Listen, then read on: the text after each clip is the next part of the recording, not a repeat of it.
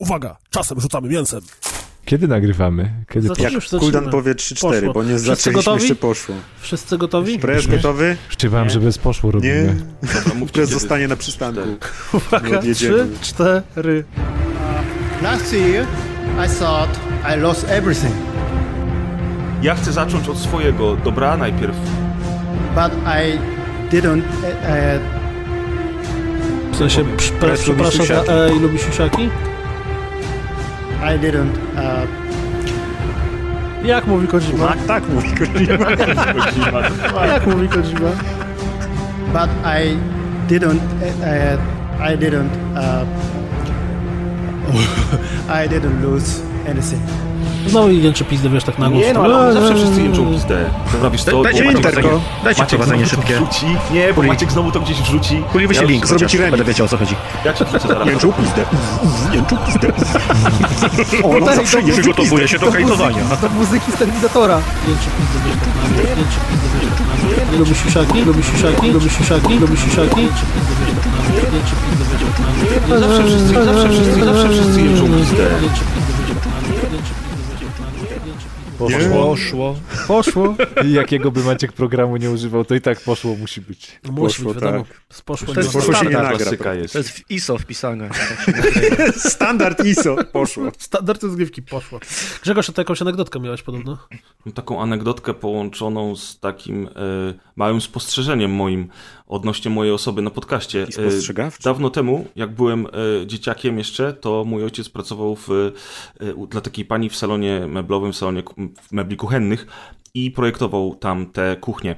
Natomiast ta pani, wspaniała kobieta swoją drogą, razem z mężem prowadziła ten lokal i w drugiej części lokalu był serwis komputerowy, który prowadził jej mąż, również bardzo fajny człowiek i poza serwisem komputerowym ten e, pan miał również e, karcianki, innymi Magic the Gathering, różne gry planszowe, no i używane gry komputerowe, co wtedy e, nie było wcale taką normalną rzeczą. I to był taki sklep we Wrzeszczu, gdzie wszyscy chodzili właśnie grać w Magic the Gathering, wymieniać się grami i nie tylko. I ten pan zawsze jak mówił, to miał to, jak coś mówił, to zawsze tak się zamyślał i tak robił e, e. Jak on coś, zanim coś powiedział, to robił takie e. I ja zauważyłem ostatnio, że ja robię to samo. I teraz na ostatnich podcastach, na specjalu i na dobranockach zauważyłem, że przed jakąś wypowiedzią mam takie chwilę takiego, takiej totalnej zwiechy i mam takie e. I teraz dwie rzeczy. No, albo za dużo alkoholu, albo tamten pan jest moim prawdziwym ojcem. I teraz pytanie. To niektóre jest lepsze w gruncie Od rzeczy. tego czasu zacząłeś bardzo dużo pić, żeby mieć wytłumaczenie. Gra w Magic the Gathering, W chociaż nie związku z czym ja bardzo chciałem przeprosić naszych słuchaczy, bo w- mnie to irytuje, bo odpalałem sobie, tak przeskakiwałem te dobranocki nasze i recenzje wideo YouTube'owe, e, bo to jest fajna rzecz i zaglądnijcie do nas na kanał, żeby sobie obejrzeć. A wiesz, co jest Zwłaszcza te straszne? nie zaglądnijcie. Straszne jest to, że ty o tym powiedziałeś i teraz 90% ludzi, którzy tego w ogóle nie słyszało, teraz to zaczęli dostrzegać. I w momencie, w którym ja tego wcześniej w ogóle nie słyszałem, to ponieważ wiedziałem, że będziesz chciał o tym powiedzieć, to w trakcie tej wypowiedzi, którą słyszałeś, usłyszałem z 20 razy e. No nie, no nie mów, ja właśnie chciałem powiedzieć, że będę się starał na maksa, żeby tego e nie robić. I generalnie rzecz biorąc, No. mam nadzieję, że to mi przejdzie, bo to jest nowość. Ja przecież tak wcześniej nie robiłem. Ale wiesz, że ci Ale tego nie nie, nie, nie ułatwimy, nie? Ten. E, Oczywiście, że mi tego nie ułatwicie, natomiast ja po prostu będę chciał nad sobą popracować, Ale bo mnie to nie, tak musisz, wkurza. nie musisz się przejmować, że ci to nie wyjdzie, no po prostu kolejna rzecz w twoim życiu, która ci nie wyjdzie. Nie pierwsza, nie Ale ostatnia. jest to prawda? bardzo dobry Dziękuję, sposób. Deusz, za ja kiedyś, ja kiedyś Proszę. miałem taki nawyk, że jak kogoś słuchałem, to cały czas przytakiwałem. Robiłem takie mhm, mhm, mhm, żeby jakby zaangażować się w rozmowę i żeby dać Ale tej nas drugiej osobie do poznałeś i nie zrozumienia. możesz klauzula sumienia nie żeby dać drugiej osobie do, roz, do zrozumienia, że słucham i że jestem zaangażowany. I to było bardzo wkurzające i w pewnym momencie mój znajomy na studiach, jak ja mu coś opowiadałem, zaczął mi tak robić. I to było strasznie wkurwiające i momentalnie się udusiłem. Tak robić. A, okej, rozumiem o co ci chodzi. To znaczy, Faktycznie oznaka, że słucha ktoś. Tak, to jest wręcz wskazane czasami, żeby raz na jakiś czas właśnie powiedzieć, mhm, rozumiem, słucham ciebie, zwłaszcza Może robiłem to za często. Zwłaszcza jak jak nie słuchasz kogoś. specjale i są goście różni, różniści, to, to, to jeżeli oni się wypowiadają, to ja bardzo często właśnie w ten sposób robię i to jest dobre, Maciek, akurat. Natomiast mi się dał. wydaje, że to e... Maciek Nie tak- grałeś ze mną. Maciek tak w kościele na własnym ślubie, jak mu ksiądz udzielał ślubu. Da, słucham cię. Aha, jasne. Jasne. A, Jasne, rozumiem, no, no, rozumiem. no, no, no. Mhm, Jasne. Natomiast mi się to wydaje, że... przed kościołem przed wejściem, zapisuję sobie. mi się też wydaje, że to wynika z tego, że czasami jak jest dłuższy monolog, a ostatnio takie dwie dobranocki nagrywałem, które nagrywałem same, To nie wiadomo, samemu, czy ci nie wyjebało z TS-a. Albo właśnie jak, jak jest jakaś gra, o której mów, mówię tylko ja i na przykład tak jak było przy Disco Elysium, tam produkuje się przez 10-15 minut, to po prostu no, tak zaczynam myśleć, kiedyś robiłem notatki, teraz przestałem robić te notatki i wydaje mi się, że to też może być przez to. I Teraz- wtedy jest takie, To jest jak z tego kawału od nauczyciela, że idzie młody nauczyciel i stary nauczyciel obok siebie e, i jeden ma naręcze, młody oczywiście ma naręcze Cię, notatek, Kuldan, niesie tak, tak. różne, różne rzeczy, niesie tam kurde podręczniki, notatki mu się wysypują, a drugi idzie i nie ma nic. No i e, młody nauczyciel, och, panie kolego, pan jest taki doświadczony, pan to pewnie ma wszystką wiedzę w głowie. Nie, nie, drogi kolego, ja to mam wszystko w dupie. to też ładne. No, Maciek, natomiast dzisiaj, powinieneś takiego sandboarda zrobić ze wszystkimi e Grzegorza. dzisiaj, dzisiaj będziemy mieli test właśnie te, tej mojej teorii przy, przy, przy tym, że jak jest monolog, to ja robię takie dźwięki, wydaję z siebie, bo jak będę opowiadał o Terminatorze, to jak będzie tu, tu, tu, tu, tu, e, e, to mnie Maciek- poprawiajcie wtedy. Maciek najprawdopodobniej będzie próbował zmontować jakiś, wiesz, dobry bicik z twojego E. Wytnie, jest, będzie siedział 34 godziny, wytnie każde S odcinka i Warto potem będzie e, e, e, e, e, e, e. Naprawdę się postaram, żeby tego e nie było dzisiaj. A to jest wszystko. E, e, e, e. Dobra. E, nie powiem, jak to się udało. brzmiało. I coś znowu Kuldan zajebał mój pomysł. Widzisz, Adek, jak to jest? Mówię, Kuldan to powiedziałem. Kuldan powtórzył, press się z jego śmieje. Dobre, Kuldan, a ty to jesteś E, ojca. bo trzeba Kurwa, powiedzieć, Przepraszam, Maciek, nie usłyszałem cię, ale to prawda. Kuldan podjebuje pomysły takie śmieszne różne. Wiadomo. Trzeba, trzeba Wszystko go to tak jest samo jak śmieszne, mojego e. To tak, to jest podjebane od nas. Tymczasem odcinek 196 podcastu Rozgrywka, w którym ja się nazywam Piotr Kuldanek, czyli Kuldan. Ze mną jest Maciek Ciepliński, czyli Razer. Eee, Mój pomysł. To sobie chromosom. chromosom. eee, Widać, który ma chromosom teraz. Nie, teraz Adrian Kornaś ze mną jest, czyli Adek również. Yy, A nie, przepraszam, Sradek, zapomniałem. Miało być. to nie jest, Jest zabawne. ze mną... No trochę jest. Jednak, wiesz, jednak takie To dobre wymyślił 7 sam. na, Te, te 7 mało zabawne 9. sam wymyśla. A nie, też podjebał od Deusza, sorry. Jest ze mną również Amadeusz czyli Deusz. Tak, słucham cię. Mhm. I jest ze mną Grzegorz Wojewoda, czyli Presperes. Ja w tym odcinku się też nazywam Grzegorz Wojewoda, bo ty się tak ładnie roz... za dzisiaj nam milionom słuchaczy przedstawiłeś i powiedziałeś, że ja w tym odcinku nazywam się Piotr Kuldanek. Dla odmiany się- za- zacząłem zastanawiać, jak będzie się nazywał następnym razem. Następnym, to ciekawe. To jest taki suspens. Zależy od kogo podjebie, nie? To, tak jak jesteśmy przy podjebywaniu, a właściwie zjebywaniu rzeczy, to BlizzCon się odbył. No i na tym, że w wspaniałym BlizzConie przyszedł e, pan Blizzard i pan Blizzard powiedział, wiecie co, zjebaliśmy, ale właściwie spierdalajcie, bo tak można by podsumować jego najwspanialsze non-apologies. No bo oni przeprosili, ale tak naprawdę nie przeprosili, nie Przeprosili za to, wymienili... że się za mało starają być najlepszą firmą na Tak, świecie i prze- będą się teraz bardziej starać być Tam najlepszą. padło, tam padło takie piękne zdanie, które jest najbardziej nowomową, jak to jest tylko możliwe, że, czy też mową trawą, że e, przepraszamy, że nie dotrzymaliśmy standardów, które sami sobie wyznaczyliśmy. Co znaczy tak bardzo kompletnie nic w momencie, w No którym jak? oni... Przecież to znaczy, że mamy mniej kasy od was niż chcieliśmy w tym roku. No to... Przecież nie znasz korpomowy? To proste jest. Ja cię wszystko wytłumaczę. Chyba, że tak. Więc, więc Blizzard, Blizzard powiedział, że przeprasza, nie przepraszając absolutnie w żaden sposób, co jest trochę smutne albo i słabe. No ale po chwili powiedział, o, ale Diablo 4, proszę. No i Maciek, największy fan Diablo wśród nas. W ogóle mega farta mieli z tym, że mieli to Diablo przygotowane i tego Overwatcha, chociaż z drugiej strony... Bo już Maciek ich chciał szkalować na, w necie, Tego tak Overwatcha mieli nie Nie, mi chodzi tylko o zagranie PR-owe, bo wyobraźcie sobie, gdyby to się zdarzyło w zeszłym roku, gdzie oni najpierw mówią sorry, not sorry, a potem to jeszcze mamy Diablo, ale tylko na komórki. Nie macie komórek? To wtedy mieliby mega w topę, a tu no, ratowali się tym Diablo 4, gdzieś tam y, specjalnie nie, nie zagłębiałem się w odmęty internetu, ale podobno już się wszyscy śmieją z tych ludzi, co wcześniej mówili, o, precz z Blizzardem, a potem, o, Diablo 4, zajebiste, gdzie mam rzucać pieniądze w Nie no, stary, no przecież nie słyszałeś tej historii gościa, który skasował swoje konto Blizzardowe, a potem napisał, że w sumie to chciałby już je odzyskać, bo dwa tygodnie już minęły, a teraz jest event w Overwatchu i chciałby w nie zagrać. Właśnie, No no wiesz, no. mocny kręgosłup Słuchaj, moralny. ja wam powiem szczerze, ja wam powiem szczerze, gadałem o tym z Kuldanem i zastanawiałem się nad tym troszeczkę nad sobą samym, tak z grubsza ostatnio, no bo w sumie Blizzard Blizzardem, ale jest też Activision, nie? To jest jedna firma, a ja Call of Duty wziąłem na klatę jak zawsze i totalnie się nad tym nie zastanawiałem, chociaż chwilę wcześniej szkalowałem tego Blizzarda i mówiłem, że to jest wszystko straszne I w ogóle, i dalej uważam, że to jest straszne. I dalej uważam, że to jest duży problem. Natomiast nie wiem też, jak się y, jako konsument czy jako gracz tak naprawdę do tego ustosunkować, bo jasne, że możemy skasować konto, możemy, i to jest na przykład dużo odważniejsze i dużo lepszy ruch niż krytykowanie po prostu na Twitterze, że u Blizzard zły. Ale do czego zmierzam? Że e, do, do tego, że generalnie rzecz biorąc, potem jak się nad tym wszystkim zastanowimy i pomyślimy sobie chociażby o takich rzeczach jak, jak y, Apple i to, gdzie są fabryki, albo ciuchy, które nosimy i to, gdzie no, ale są te fabryki, na jak to, to jest y, wszystko tworzone, nie? To tak Czekolada naprawdę- za 2 zł, czy tam 2,50. Oczywiście, Ale tak tak naprawdę nie można jednego zła sobie usprawiedliwiać tym, że jest więcej zła w innych miejscach, nie? Jeżeli gdzieś tam negujesz zło, nawet najdrobniejsze, no to to i tak jest krok do przodu.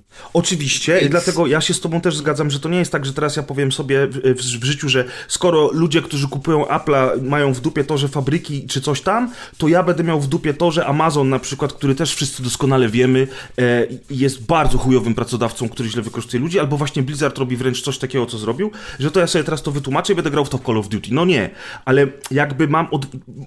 chyba doszedłem do wniosku, że mam odwagę cywilną sam przed sobą przyznać, że z grubsza jasne jestem w stanie to krytykować i będę zawsze wspierał, jeżeli będzie, będę jak, w jakikolwiek sposób fizycznie, czy, czy nie wiem, nie, nie fizycznie to wspierać. Natomiast doszedłem chyba do wniosku, że ja nie jestem w stanie nic z tym zrobić. I nie wiem w, w tym momencie, jak się z tym wszystkim czuć. Czy faktycznie taki- powinienem przestać grać w te gry?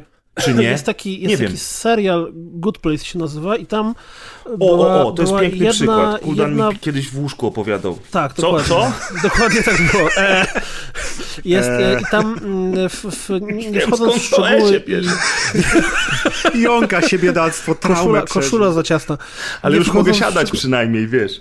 Nie chodząc w szczegóły dokładnie... Ale plecy bolą dalej. tłumaczenie fabuły, to, mm, To nie są Good już Place plecy. przedstawia nam system, w której wszystkie nasze uczynki są oceniane w sposób dodatni lub ujemny. Jeżeli, y, nie wiem, zrobimy coś dobrego, dajmy na to, pomożemy babci przejść przez ulicę, to dostajemy plus 10 punktów.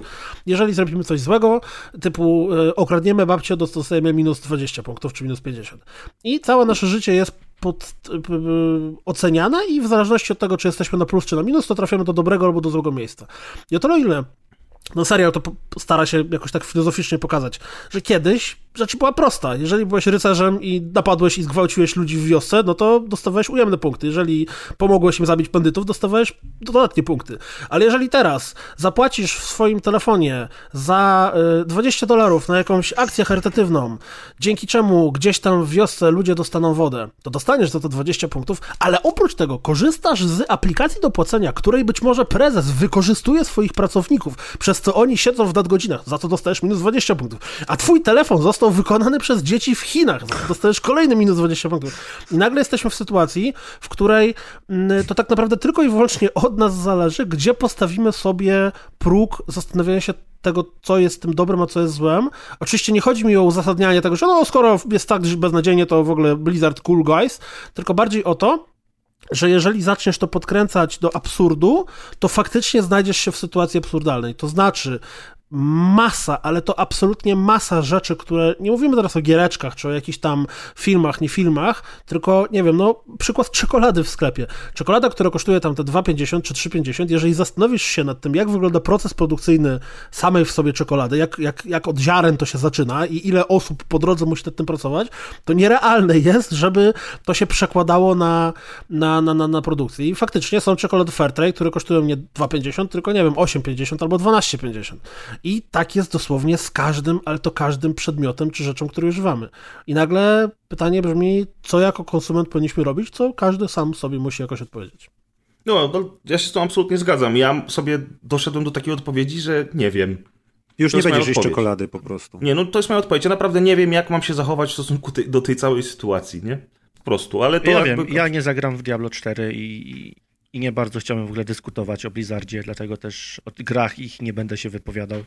O, widzisz, ja to Mimo, że szanuję. grałem w Diablo 3 i bardzo mi się podobało. Właśnie, ty chyba z nas wszystkich najwięcej grałeś w Tak, Diablo tak. trzecie, nie? I czwarte też mógłbym grać, no ale nie, nie, nie będę grał, bo no właśnie przez to wszystko, co się dzieje i przez to, że tu mam Mhm. jawnie pokazane, że stało się coś złego i mam bezpośrednio przyczynę tego. Czyli Nie, bo tak jak- portfelem obywatelsko Tak, tak, głosujesz bo tak na jak, nie, swój głos jak Kuldan dajesz. powiedział, z czekoladą czy, czy z innymi rzeczami jest cały długi proces, gdzie faktycznie można znaleźć, że działy się złe rzeczy, ale tutaj mamy proste. Tutaj jest firma, która robi coś złego i masz produkt bezpośrednio od niej. Nie ma w ogóle tego No momentu, tak, że trzeba się widzieliśmy zastanowić. to wszyscy na, na, Tak. naocznie. Nie, ma dużo tak, tych że- poziomów głębiej, gdzie może się coś złego dziać, tylko się Dlatego, dzieje od razu znaczy, na To powierzchni. w tym momencie od razu możemy odrzucić też wszystko z Amazona. Dlatego, że Nic nie to nie jest sprawa polityczna, Uhu. Ale jeżeli chodzi o traktowanie pracowników, o ich wyzysk, o to, jak wielu ludzi e, bardzo wycieńczonych psychicznie i fizycznie kończy po pracy w Amazonie, to jesteśmy w stanie też od razu odrzucić wszystko od Amazona, czyli Prima, czyli kupowanie u nich w sklepie, wysyłki. Ale to znowu, to nie są sprawy zależne ze sobą. To wiesz... Tak Jak jak, nie są wcześniej zależne? W sensie, że nie, nie muszę od razu odrzucić Amazona, jeżeli odrzuciłem Blizzard. Jeżeli już odrzucę Blizzard, to już jestem ten krok do przodu, tak? Już, 500 już... punktów na plusie. Tak, Teraz już może 500 trochę pogrzeszyć. Nie, Ile nie, napaść ja, się, ja się zgadzam, Nie o ja, ja myślałem o 4. czymś innym. Ja myślałem o tym, że proces y, robienia czekolady jest dużo bardziej skomplikowany i nie wszystkie kroki jesteśmy w stanie prześledzić. Więc ostatecznie troszeczkę może z naszej własnej ignorancji, a troszeczkę z jakby braku dostępu do tej wiedzy, kupując czekoladę za 2,50, a nie za 16,50, mamy też więcej czynników, które wpływają na to, że jesteśmy usprawiedliwieni że w ogóle ją kupujemy. Natomiast w przypadku Blizzarda, ty mówisz wprost i masz absolutną rację. Sprawa jest jasna, jak jak to się mówi, jak budowa cepa. I generalnie rzecz biorąc, tak samo dla mnie sprawa jest jasna z Amazonem na przykład. To też jest wprost, było, wprost było wielokrotnie e, powiedziane. I pokazane, i wielu ludzi się na ten temat wypowiadało. Czy, Oczywiście tutaj, ponieważ znowu świat nie jest taki prosty i wszystko jest skomplikowane, to teraz można na to spojrzeć z drugiej strony. Ale odrzucając y, Amazon Prime i produkty wideo, które tam są tworzone, z automatu również, w cudzysłowie, krzywdzisz ludzi, którzy nie zrobili nic złego, czyli na przykład twórców, aktorów, którzy przez to, że y, ludzie... Świadomie pracują dla uzurpatora. No, Wiesz, albo, ale właśnie, A, ale tak samo, tak samo nie kupując. I tutaj, i tutaj tak samo możemy kupując podkręcić to Diablo w Blizzarda, nie? Czy, ale, czy jeżeli wiesz, chodzi mi o to e, właśnie, że- szefostwo firmy postępuje w ten, a nie w inny sposób, to czy ty nie kupując, bo tak naprawdę to, jest, to się nigdy w życiu w historii świata i kapitalizmu nie zdarzyło, żeby faktycznie e, głosowanie portfelem odniosło jakikolwiek Oczywiście, skutek, że, oczywiście, że zdarzyło. Sonic. Ale to nie jest głosowanie portfelem, No to trochę jest. krzyczenie w internecie. No, O, że jest, mi się wydaje, rzeczy. że się zdarzyło. Nowy Terminator, ten, który teraz odniósł porażkę, poniósł porażkę w kinach, to też było głosowanie portfelem, mój drogi. Myślisz, że to nie było tak, że po prostu ludziom się już to znudziło? To jest głosowanie No, to portfelem. jest głosowanie portfelem, że ci się znudziło i nie No zapłacisz okej, za to. no, no dobra, no to ja, ja mam na myśli, że nawet jeżeli chciałbyś coś kupić, ale przez to, że nie zgadzasz się z polityką tej firmy, to tego nie kupujesz. No dobra, jak go zwał, to go zwał. Jeżeli stałoby się tak, że Diablo 4 nie sprzedałoby się wcale, kompletnie, zupełnie, w ogóle trzy osoby, ci tylko influencerzy z Twittera, którzy by dostali wielkie wypasione perspaki, by się z tego powodu cieszyli, a poza tym nikt by nie kupił Diablo 4, to kto najbardziej by dostał po dupie? Bo faktycznie, szefostwo Blizzarda na pewno by dostało mniejsze pracy. pracownicy. No dobra, ale polecieli. okej, wyrzucą pracowników i nowi ludzie się nie zatrudnią, bo wiedzą, jaka to jest firma, więc oni będą powoli upadać. Ci byli pracownicy znajdą pracę, Blizzard upadnie przez swoje złe uczynki. Znaczy, to jest fajna wizja, Adrian, Power to ale... the people. Znaczy, to jest fajna wizja, Adrian, ale już reakcja graczy, którzy napisali Nie, no pre-order, jasne. pre-order, pre-order, biorę Diablo 4, cudowne, och, powrót do korzeni. No, widziałem Twittera. No, To wiesz, to mi się nawet wydaje, że nawet gdyby ci gracze tak teoretycznie nie kupili tej gry w takiej ilości, w jakiej, jakiej Activision Blizzard by chciało, to ci zwolnieni pracownicy natychmiast zostaliby zastąpieni przez nowych, bo to jest Activision Blizzard i wszyscy chcą tam pracować. Wiecie, tam jest tyle różnych czynników w tym wszystkim, że ja dlatego cały czas mówię, ja nie wiem, co o tym wszystkim myśleć po Byłem prostu. Byłem ostatnio w sklepie w markecie elektronicznym i e, naprawdę rozbawiło mnie to setnie, jak na bardzo zajebiście długiej półce z grami, gdzie stały pudełeczko z grami, były tylko i dwie takie fancy, zwracające uwagę i przyciągające wzrok rameczki. Jedna dotyczyła Call of Duty, była taka fajna, ładna, pomarańczowa ramka Call of Duty i to też ciekawostka, że były tam wszystkie części Call of Duty za wyjątkiem e, Modern Warfare nowego, bo były kurde i tam Advanced Warfare, Infinity, było wszystko, co wyszło na tą generację, ale nowego Modern Warfare nie No było. może Nie jakiś wiem. rodzic miał kupić Call of Duty, się- i akurat jeszcze kupić, prawda? To, Nie, ale wiesz, na zastanawiam się, czy nie było no dlatego, że się wyprzedało, czy kurde, to jest ciekawostka. E, I na tej samej długiej półce z grami kolejna taka ładna rameczka, która przyciąga wzrok, to była e, Spyro, Crash i e, tam coś jeszcze, co właśnie ostatnio Activision też wydawał. A mówiłem wam o tym, że Widać, zakochałem ma się w pieniądze. Spyro?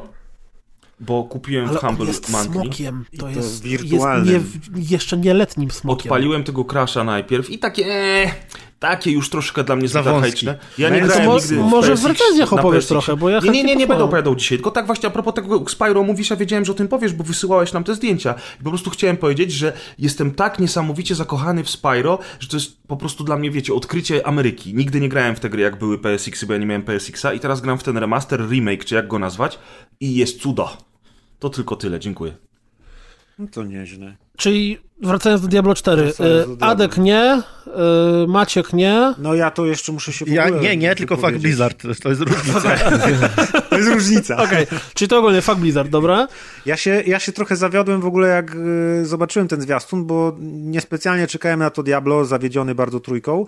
I jak zobaczyłem, jak to wygląda, to najpierw pierwszy mój zawód był taki trochę, że nie postanowili, że zagrali bardzo bezpiecznie i że nie zrobili czegoś zupełnie nowego, tak jak gdzieś tam się mówiło, że testują, żeby zrobić z tego TPP. A wiesz, że mieli, sami o tym coś. powiedzieli. Oni gdzieś tam w jednym z wywiadów przyznali, że był, były bardzo szerokie plany na to, żeby zrobić czwórkę jako Tak. TPP, ale w No ostatniej tak, chwili zrezygnowali, bo tam uznali, nazwę że jednak to będzie bezpieczniej zrobić po staremu.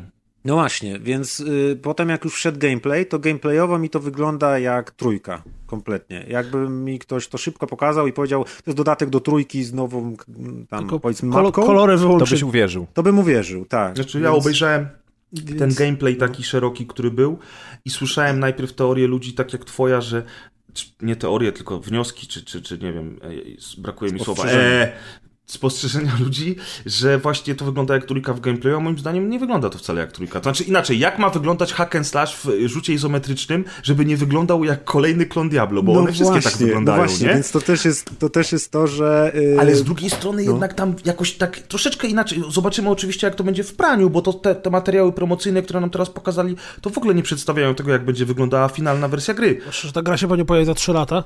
I że to jest bardzo wczesna wersja tak naprawdę. Może, oni tą że- wersję to robili tak, że na tam targi, żeby tylko się ratować. kofeinę nie? podawali tym wszystkim programistom biednym Dokładnie. pewnie kroplówką. Z Aeropressu. Oni nie wiedzieli pewnie, która jest godzina, ani jaki dzień tygodnia, ani miesiąc. Na pewno, na pewno mi się podoba to, że poszli w stronę realizmu, a nie znowu takiej trochę kartunowej, wowowej grafiki, która mnie zupełnie odrzuciła od trójki jako główny powód. Tylko, że też znowu poszli w stronę realizmu i jak to wygląda? Jak Path of Exile, bo Path of Exile było właśnie w stronę realizmu hack and slashem.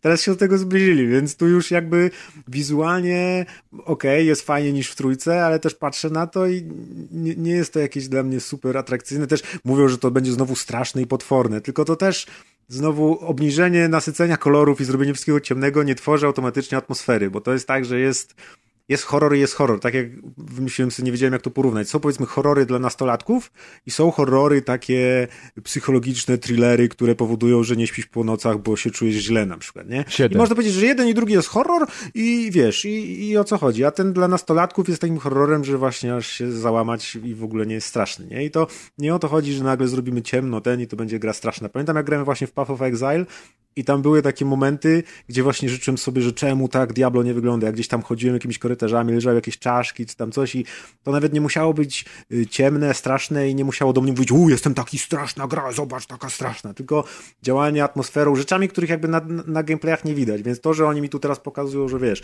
nie podobało ci się Diablo 3 kolorowe, to masz tu teraz ciemne i błotniste kolory. To ja mówię, no dobra, no, nie, nie powiedziałbym, że to od razu sprawia, że o, rzucę się na to jak właśnie nastoletni fan mchroku i tak dalej. No, tylko wiecie, z drugiej strony jednak wszyscy narzekaliśmy, ja od lat narzekałem na style graficzne u Blizzarda, bo od World of Warcraft, tak jak ty Maciek słusznie zauważyłeś, przez wszystkie ich kolejne gry, Warcraft 3, e, właśnie Diablo 3, Overwatch i całą resztę tego badziewia, które wychodziło na przestrzeni ostatnich lat, to ten styl graficzny totalnie do mnie nie przemawiał. Był kolorowy, cukierkowy, taki złożony z takich dużych plastikowych elementów, które absolutnie mi się nie podobały. Ciosanych takich jak plotki Takich ciosanych drewniane. klocków, dokładnie. I wiesz, e, i to miało też jakby swoje podłoże, w, że tak powiem, w wymaganiach technicznych tych gier. Że, że w takie Heroes of the Storm zagrasz na każdym komputerku. I niestety efekt był taki, że, że ten styl graficzny się przyjął, bo dla ludzi się okazało, wiesz, gameplay oczywiście zawsze jest ważniejszy, a, a wielu ludzi ten taki styl graficzny przyjęło z otwartymi rękoma. Co więcej, bardzo dużo naśladowców się pojawiło i na- największym triumfatorem te, tego stylu graficznego okazało się Fortnite, prawda? Które jakby na wyżyny tego stylu to wyniosło i, i, zdobyło wielki sukces, bo okazało się, że ludziom taka grafika się podoba. Ale mimo wszystko, przez to, że była duża krytyka Blizzarda i że Diablo 3 też spotkało się z solidną krytyką mimo ogromnej sprzedaży, to ktoś w Blizzardzie powiedział, dobra, słuchajcie, no to zróbmy to w starym stylu. I oni próbują to zrobić w starym stylu. Nie wiemy, jak to będzie wyglądało w finale, ale już dużo ludzi mówi tak jak ty, e, taki mchrok, to bez sensu, to do dupy. No to musimy się Znaczy, zdecydować, nie? To jest, jest zawsze lepiej. Nie mi chodzi o to, jakby, że prawdziwą taką y, po, po, powagę tej gry dopiero poznamy grając w nią, patrząc na te questy, które oni robią jakimś tam nowym sposobem, nieliniowym i tak dalej, i tak dalej, nie? Więc chodzi mi tylko o to, że samo te, to, że zrobili desaturację kolorów nie oznacza nagle, że będziemy skakać i się cieszyć. Za to na przykład bardzo mi się podobało y, to, jak kamera działa i że czasami, kiedy na przykład wchodzimy przez jakieś drzwi, ona nagle robi najazd i, i tak się bardzo zbliżamy do tej postaci, praktycznie właśnie jak w TPP i wtedy można zobaczyć, ile ona ma detali i tak dalej. To jest coś, czego nie było w hack and slashach, a przynajmniej nie kojarzę. Takie płynne przejścia z cinematika, nagle kamera odjeżdża i znowu jest ten widok z góry, więc to jest A pamiętasz, co mi kiedyś opowiadałeś? Hmm? Dawno temu na jednym z odcinków opowiadałeś mi o tym, że jak się tworzy grę komputerową, to się robi najwyższą możliwą jakość grafiki, a potem się ją obniża, obniża, obniża, żeby optymalizacja zadziałała i żeby można było ją sprzedać. No tak. I to wszystko, o czym mówisz, ja też na to zwróciłem uwagę, to wynika z tego, że ta gra miała być robiona w TPP, natomiast obawiam się, że w finalnym produkcie tego nie będzie już, nie? nie? wydaje mi się, aż tak super te modele może nie wyglądają, żeby je wzięli z, z TPP. W każdym razie Ale- ja wam powiem. Nie, sp- no. ma- ja bym chciał być optymistą w stosunku do tej gry, ale to ja już po prostu poczekam i zobaczymy, co będzie. Natomiast powiem wam, że gdyby oni zrobili z tego grę w kamerze trzecioosobowej i nie spodziewałem się nigdy, że to powiem, ale gdyby oni zrobili to, co zrobiono z nowym God of War, do którego, jak wiecie, ostatecznie ja się przekonałem i to bardzo, to wydaje mi się, że to mógłby być naprawdę fajny powiew świeżości dla serii Diablo. No wielu ludzi wskazuje, że Soulsy są takim trochę Diablo dla tych, którzy tęsknią za starym Diablo. To się zgadza, trochę tak. TPP, mają gotycki klimat, poważny, głębokie lore i tak dalej, i tak dalej. To jest też, to jest Tylko, jedna że rzecz... nie są takim typowym hack and slashem Nie jednak, są, nie? tak, tak, ale też to jest jedna rzecz bardzo ciekawa, którą przeczytałem i to mnie tak olśniło i, i niesamowicie mi rozjaśniło umysł, kiedy zacząłem sobie czytać o Diablo 1, 2, o całej serii, o tym jak ludzie to postrzegają, o tym jak teraz na przykład ludzie, którzy grali tylko w, na przykład w trójkę, y, wracają do jedynki, żeby zobaczyć jak to się gra i ja zawsze jedynkę lubiłem najbardziej, nigdy do, jakby nie nie doszło do mnie, dlaczego jakby ta seria tak się jakby trochę rozmyła, czy poszła w innym kierunku. Ona właśnie poszła w innym kierunku, bo Diablo pierwsze robił y, zespół deweloperski, który y, to nie był Blizzard, tylko y, Condor bodajże, tak, tak, taka firma. I oni szukając wydawcy poszli do Blizzarda. Blizzard ich jakby chyba wykupił, nazwał ich Blizzard North. Podjebali pomysł jak Kuldan. Jak Kuldan, dokładnie. Ale dali im niezależność. Yy, oni sobie tą grę zrobili i Blizzard ją wydał. Yy, potem zrobili też jako Blizzard North dwójkę. Yy, chyba dodatek do dwójki też oni robili. I potem robili tą trójkę, która została skasowana. I potem ich zamknęli. I Diablo 3 od nowa robił już Blizzard Blizzard. Czyli prawdopodobnie inni ludzie, może tamci do nich przyszli, może nie. Część z nich na pewno odeszła, bo potem tworzyli inne studia, zrobi, te inne studia zrobiły m.in. Torchlighty. Tak, serio? Inne. Tak. O kurczę, Mniej udane są rzeczy. wspaniałe. Czyli po no pierwsze? Blizzard, y, tfu, Diablo 1 i 2 y, robiła inna firma i inni ludzie niż trójkę, a po drugie ta gra właśnie sk- skręciła w inną stronę, w stronę takiej akcji i powiedzmy masy wybuchów i rozwalania y, tabunów wrogów na ekranie. Ale przepraszam, przepraszam bardzo, przecież tak było od pierwszej części. Mm, Pierwsza Maciek, jak część zagrasz sobie w jedynkę dzisiaj i zejdziesz na późniejsze poziomy, grałem parę dni temu. no okej, No, przecież tam jest... jest- od groma przeciwników, tak samo jest jest, od groma, ale jest y, inne tempo. To też zauważyłem, jak czytałem opowieści ludzi. Ludzie w ogóle teraz, ci, którzy nie grali wcześniej, albo ci, którzy gra, grali i, i wspominają z rozrzewnieniem tamte czasy, porównują teraz, to nie jest jakby dokładne porównanie, ale mówią, że pierwsze Diablo było trochę jak rogalik, bo się często ginęło i wracało i, No, i było strasznie trochę horrorem. Nie było takim zwykłym hack and slashem, tylko bardziej w stronę horroru. Było to Znaczy w spowodowane... ogóle Diablo było pierwszym hack and slashem tego typu, Tak, o ile mnie tak, pamięć tak, nie tak. myli, prawda? Były Tak. jakieś ultimy, ale ultimy były bardziej RPGami. rokojami były, no. Natomiast to był taki typowy hack and slash i dla mnie w ogóle wszystko, co jest z hack and slashem związane, od zawsze się kojarzyło z pierwszym Diablo, więc jak ja słyszę hack and slash, to ja sobie myślę horror, mrok i trupy, Tak, wiesz. Tylko potem poszło to w tą stronę, gdzie lu- ludzie fajne, fajne wnioski wyciągali, pokazywali, że na przykład w pierwszym Diablo nie można było biegać, tylko chodziłeś, dreptałeś. To było straszne. I rzeczy, to jest straszne z jednej strony tak, straszne w sensie upierdliwe i męczące, bo on Oczywiście robi z tup, tup, tup perspektywy dzisiejszej, długo. prawda? Bo jak myśmy Tak. w to grali w 96, to nikomu to nie przeszkadzało, bo nie wiedzieliśmy, że może być inaczej. No, potem weszło bieganie w Diablo 2 i wow, jak szybko można przebiec. I rzeczywiście, ludzie zwrócili uwagę, że jak możesz biegać szybko, to automatycznie tracisz y, atmosferę horroru, bo możesz uciec. Y, a, a kiedy tuptałeś i wypadł na ciebie Butcher, to nie mogłeś mu spieprzyć, bo on biegł tak samo szybko jak ty. W dwójce można było przebiec całą mapę, moby się tylko za tobą obracały, nie nadążały w ogóle za tobą biec, a ty tylko piłeś te pociony i biegłeś przez całą mapę. Więc automatycznie szybsze tempo podkręcone, mniejsze stężenie tego napięcia, tego horroru. Dwójka mi się w ogóle tak naprawdę nigdy tak bardzo jak jedynka nie podobała, przez to też, że te klimaty dwójki bardzo szybko wyszły z mroku i poszły na pustynię, potem do tego miasta aniołów, czy tam nieba, czy co to było. I Mhm, Kosmiczne ja pamiętam, te etapy były takie dziwne. Tak, tak. Ja pamiętam, że ja byłem bardzo zawiedziony dwójką. Wszyscy tam się rozpływali. Ja nigdy nie byłem z tych mechanicznych typów, którzy rozkminiali, jaki set sobie zrobić i jak te statystyki działają, jeżeli takie skille sobie tam zrobię. Tylko po prostu szedłem, tłukłem, oglądałem widoczki. No i klimat pierwszego Diablo chłonąłem po prostu garściami, zresztą do dzisiaj uwielbiam. A później dwójka już była taka, no, mm, jednak coś mi tam nie pasowało. A teraz w trójce na przykład, to co, że, że jakby y, wrogowie, bo tam grałem w betę, jak, jak y, przedpremierowo, jak była darmowa, to w trójce chyba jest tak, że jak wrogów zabijesz, to z nich wypadają takie bąbelki życia, które od razu ci regenerują Tak, życie, nie? niestety, to I, jest coś takiego, y, co Są jeszcze te takie powszechne. kombosy, że im więcej zabijesz, tym więcej kombo się nabije i tak dalej. Czyli jeszcze bardziej się to przesunęło w stronę gry, takiej, gdzie nie, nie masz, wiesz, że masz dwa, dwa małe połszony życia i nie wiesz, czy masz iść do przodu, czy nie, czy otworzyć drzwi. Poszło w stronę, że życie mi się ładuje, wpadam na cały ekran, robię, kręcę się i jest 50 wrogów. I No To niestety. wszystko się przesunęło. I to się kończy też niestety na Path of Exile, które było dla mnie jakąś alternatywą ze względu na swoją stronę wizualną, ale Path of Exile jest totalnie grą, gdzie biegniesz, wciskasz przycisk, cały ekran wybucha ferią kolorów, wszystko wybucha w fontannach krwi, biegniesz na, na kolejny ekran, wszystko znowu wybucha. Jakby nie ma, też jest to zupełnie inna gra o przelatywaniu przez ekrany i masakro, masakrowaniu, No, eksterminacji współczesne hack ogromnej ilości tak wyglądają, nie? Właśnie, ten, i ten crowd gatunek- control jest tak naprawdę głównym czynnikiem każdego hack and slasha I, obecnie. I cały gatunek poszedł na to, żeby było jak największy rozpieprz, żebyś miał bohatera, który wiesz, ma tak dopakowane ciosy, że jak raz machnę, to cały ekran wybucha i wszyscy po prostu giną i tak dalej.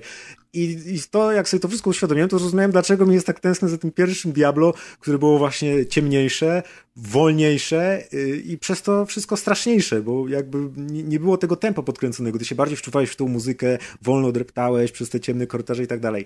I te gry poszły w innym kierunku, który akurat jest fajny, jak ktoś chce rozrywki i ten, ale mi jest tęskno za tymi początkami, kiedy ten gatunek wyglądał trochę inaczej. I też sobie właśnie z tego zdałem sprawę, patrząc na to Diablo 4, które ma fajną grafikę, yy, mroczną, realistyczną, świetnie tam wyglądają te dungeony wycyzelowane wizualnie, to jakby jest świetnie zrobiony ze strony technicznej, artystycznej, ale kurde, znowu patrzę, że on wbiega tam, wybuchy, wszystko i to się tak szybko dzieje i też nie czuć, nie, nie czuję w ogóle właśnie tej grozy, więc kurde, trochę się podłamałem i stwierdziłem, że to nie jest tak, że mi się każda tam nowa gra z jakiegoś tam innego powodu nie podoba, tylko po prostu cały gatunek poszedł w tą stronę, którą akurat ja bym wolał, żeby... No, żeby on też tak poszedł szedł. ze względu na konsolę e, i to jest dużo bardziej dynamiczne i dużo łatwiejsze w obsłudze niż takie stare klikane Diablo. No dobrze, ale słuchajcie, Adek, mm, weź już dziadka Maćka do pokoju, daj mu leki, połóż go spać.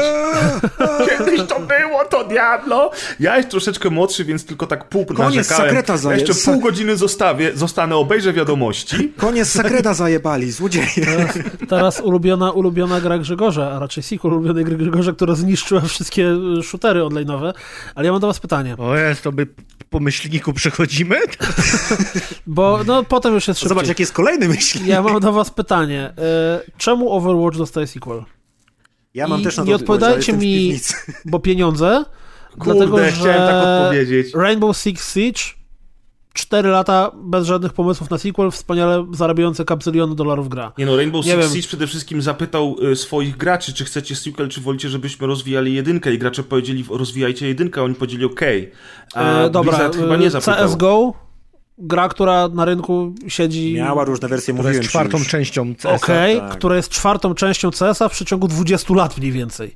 No, czyli Nie no, pewnie części. więcej tych Counter-Strike'ów było. To rzuciłem tak z dupy. Jak się liczy to 1.4, 1.6, 1.2. Znaczy, właśnie, ja, był, był ten, który był zrobiony na Half-Life'ie i potem był chyba No dobra, coś tam Source. Było, Wszystkie są na Source. Cooldown, ale nieważne, było parę tych Counter-Strike'ów. Chodzi mi o to, że jedyny powód, bo tak naprawdę oni pokazali tego Overwatcha, który wygląda trochę tak, znaczy wygląda dokładnie tak samo jak Overwatch, dali tam niby tryby, które są właściwie No bo- bez żadnego problemu trybami, z, y, które można by było dodać update'em albo dodatkiem. Co ciekawe, Jest- spostrzeżenie tylko na chwilę, jeśli wizualnie ma cały czas tak samo wyglądać, to te gry już nie będą ładniejsze, bo jeśli trzymamy takiego stylu, to za 20 lat on będzie wyglądać tak samo i nie da się go zrobić ładniej, nie? Czyli wizualnie Jest- ta gra się już nie zmieni, nigdy. Wiesz, no, efekty mogliby dodawać, nie? Albo na przykład większe mapy, albo więcej osób. Tak, Wyższa rozdzielczość. Jedyna, Ale wciąż tak samo jedyna rzecz, wyglądać, no, Więcej lore, jedyna o rzecz, miłości, która mi przychodzi backgroundzie do tych głowy, postaci. I komiksów lesbijskich. słuchajcie, Dokładnie. jedyna rzecz, która mi przychodzi do Sam głowy, bym kupił.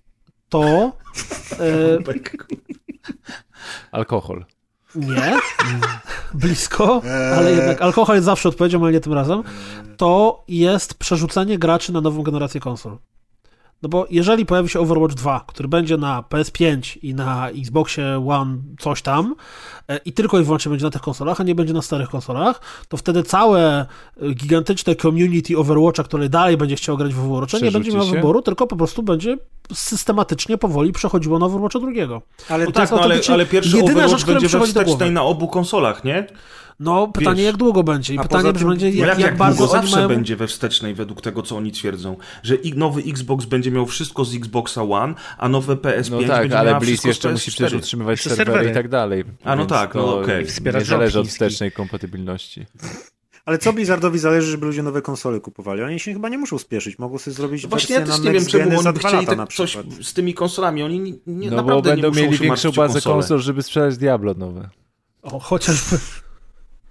Ja Nie, wiem, mi się stary, wydaje, no, że po wiesz, prostu dwa jest lepsze od jednego i, i tyle, nie? Wiesz, oni mogliby wydać dodatek. Zobacz, że do WoWa nie było World of Warcraft 2, tylko No regularnie dochodzi nowy dodatek, więc Mógłby to być mogło być over- Overwatch Overwatch 2.0. Story Mission, nie? Albo Overwatch... Overwatch Next Gen Edition. Tak. A tutaj mamy nową grę, strony- którą kupisz w pudełku jako drugą część, sequel, I ona też która zawiera jeszcze to, ma co mieć... jedynka zawierała, Zawiera tak? To, co jedynka, plus jeszcze zawiera cały progres, cały progres, który zrobiłeś w jedynce przechodzi e, do dwójki, wszystkie twoje skórki, wszystkie twoje unlocki i całe resztę, nie? Zobacz, hashtag nikogo jest pod spodem napisane. To ktoś przyrzucił enterem bez, bez sensu. Bo wyżej Słuchajcie, tak- ale tak tylko, żeby zakończyć ten temat, bo wiesz, no ja ci nie odpowiem nikto, jak widać, nie chcę ci odpowiadać na ten temat, albo Bo nie mamy na to odpowiedzi. Siedzą. Nie, no bo no, słuchaj, no, no Deusz, no, no, no kurwa, Deusz, no proste pytanie. grałeś Po co? Nie mówcie, że dla pieniędzy. To po co co roku wychodzi nowe Call of Duty? Przecież mogliby rozwijać stare, nie? Są mega zobacz, popularne. że z jakiegoś powodu, z jakiegoś powodu w Call of Duty to się sprawdza, ale Call of Duty to jest jedyny jedyny A FPS na single. rynku, który robi to, Zazwyczaj. co robi, czyli co roku daje nową część Znaczy, gry. Call of Duty to jest stan umysłu, to jest raz i ci fanboje Ale, przechodzą ale, z roku ale, na rok. ale, to samo, ale to samo można zarzucić FIFA i każdy innej tego No właśnie, w rzeczy. sumie racja. Więc teraz, więc teraz czemu Ale zaraz, czy my lobujemy za Games as Service w tym momencie? Hola, hola, opanujmy się. Momencik. Niech żyje. Overwatch 2. Moment, opamiętajmy się zaraz. Adek, zastanów się jeszcze, czy tego by nie Diablo nie chcesz nowego kupić. Bez przesady, nie angażujmy polityka. Ale to też będzie usługa. Ja w, ogóle, ja w ogóle chciałem was zapytać, jak już jesteśmy przy Games as Service, jak wy to rozumiecie? Bo ja czasami czytam ludzi w internecie i jestem bardzo zagubiony. Znaczy ogólnie jak czytam ludzi Gaz. w internecie, to jestem zagubiony. Natomiast za- zauważyłem, że dużo ludzi zaczyna postrzegać rzeczy, które nie są Games as Service, jako Games as Service. I teraz ja już sam nie wiem, co jest czym. No bo z grubsza, no to Rainbow Six na 100%, na 100% jest obecnie grą, grą usługą, tak? E, dokupujesz tam te nowe, te nowe pakiety i, i dzięki temu masz jakieś tam bonusiki i w ten sposób wspierasz grę, która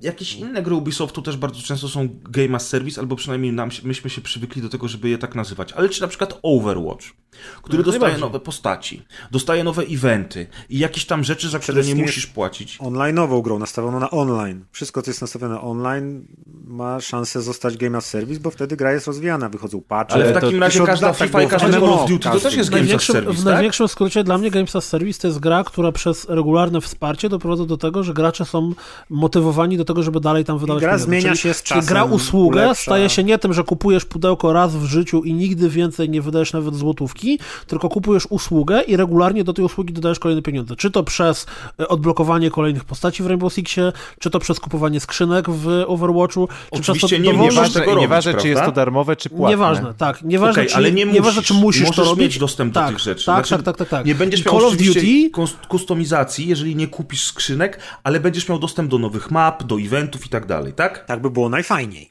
No tak jest właśnie, o tym oni mówią Znaczy, właśnie. jeżeli. y, nie chodzi o to, czy ty płacisz, tylko czy gra chciałaby, żebyś ty płacił. Bo w okej. Call of Duty możesz kupić grę raz na rok i w nią grać, nie wydać ani złotóweczki, ale ona cały czas cię motywuje, że Rozwija a się. teraz mamy nowy evencik i i w tak trakcie dalej. tego evenciku mamy y, skrzyneczki, które możesz dostać tylko teraz i jeżeli chcesz grać tym, y, jak się ten gość nazywał z reklam, y, ka- nie Caretaker, tylko Dawid no to, Hasselhoff. ten, który zamiast ciebie Coraz robił rzeczy, jak chciałeś grać w Duty. The Replacer. The Replacer. Jak chcesz grać Replacerem, to teraz możesz odblokować Replacera, a później już nie będziesz mógł. Ale więc, też nie- Czy tak samo y, w Overwatchu wszystkie eventowe skrzyneczki i co raz na jakiś czas wybucha mała afera, że ktoś tam wyliczył, że jeżeli chcecie odblokować wszystkie skórki z Olimpiady letniej 2018 roku, to musicie wydać kapzylion dolarów, nie? I tak dalej. To teraz wprowadzę trochę zamieszania, bo to bazuje na usłudze, znaczy na czymś takim jak software as a service, czyli na oprogramowaniu, który bazuje na tym, że wykupuje się subskrypcję. No Wow. tak. Abonament, tak? Ale też w Office ramach tej ogólnie. subskrypcji nie chodzi tylko o to, żebyś ty płacił, tak jak tu mówicie, za skrzynki, tylko też, że cały czas dostajesz aktualizacje. I tak jak w software'ze jak dostajesz w darmowe Office na przykład aktualizacje. ten 365. No Teraz bardzo dużo akurat przychodzi, Tak. czy Photoshopy, Maxy, inne Ale software as service to już było znane w latach 80., kochani, nie? Tak w ogóle. No tak, no, i ale teraz wtedy to, wiesz, wiesz, gry prze, przejmują internetu. później te wszystkie rzeczy. Bo gry to w sumie software. Tak, to też prawda. Badum, Mind blow! Realization takie na Doktor podcaście. jak Tak, no, nie, bo do, właśnie do czego ja zmierzam cały czas. Jakby ja sobie z grubsza zdaję sprawę z tego, o czym wy mówicie i oczywiście Ale to było podchwytliwe pytanie, ale... Co on powiedział? Nie, Tylko nic, buziacz, nic, buziaczki, mów dalej. E. No, w każdym razie, e, w każdym E, razie, e, generalnie rzecz biorąc, chodzi mi o to, że ludzie teraz mówią, fu, Game ma serwis, Game ma serwis, ale przecież z tego, co mówimy tutaj wszyscy wspólnie, wynika, że większość gier obecnie, które mają online, to są gry usługi. No tak jest no, właśnie. tak, Tak. tak, dokładnie tak. Games as Service byłyby fajne, gdyby tylko ludzie, którzy je robią, byli porządni. Fajnie. To jest jak, jak, jak w ogóle z życiem. Jeśli Just ludzie są Dance fajni, jest- to jest fajnie, ale Just jeśli Dance ludzie... jest takim są wzorcowym fajni, przykładem gry usługi, bo w tę grę możesz grać, ale jak wykupisz sobie subskrypcję, czy tam roczną, czy miesięczną, to masz dostęp do dodatkowej zawartości. A dla odmiany na przykład Horizon Zero Dawn jest przykładem gry, która nie jest grą usługą. Nieważne, że było do niego DLC, że tam cokolwiek Albo. Saper. Tak to możemy wymieniać. Wymieniajmy, dawaj. Nie no, chodzi o to, że, że to, to ja że, dodam że, pasjansa. Właśnie, czy, co, co nie jest grą usługą. No tak, no okej, no jest to zrozumiałe, natomiast po prostu ludzie troszeczkę, wiesz, jakby w internecie zaczynają to, to, to troszeczkę mylić, no i... i... Dzisiaj nie mamy w recenzjach na przykład żadnej gry usługi, z tego co kojarzę. Więc będziecie mieć przykłady gier nie usług. O, A czy dostarczanie paczek to nie jest usługa? To do tego przejdziemy dopiero. E, dobrze, oprócz tego jeszcze na Bliskonie, bo coś za długo to trwa, by pokazali dodatek do WoWa i do Hearthstone'a nikogo. Idziemy dalej? Tak, tak, tak, tak. Dobrze. E, Na dniach rusza Stadia. e, Na dniach rusza Stadia i w ramach startu? Stadii w, w Holandii między Do innymi Polski i tam nie. w Kanadzie, w Polsce nie rusza. Ale mm, e, line-up e, premierowy jest niewielki, bo tam chyba 12 albo 17 gier, nieważne. E, Natomiast ciekawostka Dropsa jest taka, że mm, w gridzie, o którym mówiliśmy na mm, nagraniu jakiś czas temu, chyba dwa tygodnie temu albo cztery tygodnie temu, grid w wersji na stadie będzie zawierał tryb, który nie jest w żadnej innej wersji dostępny i wytłumaczenie jest takie, że to jest niemożliwe, żeby konsole albo PC były w stanie to ogarnąć, bo będzie to wyścig na 40 samochodów. No i teraz tak, to nie jest pierwszy taki news, bo taki ładnie taki sam news dotyczył bodajże Football Managera, to wiecie, Tak, taka gra, tak, która... Tak. 10 osób naraz w Football Manager. Nie, że I- składy i ogólnie rzeczy, które w tej grze będą, będą nie, są niemożliwe do uzyskania na PC-tach. I jest to Żarty. całkiem ciekawe zagadnienie, dlatego że Stadia w założeniach... Żarty. Zobacz, Chyba na ich PC nie widzieli. No, no Właśnie nowego o to PC-ta. chodzi, że ty masz nowego i 3% ludzi ma nowego, czy tam ja nie wiem, 10 czy 15%. A, czyli to jest dla ludzi, którzy mają kartofle. Ale, Ale to, to, to grę rzeczy dla- po imieniu. Że to są usługi, które nie, nie są dostępne na konsolach ani na słabych PC-tach, bo ja też widziałem ten news. No ale nie wydasz Wow, gry, która ma tryb dostępny tylko na mocnym PC-cie. No. Jak nie? Tryb ultra grafiki.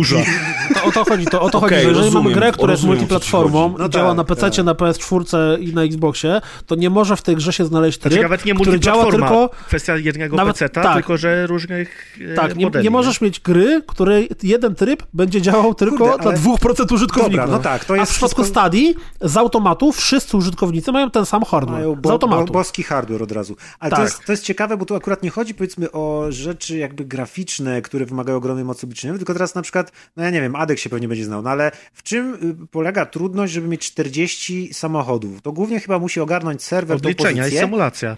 a to nie fizyki. robi na przykład serwer, który potem wysyła informacje do twojego kompa i nawet jak on jest y, ziemniakiem, Ale to... nawet nie, nie, nie. w- wyświetlenie 40 obiektów no jest bez dużo przesady, bardziej... to ustawiasz na low i jedziesz. No ale przecież to jest właśnie, streaming, 40 prawda? samochodów twój komputer nie wyrenderuje, ale to no jest streaming, przesady. prawda? Więc ty w Tak. domu możesz mieć ziemniaka, tak Ale jak mówi Maciek Maciek. mówi Ale o chodzi o to, że, zwykłym. że gdybym nie miał, gdybym chciał, A, dlaczego a. tego nie ma w normalnej grze, co, i dlaczego jest moc chmury Jak to, potrzebna, żeby dlaczego robić tego nie ma w normalnej grze? Bo podpisali ze stadią umowę i takie bzdury Przecież są marketingowe gry multiplayerowe, ludziom. gdzie no. też jest 128 graczy na mapie na przykład i jakoś PC A- dociągnął i słabe PC tu ustawiał grafikę na low i dalej to ciągnął, nie? No A więc ile- to jest marketing, no. A ile w Czyli tych, tych wszystkich R-faktorach się może osób ścigać, nie wiem, jakieś... Też od groma, tylko Nie, że ale te to nie, to nie chodzi o to, że one są są, takie, wiesz, gry, w których... Bo No ja pewnie wiem, były to jakieś wyścigi, gdzie było silnik, 120 ja samochodów. rozumiem, ja rozumiem, bo chodzi silnik gry, ile może obsłużyć i tak dalej, no i tak tak, dalej. no, pewnie, dzieli się ta więc- moc na rzeczy różne, ale no dlaczego w gridzie akurat... Mi w tym newsie bardziej nie chodzi o to, że akurat w tym konkretnym gridzie jest 40 samochodów, tylko chodzi o samo w sobie zjawisko. A, że w no, momencie, w tak. którym masz usługę, To mów, o co w której masz zagwarantowany dla dewelopera y, stuprocentowo dokładnie hulaj taki sam i hulaj, hardware I hulaj dusze piekła nie ma dla wszystkich użytkowników, Mm. to wtedy możesz sobie pozwolić na rzeczy, których w przypadku robienia gier na konsole różne, czy na PC Teraz, różne, Badum, wiesz co właśnie wychwalasz? Ekskluzywę. No ale ja nigdy nie mówiłem, że ekskluzywy są złe. To dobrze. Bo nie Ja podjebałeś uważam, od żadnego z nas tego. Ale Adek, ale Adek słyszałem, że już prawie miałeś na końcu języka badum, ale jeszcze tam sprawdziłeś tak, się jeszcze okazało? czekałem. Jeszcze czekałem. Więc y, to, to sa- samo w sobie dla mnie to jest bardzo ciekawe i to może być czymś, co dla Stadii może jednak być y, interesującą to rzeczą. ja jeżeli też- im się uda zapłacić bardzo dużo pieniędzy różnym deweloperom, żeby nie tylko te same gry były na Stadii, ale te same gry w lepszy sposób były na Stadii, no bo tam, okej, 40-wyścigowy, znaczy 40-samochodowy wyścig w Ridzie to mnie trochę wali, ale jeżeli na przykład, nie wiem, byłby Ciebie to tak, Assassin, streamerów i dzieciaków dzisiejszych, którzy lubią grać ze znajomymi, to już jest inna ja się bajka. wali, ale w pozytywnym znaczeniu. no ale na przykład... Z, z, Nie, z, są nieletni, macie. Nie wiem, jeżeli miałbyś większy świat w Asasynie, tak? Albo, albo Jeszcze coś takiego. większy, jeszcze Nie, ale jakbyś miał 40 asasynów. O, na przykład 40 asasynów. Super gra. To jest, to jest coś, co. No, ten przykład z Football Managerem też jest ciekawy, że, że, że Football Manager na stadii będzie w stanie ogarnąć bardziej skomplikowane obliczenia i tam w ogóle. Przecież Poziom Football symulacji. Manager wygląda jak grafika z mojego kalkulatora. Football Manager jest o- super e, obciążenie, obciążający komputer. Obliczeniowe. A- Właśnie a- chodzi a- o obliczenia, a nie o to, Czyli, jak wygląda. czyli, czyli z grubsza marketingowcy Stadii mówią o tym, że możesz nie mieć mocnego kompa, ale nie czuć się jak biedak, bo będziesz miał abonament, Nie. który pozwoli I ci be- na granie w te gry. I mają też super... ekskluzywne rzeczy, których nawet jako bogaty PC Master Race nie będziesz mieć i musisz kupić stadię. No tak, Maciek, ale jak ja słyszę 40 Ale to jest samochodów na ekranie, to ja sobie myślę, naprawdę, co oni mi próbują No ściema, ale nie zagrasz na PC w to normalnie. zagrasz, więc... bo, bo to jest stadia, Znaczy, więc no możesz tak, zagrać... musisz kupić stadię, o to mi chodzi. No, że... No tak, no No okej, tak, no ten tryb może być, nie? może być faktycznie... Ten tryb może być atrakcyjny dla kogoś, kto nie grał w symulatory to na jest- przykład na to jest PC. I Ale to że znowu teraz nie, nie, nie, nie trzymajmy robić się tego. stricte tego grida samego w sobie, Masz tylko rację. po prostu zastanów się nad, nad tą ideą, że będziesz miał usługę, będziesz miał, inaczej, będziesz miał kolejną platformę sprzętową, bo tak spójrzmy na stadię. Nie, nie patrzmy na stadię jako na ten, tylko mamy pecety, stadie i konsole. Będziesz miał kolejnego gracza w cudzysłowie na rynku, który będzie tobie oferował, tobie jako graczowi giereczki, ci, proszę pana, Powiedz mnie to, Kuldan. powiem tobie to, że będzie tobie ten tak, pan będzie stadia, ekskluzywy ci oferował. nawet nie tyle ekskluzywy, co będzie tobie oferował te same gry, ale w lepszy sposób. Okej, ile, Nie kosztuje, tylko ile graficznie. kosztuje Stadia miesięcznie? 0 złotych. Znaczy, no ile I będzie, nie ma w Polsce. ile będzie kosztować Stadia miesięcznie? 0 złotych. W pierdolonej Ameryce, Kuldan. No, 0 złotych. Stadia jest darmową usługą, gdzie płacisz Przez sobie za ten tydzień. Nie. fancy pseudo abonament. Właśnie o to chodzi. Jeżeli będziesz chciał zagrać w tego grida na Stadii, to będziesz musiał wejść do sklepu Google i kupić Grid for Stadia. Grę po Łe. prostu normalnie. Jeszcze raz? Nie to nie jest czyli Game to nie jest Pass. abonament? To jest abonament, ale abonament będzie tobie dawał dokładnie to samo, co daje tobie PlayStation Plus czy Games with Gold. Będziesz raz w miesiącu dostawał jedną grę za darmo, na wejściu to będzie Destiny 2, No który i to tak się jest pytam cały czas, ile to kosztuje miesięcznie, a ty mi No nic nie zero, kosztuje, nie jest zero. Jeżeli będziesz chciał zagrać w gridę, nie będziesz musiał zapłacić nic, poza tym, że będziesz musiał sobie kupić grida na Stadię. Okej, kurwa. 200 zł. I ściągam apkę sobie, Na dowolne urządzenie tam. y, czyli bez znaczy- konieczności kupowania nowej, no, nowej konsoli czy platformy, Teraz tak, jeżeli to, mówimy jestem w stanie sobie o kupić tym- ekskluzywa na tą platformę. Jeżeli Tak. będziemy mówili o tym, jak to będzie innego. działało w wersji 1.0, to tak, teraz, jeżeli chciałbyś używać Stadii, musiałbyś mieć Chromecasta, który jest urządzeniem, które służy do wielu różnych rzeczy, więc natomiast założenia tego są takie, że ściągasz sobie aplikację na swój telefon, na swój To jest kolejny e, sklep, powiedzmy, telewizor, na swojego laptopa i w tej aplikacji wchodzi, o, grid, To jest, to jest sklep z zajebiście, grami, który ci kupuję. od razu streamuje te gry. O. Ej, no to przecież to Tam, jest gdzie- zajebiste.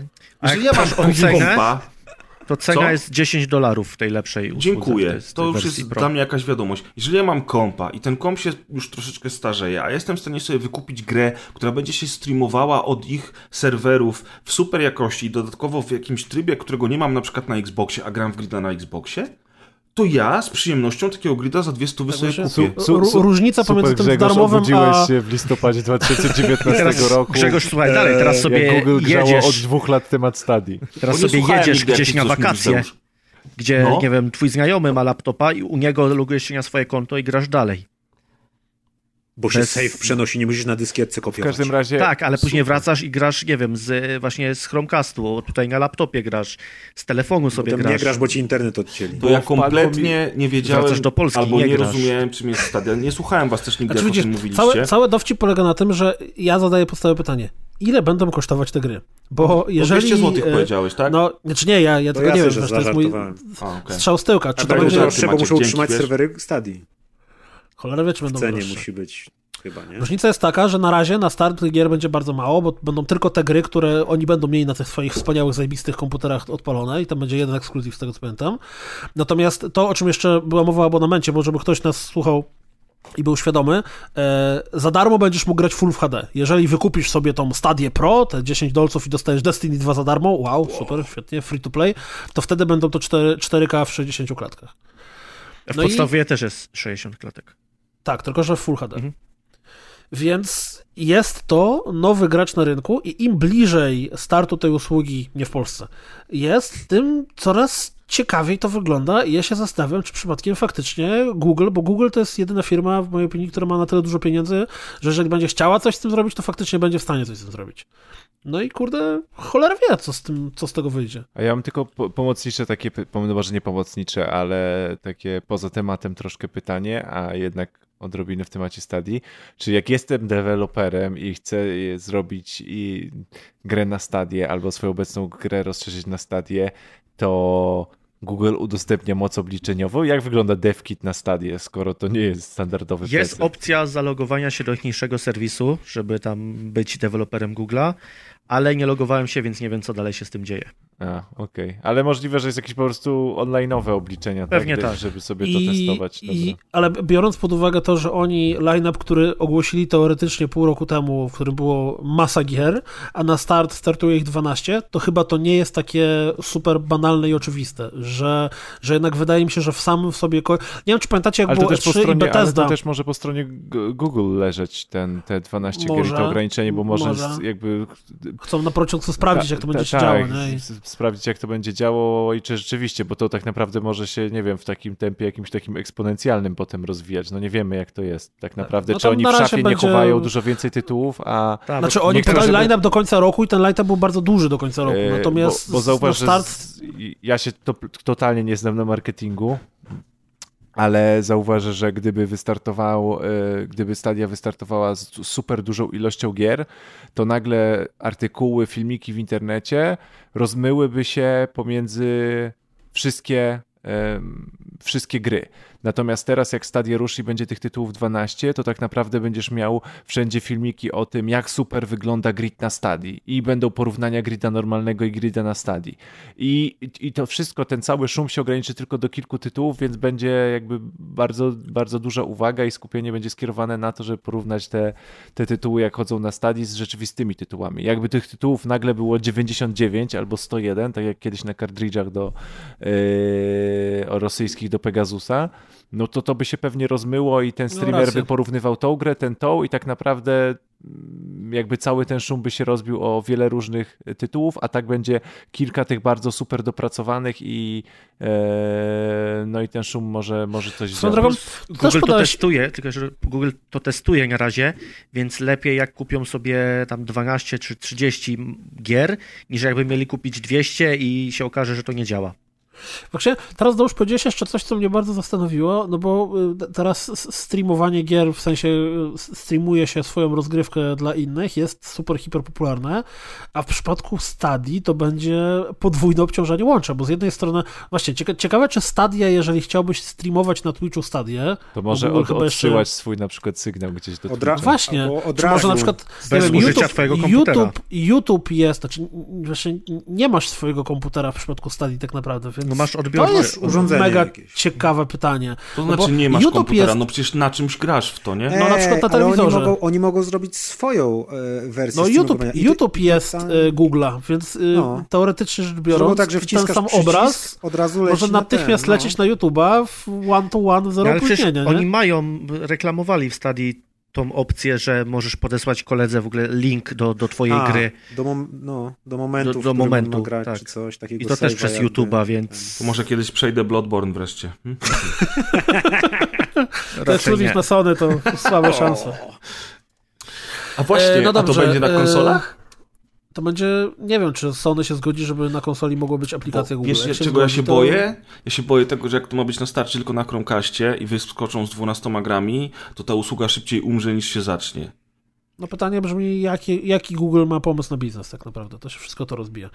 E, chciałem z wami jeszcze pogadać e, o tym, że sezon premier się kończy i ja się czuję trochę rozczarowany, ale skoro już gadamy godzinę o innych Nie, no ale jak to? Dlaczego?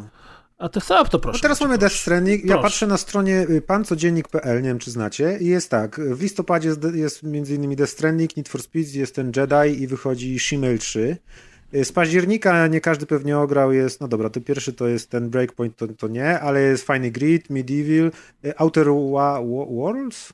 Tak, który Super zresztą wyjdzie, wychodzi na stadię, na stadię, tfu, na Switcha, Switcha w przyszłym, roku. No i, i, i Duty, który jest akurat udane. Wcze- niedawno wcześniej wyszły Gearsy, wyszedł ten roleplay, w który Adek grał, ten taki tam, co się Gridfall. biega i ten Gridfall. Y, Borderlandsy, ludzie się obstrali, że super. Kaśka wyszła. Bardzo dobre. Ten. The Surge dwójka. No i w sierpniu była trochę posłucha, no ale był Control, który był świetny chociażby.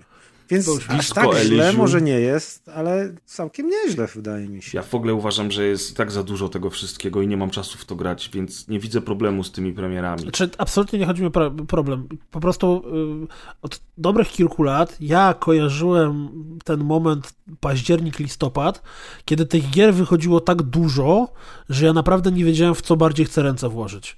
A w tym roku, no prosta sprawa, w dzisiejszej rozgrywce omawiamy cztery tytuły. Ale z drugiej strony kopie recenzenckie do tego, ty- do dzisiejszej rozgrywki były tak zajmowane przez ostatnie dwa tygodnie. Oh yeah. Mój romans z nowym Need for Speedem burzliwie się zaczął i burzliwie skończył, ale to tylko taki teaser, bo dzisiaj nie będziemy o tym A rozmawiać. poza Ale tym, to- wiesz, to to, też, jest, to jest jest akurat zbieg okoliczności, że mamy tylko cztery gry teraz i wcale to nie Zauwa- oznacza, że jest mało gier do wyboru. Zauważ, że te gry, które są i te gry, które będą też na przyszłych odcinkach, to nie jest tak, że to są gry na trzy godziny do przejścia. Nie, i, znaczy, no, O coś innego mi chodzi. E, no, Może to się pamiętam- rozmyło właśnie przez to, że przeszło na trzy miesiące, że we wrześniu było parę gier, w październiku i teraz w No może tak, nie? może to przez to, że się wcześniej zaczęło, był bo suchy, normalnie październik, listopad to był gdyby taki na- jep, na jep, ten- Że jep, masa gier się nie przesunęła? Przesunęła się masa gier na y, wiosnę. na wiosnę. No, no to A z wiosny na Ale, ale wiecie co, A z wiosny ja przeskoczy się na spojrzę- holiday przyszłego roku. Ja teraz sobie otwieram, słuchajcie, naszą stronę www.rozgrywkapodcast.pl Nie znam. i strasznie wolno mi się ładuje teraz nie wiem, A, mówisz o tym pewnie. Wortalu? tak, o, o, o tym, jak to się mówi, o tym blogu. Blogu. No i teraz tak, 195 otworzę To i jest blogę ze 194, serwis, bo tylko tam ciągle dwa, nowe tylko rzeczy dwie otworzę. darmo. serwis. O Boże, Dwa tygodnie temu. Jumanji wyszło, czemu nie graliśmy? Wyszło już? Ja bym chętnie w to zagrał. Na dniach nowego wyszło. filmu. Wczoraj czy przedwczoraj. Dwa Tam tygodnie koty. temu, słuchajcie, Tam kas nagle w Poznaniu się budzi. Gdzie kody, gdzie kody? Kaz to się obudził dzisiaj, dostałem prasówkę o tym Asterixie nowym i już, już byłem pewny, że Kazowi wtedy wiesz, na, na, na tym, na, na karku włosy tak co? My Kaz sense is tingling! Kodzik, kodzik? Dobra, Kuldan, żeby, żeby, że tak powiem, odpowiedzieć na twoje pytanie. Dwa tygodnie temu mówiliśmy o Modern Warfare, o The Legend of Zelda Link's Awakening, o nowym Plants vs. Zombies, o Disco Elysium, o, o remasterze Medieval i to tylko jest jeden odcinek, gdzie było pięć bardzo dużych tytułów. 194 miesiąc temu mówiliśmy o Gridzie, o... Pytanie powinno brzmieć, Kuldan, ile, i o paru indykach. No, pytanie powinno brzmieć, Kuldan, ile gier z tych, które wymieniamy, ograłeś? Bo jeśli ograłeś wszystkie, to okej, słabo z tymi premierami, skoro już wszystko Nie, znaczy właśnie, właśnie, to, nie, właśnie dokładnie o to mi chodzi, że tak jak rok temu, czy dwa lata, to, czy trzy lata temu, to ja w tym okresie jesiennym w ogóle totalnie nie byłem w stanie wyrobić się z tymi grami, które mnie interesowały, to w tym roku do, dokładnie odwrotnie. No Ale, luzaczku, ale, ale wiesz co? Nie ograłeś Need for Speeda. Jest kupa gier, których nie ograłeś. no Oczywiście, może że dlatego tak. właśnie, że, że to może ja jestem bardziej grasz. wybredny, O, nie? tylko Apex i Apex, Games as Service. Dokładnie. Jak masz gry. tyle czasu, to Red Dead Redemption mogę ci wysłać. Mam kupiony. Właśnie, nie przeszedłeś nigdy Red Dead Redemption. Pff, Ale będzie zaraz narzekał, że nie ma tego. Załatwcie mi na PC, to wam zrobię ręczkę wersję. Ja na to przykład zauważyłem w tym roku, że mimo tego, że, że znowu grałem strasznie dużo takich gierek, które może niekoniecznie chciałem grać, wziąłem dla zainteresowania i w końcu w nie wsiąkłem, y, albo nie i się z nimi męczyłem, to jednak też odpuściłem bardzo dużo gier, bo jest ich za dużo. Gridfall, Adek bardzo chwalił. Chciałbym zagrać, lubię gry w tego studia. Nie grałem. Yy, Borderlands 3, pograłem może dwie godziny. Wszyscy chwalą, ja sam widzę, że jest fenomenalna ta gra, ale nie gram w nią, bo nie mam kiedy. I jak ty mi mówisz, ej, tak słabo z tymi premierami, ma za dużo trochę No, jest. no poczekaj, dla porównania, bo sobie otworzyłem listę z zeszłego roku. Marvel Spider-Man, Shadow of the Tomb Raider, Forza Horizon 4, Assassin's Creed Odyssey, Black Ops 4, Starlink, Return of the Obra Dinn, Battlefield 5, Just Cause 4. No i co, wy To wymieniłeś z czego? 8 gier czy 10? No to No ja tak, ci a- powiedziałem, że dwa tygodnie temu 5 dużych hitów No. omawialiśmy No na jakieś tam rozgrywce. Disco Elysium. Disco Elysium to nie jest taka gra, o jakiej ja myślę. Kuldan po prostu... "Meh, Nie ma gier, które chcę grać! Trochę tak, trochę, trochę tak, trochę przypierdolił. tak. Wylało mu się, kurwa, i tyle. Nie, bo po Dobrze, prostu- der, der, okej. Znaczy, mówię, może to jest jakieś totalnie moje subiektywne wrażenie. Plus, wiecie co jeszcze się na to nakłada? Nakłada się na to to, Że że... masz okres. e, Może masz za dużo tym- wolnego w, czasu w pracy. Nie, wiem. nie, że, że y, jak zaczęło się, z, zaczęły się te fajne, duże tytuły tam, nie wiem, pod koniec sierpnia od kontrolu, to prawie z każdym było coś doszczętnie spierdolone. Ta kontrol na konsolach ledwo co działał. Teraz dalej. Borderlandsy trzecie na premierę też, kurde, jakieś wielkie problemy z serwerami. Breakpoint, don't even get me started. I generalnie prawie każda gra, która wychodziła, The Surge 2 też, jakieś tam straszne były problemy z nimi przy starcie, Ziom, nie wiem, czy to ziom to nic ci powiem tak. Wyprzedzając fakty, jest równowaga we, we, wszechświecie i generalnie rzecz biorąc, po prostu wyszła jedna gra, która deklasuje wszystkie inne, więc nie musisz się przejmować, tylko sobie graj w nią dalej, dupnij se monsterka i jest okej.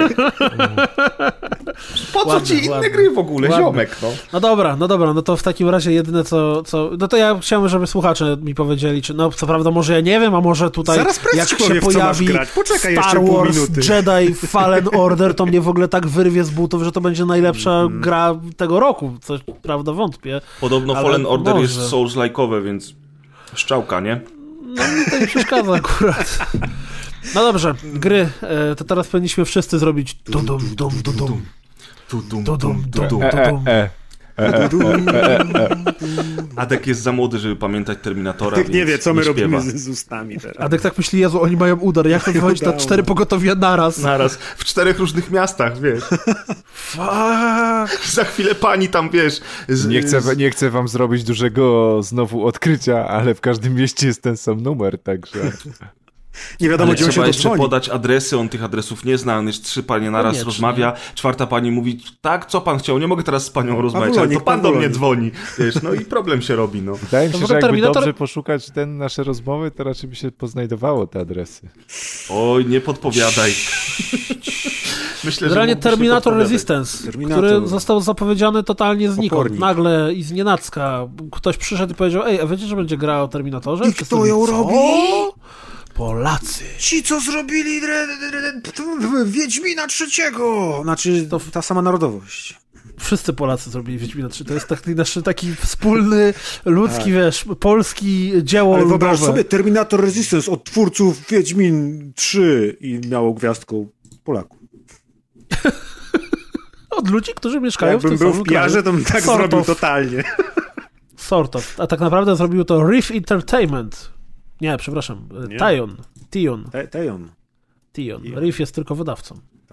Tejon, czy ludzie z No dobrze, Krakowa, y- pozdrawiam ludzi z Krakowa. Tejon ma y, tą y, siedzibę w takim bardzo fajnym budynku, który wygląda jak wieża, y, dziurkowana jak ser żółty. Zauważyłem, że świetnie Jak sobie palec. radzimy, mimo że nie graliśmy w Terminator Wszystko wiemy. Na razie Grzegorz, który w niego gra. I jak się do Krakowa wjeżdża pociągiem od północy, to widać tą ich wieżę i można im pomachać. Nie, no A czy mają tam w tej wieży stoją jakieś T800 albo coś? Nie wiem. Nie byłem. Nie wiesz. Szukali Grzegorz, grafika akurat, czy- ale to jest na drugim końcu miasta ode mnie, więc nie poszedłem. A mogłem prawie robić tą grę. Tak się No widzisz, byś mógł, mógłbyś wtedy pod nosem w pracy robić tudum, tum, tudum. A to by było super, jak tak, ale z drugiej strony niezła trauma, jak przychodzisz już, wiesz, tam trzeci rok pracują nad tą grą i wchodzisz tylko do biura i wszyscy tu dum, dum, dum, dum, dum. Jedno, co trzeba przyznać y, od razu na plus do Terminator Resistance, Dalej nie powiemy, nie damy głosu pre- prezowi głosu, który w to gra, tylko my No o ja poczekam spokojnie. Nie, poczekaj, Opowiemy Jedno, co trzeba na pewno przyznać jej na plus, to to, że ona jest e, licencjonowana i według tej gry poza pierwszym i drugim filmem żadne inne się nigdy nie wydarzyły. Więc I znowu podjebałeś coś, co kto powiedział kto inny na redakcyjnym czacie. Tą osobą byłem ja, pisałem to wczoraj i mnie nie wkurzaj to teraz. może Kuldan, powiedz mi, jakbyśmy podsumowali w takim razie tę grę. A jeszcze tylko mi powiedzcie, czy to nie, nie, nie zajmuje się dystrybucją Koch w Polsce? Czy... Tak, Nocny Kochanek. Tak, dobrze, Okej. czy ja mogę zacząć już? Tak, zacznij. A o jakiej grze będziesz mówił? Terminator Resistance. Podoba mi się wizualnie, że Terminator wygląda Resistance. totalnie jak z filmów i jak widziałem pierwszy zwiastun, to bardzo mi się spodobało, bo wygląda totalnie tak jak gra o Terminatorze, w którą chciałbym zagrać. No więc generalnie rzecz biorąc z Terminatorem to jest trochę tak, że tak jak wszystkie duże marki filmowe, on nie ma za bardzo szczęścia do e- egranizacji e, i niestety nie było za dużo tych gier o Terminatorze na przestrzeni ostatnich tam powiedzmy, że 20 lat. Same filmy też mają duży problem, no bo powiedzmy sobie szczerze, że Terminator 1 i Terminator 2 to są bardzo udane, klasyczne dzieła kinematografii, które wszyscy kochamy i doskonale pamiętamy, a z sequelami późniejszymi było już różnie. Terminator 3 no, jest, jest średni, ale ma fenomenalne zakończenie. Terminator Salvation znowuż bardzo mi się podobał, ale niestety do internetu wyciekły informacje o zakończeniu tego filmu, więc na ostatnią chwilę trzeba było zakończenie nakręcić od nowa i to nowe, to oficjalne, które pojawiło się w kinach, jest takie sobie. I to zresztą dużo ludzi też jakby na, na Salvation narzekało, no bo jak to po trzech filmach o tym, że ktoś się cofa do przeszłości, żeby kogoś ratować albo kogoś zabić, teraz dostaniemy e, jakiś post-apo, które się dzieje w przyszłości, no jak to tak? A gdzie jest Arnold Schwarzenegger? Wiecie, ludzie i lubienie tych samych piosenek, które zawsze słyszeli w radiu. Dla mnie Salvation to było właśnie to, bo ja zawsze chciałem zobaczyć, co się dzieje w przyszłości, kiedy John Connor jest dorosły i kiedy ten Terminator kroczący w czołówce Terminatora dwójki miażdży czaszkę, wiecie, pamiętna scena. No i niestety y, po Salvation dostaliśmy Genesis, bo ludzie chcieli to samo, co już znali. Jak to się skończyło, doskonale wiemy. Na Dark Fate nawet nie poszedłem do kina jak się okazuje, zrobiłem bardzo dobrze, bo ludzie mówią, że to jest jakiś dramat, a po sprzedaży widać, że wreszcie publika zagłosowała portfelem. No, a tu gdzieś w międzyczasie ten nasz polski Tejon robi sobie grę Terminator Resistance, która nie dość, że odcina się od wszystkich sequeli po dwójce i jest jakby po prostu opowieścią, która dzieje się w świecie przyszłości, tym świecie, o którym opowiada Sarah Connor i o której o, o którym przestrzegł ją John Reese, gdzieś tam właśnie w tych scenach, o których Maciek już wspomniał dzisiaj, w tych scenach wyjętych żywcem z filmu. I mamy muzykę klasyczną, jest bardzo fajna aranżacja motywu przewodniego, która otwiera się w menu, bardzo dużo różnych takich wariacji na temat tego motywu przewodniego, które lecą gdzieś tam w tle. I czuć, że to jest ten Terminator, którego my znamy właśnie z opowieści z Terminatora 1 i 2, że ta wojna przyszłości, gdzie John Connor przywodzi przewodzi nawet, a nie przywodzi y, temu ruchowi oporu, to tutaj wreszcie możemy w to zagrać. Ale, tak jak się wszyscy spodziewaliśmy, i po trailerach, i po wstępnych zapowiedziach, to jest mocny średniaczek. To jest mocny średniaczek, który Ale czy to źle? On bardzo, znaczy nie, bo on bardzo mocno się stara i widać, że włożono w tę grę bardzo dużo serca. Natomiast on na bardzo wielu płaszczyznach jest po prostu przeciętny. I ta przeciętność wychodzi z Terminatora na wielu płaszczyznach. Oprawa audiowizualna jest przeciętna. Są momenty, gdzie wygląda to fenomenalnie, ale zazwyczaj wygląda to tak sobie. Główny aspekt, czyli skradanie się i strzelanie, są przeciętne. I niestety w wypadku strzelanki to, to rodzi pewne wątpliwości, prawda? To nie jest tak, że jest bardzo źle. E, Absolutnie nie jest bardzo źle, ale też przy współczesnej konkurencji, o której dzisiaj wspominaliśmy, chociażby Modern Warfare czy Borderlands 3, ja wiem, że Terminator to jest gra za zupełnie inny budżet zrobiona przez mniej doświadczone studio, ale jednak po prostu ja mam bardzo dużą dawkę cierpliwości do tej gry przez to, że uwielbiam serię, że tak jak powiedziałem na początku, to jest wreszcie ta wojna przyszłości z Terminatora, którą ja chciałem obejrzeć i dlatego, że ja ogólnie lubię strzelanki. Natomiast obawiam się, że bez tej dozy cierpliwości, którą ja posiadam, bardzo wiele osób się niestety do gry zniechęci. Otwarcie, czyli pierwsze trzy misje, są fatalne. Fatalne są pierwsze trzy misje. E, I podejrzewam, że teraz, jeżeli was nie przestrzegę przed tym, to może część z was, która sięgnie po grę, nie będzie chciała grać dalej po tych trzech misjach, ale musicie się do tego zmusić. Po przejściu tego początku, tego wstępu, robi się naprawdę mega spoko 6 na 10. Całkiem porządna gra na licencji y, marki filmowej, w którą jeżeli jesteście fanami serii, to warto zagrać. E, Jeżeli nie jesteście fanami serii, to nie, nie za bardzo wiem, co, co się stanie, jeżeli do tej gry zasiądziecie. Ale wydaje mi się, że no my wszyscy gracze jednak y, Terminatora znamy, lubimy i, i będzie dużo osób chętnych, które będzie chciało po tę grę sięgnąć. Powiedz mi, bo opowiadasz więc na jedno, czy to jest y, taki klasyczny, w miarę liniowy shooter, jak to kiedyś bywało? Nie, absolutnie nie. Niestety twórcy próbują bardzo mocno y, wykorzystywać pomysły, które wykorzystują inne tego typu gry. Mamy tutaj elementy bardzo liniowe, korytarzowe, które mają też jakieś skrypty, które przypominają troszeczkę konstrukcję korytarzowych shooterów w stylu Call of Duty i to widać, ale mamy też takie właśnie y, małe huby, na których na przykład poza celem głównym są trzy cele poboczne, które możemy przyjąć lub nie przyjąć, potem te misje y, sobie robimy, więc na przykład musimy się skradać, albo, albo możemy walczyć w otwartej walce. Nasza postać leveluje, więc roz, rozbudowujemy punkciki na skille i te skille wpływają na to, jak na przykład się będziemy zachowywać w walce, jaką będziemy mieli odporność, czy będziemy lepiej hakować, czy będziemy lepiej używać wytrychów, bo oczywiście mamy tutaj używanie wytrychów, mamy minigierkę z hakowaniem, mamy to, tak jak już wspomniałem, to skradanie się. I ta gra jest tak zrobiona, że Czasami jest bardziej korytarzowo, czasami mamy taki otwarty hubik, który nie jest jakoś, jakoś, jakoś specjalnie duży. I owszem, do większości miejsc można dostać się na jeden lub dwa różne sposoby. Do niektórych miejsc na mapie prowadzą ze dwie ścieżki, ale to nie są jako, jakieś wybitne mm, ani szczególnie imponujące hubiki, więc może nawet to dobrze, bo to się dosyć szybko robi i potem się przechodzi do tych takich misji bardziej korytarzowych, gdzie nacisk większy jest na walkę. I jest dużo innych elementów. Jest na, są na przykład elementy y, dialogowe rodem z Telltale, czy, czy nawet z RPGów, bo gra nam wyraźnie mówi, że nasze decyzje podjęte w trakcie dialogów mają znaczenie i rzeczywiście my widzimy, że postaci, które spotykamy na swojej drodze, reagują pozytywnie lub negatywnie na to, co my mówimy, albo na to, jakie my decyzje podejmujemy. Teraz, ja nie jestem do końca przekonany, bo gra mi tego w żaden sposób nie tłumaczy, ale wydaje mi się, że jednak te decyzje mają wpływ na, na pewne, pewne elementy w kampanii, które się potem dzieją. I pierwsze wrażenie moje z Terminatorem jest takie, że niestety, ale gra jest mocno średnia, po czym mijają te trzy pierwsze misje, pojawiają się inne aspekty rozgrywki, fabuła się rozkręca i to akurat chciałem zaznaczyć, że ta fabuła w tej grze to jest bardzo interesująca i mi się wydaje, że ja gram dla niej. Ona nie jest wybitna, dialogi nie są wybitne, ale, ale ja chcę zobaczyć, co będzie dalej. Mam pewne podejrzenia, i swoją drogą w ogóle to się dzieje w bardzo fajnym momencie lore Terminatora. A po, powiedz mi jeszcze jedną rzecz, bo jak ja y, robiłem w co grać w listopadzie i przeglądałem różne e, materiały marketingowe związane z, z tym Terminatorem, to odniosłem wrażenie, że oni tam mieli taki pomysł, żeby były walki, e, oprócz tych takich tam zwykłych żołdaków, tylko właśnie walki tam, nie wiem, z z T-800 czy T-1000, już nie pamiętam, które tak brzmiały, jakby miały być czymś na zasadzie, nie wiem, walki z Big Daddy w Bioshocku, czy, że wiesz, że masz przeciwnika, do którego musisz się ultra zajebiście przygotować, bo koleś jest w stanie cię rozpierdzielić w ogóle bez żadnego problemu. Musisz Ja ci tam- chętnie powiem na to, odpowiem na to pytanie, dlatego że to jest bardzo ważny aspekt całej rozgrywki. Mianowicie to, że na początku z Terminatorami nie walczymy.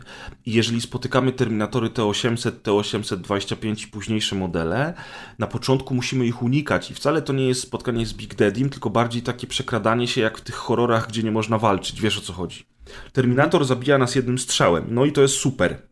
Ale ponieważ to jest strzelanka, to na pierwszych etapach y, bardzo dużo pojawia się takich przeciwników, z którymi możemy sobie postrzelać piu piu piu, no bo gra rzeczywiście przez ten rozwój skilli pozwala nam na to, że możemy grać sobie po cichutku, a możemy po prostu wchodzić wszędzie all guns blazing. To są takie do robociki momentu. jakieś, czy co? Są, czy, czy ludzie, są robociki, te robociki od razu powiem ci, pierwsze, pierwsze moje zastrzeżenie jest takie, że one wyglądają bardzo mocno tak sobie w porównaniu do oryginalnych wszystkich designów, które widzieliśmy w filmie. Te robociki są mało straszne i przede wszystkim są strasznie łatwe do pokonania, a ja zaznaczę, że gram kampanię na hardzie.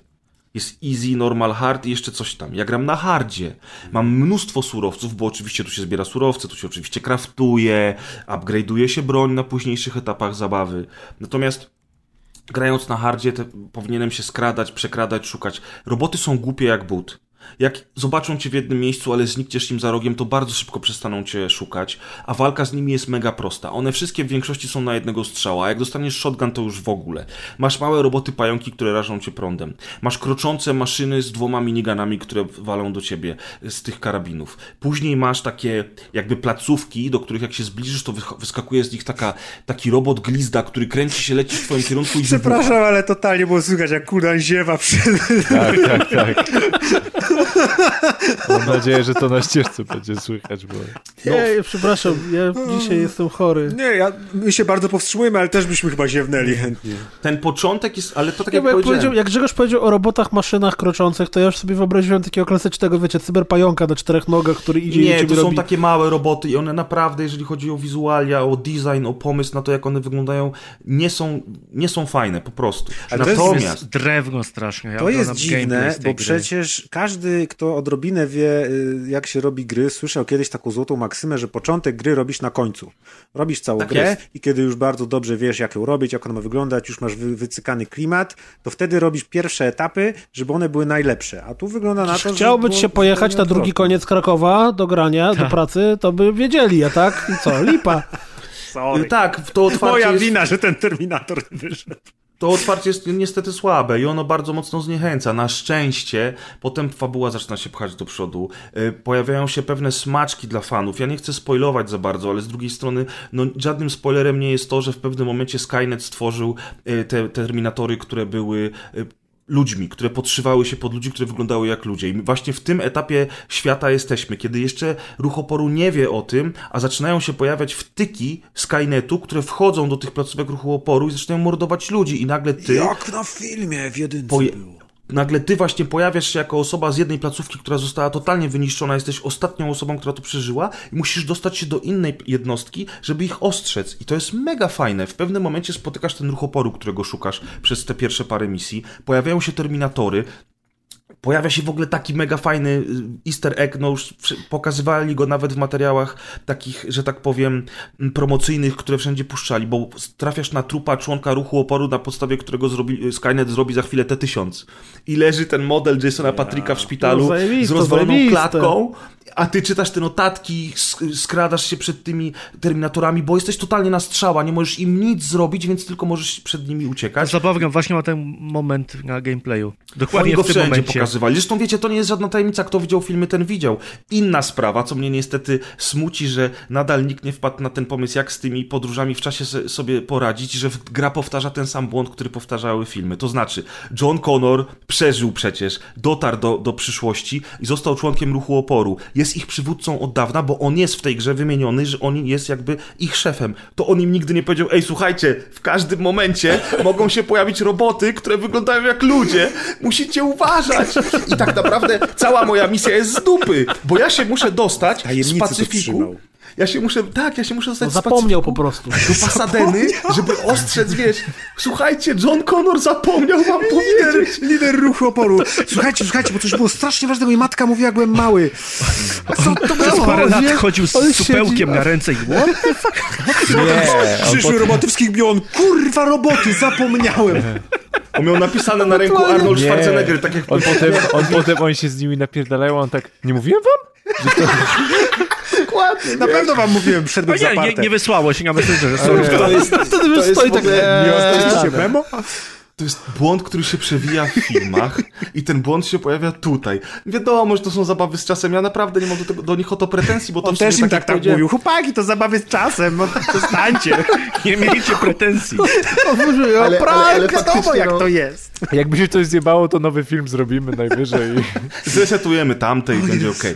W każdym razie powiem wam, że w tym momencie, jak docieramy już do, do, do, do, do ruchu oporu na, na, tam przy Pasadenie, tam, ja nie wiem, która to jest część Stanów, ale my z Pacyfiku wędrujemy do nich, żeby się z nimi połączyć e, i wchodzimy do tych podziemi z filmów, stoją ci strażnicy z psami, ludzie tam się ukrywają, wiesz, i zaczynacie tam rozmawiać, jakieś plany, wychodzisz na kolejne misje i niektóre z tych misji znowu są liniowe, a inne są w takich małych hubach i zaczynasz walczyć z Terminatorami, bo wreszcie masz broń, żeby z nimi walczyć, to się robi taki stary ten Terminator z tych strzelanek, które w latach 90. wychodziły. Były bodajże dwie części. Future Shock i jeszcze coś tam. I Skynet chyba, ta druga się chyba nazywała tak. po prostu. I, I to jest spoko. I powiem wam, że to jest takie mega spoko 6 na 10 te Terminatory, te normalne Terminatory są świetnie zrobione. Są takie fajne przerywniki, jakby cutscenki jak w Call of Duty, że na przykład upadłeś, bo wybuchło coś, bo oczywiście te wielkie, wiecie, latające maszyny skanujące lecą, strzeliły, coś wybuchło i nagle pełza się do ciebie Terminator, któremu urwało nogę, ale próbuje cię zmiażdżyć. No i to jest już taki, wiecie, o kurwa, Terminator! I jeszcze tu, tu, tu, tu, tu. I gdyby nie było tych trzech pierwszych misji, to w ogóle ta gra byłaby jeszcze lepsza. Znaczy jeszcze jedno, gdyby ta gra nie kosztowała tyle, ile kosztuje, bo ja teraz dostrzegam, że ona na konsolach to jest full price. To Znaczy, jest to jest- 240 zł. Ty znasz moje podejście, nie? Do tego tematu. No, ale Ja ci za darmo przyszedł. Nie, nie, chodzi mi o to, że wiesz, no, no to ce- cena ceną. Ja też, co prawda, się akurat zgadzam tutaj z Kuldanem, że ta gra nie powinna kosztować tyle samo, co najwyższe produkty spółki AAA oczywiście, bo ta gra jest to tak, ta gra kosztuje, na tą chwilę ta gra kosztuje tyle samo, co Doom Eternal. Nie wiemy, czy No Doom to- jest dobry, ale jest dobry. Ale nie wiem. Na czym grałeś, Dzięki, Press? Maciek. Na PC-cie. Aha, bo ja widzę właśnie na kanale PlayStation Access ten gameplay i koleś umarł i ma 40 sekund loadingu. Nie, co ty. Oj, bo ma nie, słabe wiesz, PlayStation pewnie. Wiesz, jak ja dobre, mam taki gaming rig i mam wszystkie dyski SSD, więc u mnie to jest myk, myk. Okej, Zresztą no tu jest 14 minuta, 14, znaczy 14 minuta 15 sekund umiera i wczytuje mu się gra 14.55. O kurczę, to nieźle, to nie, nie, ja grałem na PC, nie miałem takich problemów. W ogóle z wydajnością nie miałem żadnych problemów, no ale jak ja miał z, wydajno- z tą grą problemy z wydajnością, no to byłby problem rzeczywiście. Myślę, Ciebie że... grid się odpala w 40 graczy tak po prostu. No Znaczy, na, dokładnie. pe- na pewno wydaje mi się, że gigantyczną zaletą tego jest ten klimat, bo dawno nie było gry z Terminatorem. Jak były, to były to takie dziwne. Pamiętam na e, e, RE 360 i PS3 była taka gra, gdzie połowę czasu to ten Terminator grało się tam Schwarzeneggerem, jeździł na jakimś pojeździe i strzelał i to był taki Tak, jakiś rail To shooter. był, to był Terminator 3 Rise of the Machines, Chyba to, tak. była, to była gra na podstawie właśnie I licencji z jednej strony miałeś grę o Terminator 3. Terminatorach, ale ona była bardzo słaba, a tutaj jak właśnie są te sceny żywcem wyjęte z filmów i to z tych najfajniejszych filmów i jeszcze z tej przyszłości, gdzie właśnie to wygląda tak jak w filmach, plus jeszcze dochodzi ta muzyka, że jest li full licencjonowanie, nie? To chodzi mi o to, że samo to na pewno mnóstwo dodaje i nawet jeśli gra jest słaba, to przynajmniej się cieszysz, że masz tą muzykę, że masz te roboty, że masz to, to wszystko, więc to jest na pewno ogromny plus, który wydaje mi się, że mnie by też skusił do, do zagrania w to, mimo tego, że Tak. to robił Tejon, który zrobił ostatnią grę, Rambo. było to Rambo. A dla mnie, jak ja kompletnie nic nie czuję do Terminatora i w ogóle nie wyłapuję tych nawiązań, to jest coś w tej grze? No tak jak powiedziałem ch- ch- chwilę wcześniej, że chyba nie.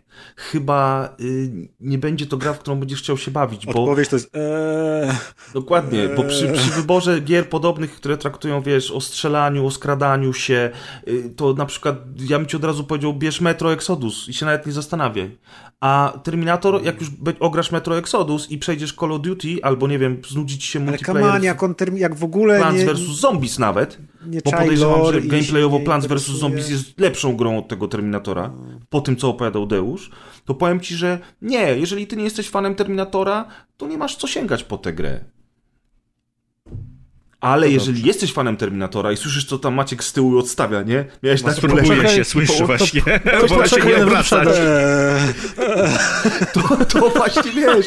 I to jest to. Tylko, że niestety ten początek jest fatalny. Ten początek jest tak fatalny, że ja jako fan Terminatora miałem takie, kurde, naprawdę? powinni oficjalnie udostępnić save'a, gdzie od czwartej misji zaczyna. Dokładnie. Każdy sobie go ściąga Ale- i Popaczu, zaczyna. popaczu jest nowy Popaczu, początek tak. gry. Ale to myślę, że, że nie ma co więcej dodawać. Myślę, że Maciek już doszedł, a reszta sama zdecyduje, co, co z tym faktem zrobić. Jest tak, muzyka Z fenomenalna. Maćkiem, który już skończył, czy z? Ogólnie z, z tematem Kuldan Terminatora. No, na pewno, na pewno prysznic czy coś. jestem w stanie Znaczy, powiedzieć od razu, jestem w stanie powiedzieć od razu, że mimo tego, że nie oglądałem Dark Futa, to y, jestem przekonany, że ta gra jest lepsza od tego filmu. Po tym, co Na słyszałem od pewno. ludzi i po tym, co czytałem w internecie, to naprawdę ta gra jest lepsza od filmu, więc hej, masz trochę głód na Terminatora, to może jednak wybierz tę grę i daj Polakom zarobić. Polska! Polska, tak. America We War You. Ale nazwa trochę chińska taka. Ameryka War. O, Adek, nazwa trochę chińska. Adek jest wyczulony teraz ostatnio. Już wszędzie zwęszy. Dobrze, dobrze, Adek, dobrze, szukaj, szukaj Chińczyków. Dobrze. Adek wszystkie eee, wifony z domu wypieprzył po, po. Koniec tego! To był, Tylko nie to dał był, rady lodówki Będę głodować, a nie będę jeść Chińczyków. To był Terminator Resistance, a teraz będzie e, disclaimer Adka. E, tak, kolejna gra, przy kolejnej grze w małym stopniu pracowałem i znajduje się w kredytach, więc recenzja będzie nieobiektywna. A byli tam jacyś Chińczycy? Nie, wcale nie tak. Boże, jaki cudowny I jeszcze i disclaimer. Kuldan kłamie i, i podpierdala innym teksty. Tak, Co za wszyscy kopiują teraz. I gra też jest z Krakowa. Ja myślałem, że gra też jest dostępna z Krakowana. z Z Krakowa. Krakowa na też jest, możecie wszyscy zagrać. E, mówi? Ritual Crown of Horns, czyli nowa gra e, studia, które się teraz nazywa Draw Draw Distance. A kiedyś się nazywało iPhone for All. I jako an- iPhone for All każdego. wydało na przykład Serial Cleanera, którego omawialiśmy również na tymże podcaście. No i e, Ritual Crown of Horns jest zupełnie, ale to zupełnie e, inną grą niż Ritual, znaczy Jezu, nie Ritual, a Serial Cleaner. E, a więc e, to jest gra, która by się Perzowi spodobała. Chyba, być może. Tak mi się wydaje przynajmniej, chociaż nie, bo jest trudna, więc to jest tak na dwoje babka wróżyła. E, Ritual zabiera nas do klimatów tak zwanego Weird West, bo to się chyba tak nazywa, czyli to dziwny zachód. Bo mamy z jednej strony e, absolutnie klimaty dzikiego zachodu, a z drugiej strony wiedźmy, tajemnicze rytuały, potworusy A i tego czy, typu to nie, czy to nie podchodzi pod wszystkiego, wszystko bojącego się Kuldana? Kategorię unikania przez Nie, ciebie? nie, bo to jest, to absolutnie nie jest Widok taka z góry gra mało jak, straszny. e, no, widok z góry mało Chociaż straszny, to już Darkwood. mieliśmy przy właśnie Darkwoodzie i tam ni- nie, to nie jest, to nie jest przygodówka, to nie jest horror, to jest e, twin stick shooter, sort of, o czym zaraz powiem. A więc e, ja mówię y, a nie e dla odmiany. Mm, A więc gra zabiera nas na dziwny zachód, gdzie nasz główny bohater, który się nazywa jakoś tak, tam nie wiem, Good Place albo Good Sir albo Good coś tam, nie pamiętam już niestety. Gutenberg. Good, good, no jakoś się good nazywa. Good. Takim jest, jest p- pracującym dla rządu rewolwerowcem, który e, krąży po całych Stanach Zjednoczonych i poluje na osoby, które chcą doprowadzić do jakichś złych działań związanych ze Stanami Zjednoczonymi. No i dostaje zlecenie na zastrzelenie wiedźmy, która chce doprowadzić do zdestabilizowania całego rządu. Co on komentuje, że coś się komuś chyba pojebało, no ale dobra, no, zlecenie to zlecenie.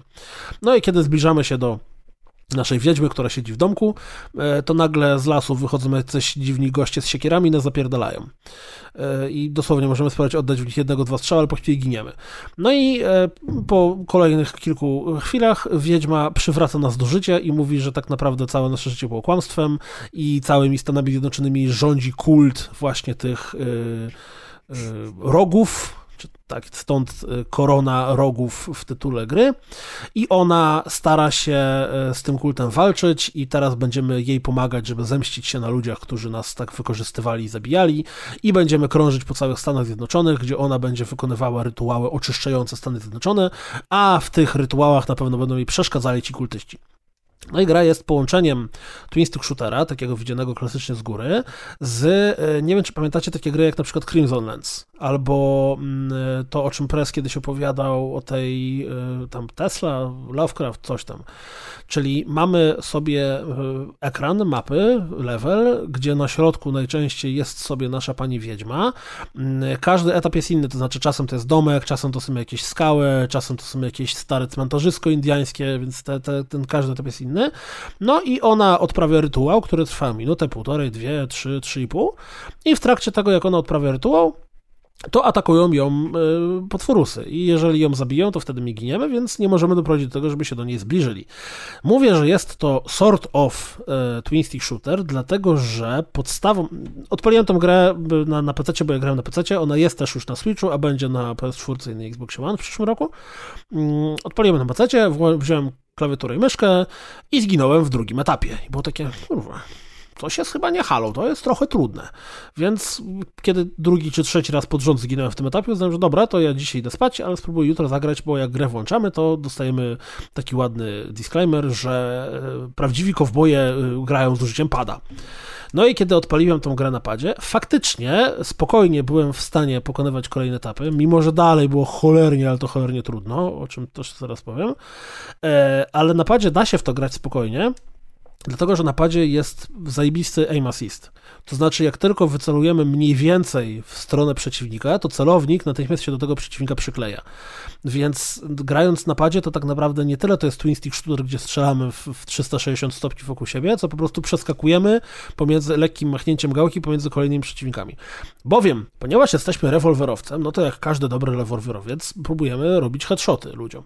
No i tutaj wygląda to w ten sposób, że jeżeli przycelujemy w przeciwnika, znaczy po prostu najedziemy na niego kursorem, to nad nim, czy też y, za pomocą aim assista, to nad nim po chwili pojawia się taka czerwona czacha i jeśli strzelimy w momencie, w którym widać tą czerwoną czachę, to najczęściej go od razu zabijemy albo zadajemy mu dużo większy damage. Więc gra ogranicza się do tego, że nie biegamy i nawalamy totalnie na pałę w, w, w, wszędzie wokół siebie, tylko raczej staramy się robić tak to bardziej ze skillem, że się tak wyrażę. No ale ponieważ jest to gra, tak jak mówię, jak to było w Crimson Lands, gdzie tych przeciwników są dosłownie dziesiątki albo i setki na etapie, no to wymaga to po pierwsze od tego, że biegamy po tej całej planszy jak pokurwieni, po drugie, że musimy szuflować brońmi, które mamy, bo bronie się też mają jakiś swój yy, ograniczoną ilość amunicji, znaczy w magazynku, nie, generalnie jest nieograniczona ilość amunicji, natomiast w magazynku jest ograniczona ilość amunicji, ją trzeba przeładować. Mamy pistolet, mamy shotguna, jakiegoś e, kuszę, e, taki sound of obrzyn, potem zdobywamy, znaczy na początku mamy tylko pistolet i obrzyn, natomiast bardzo szybko zaczynamy zdobywać inne bronie.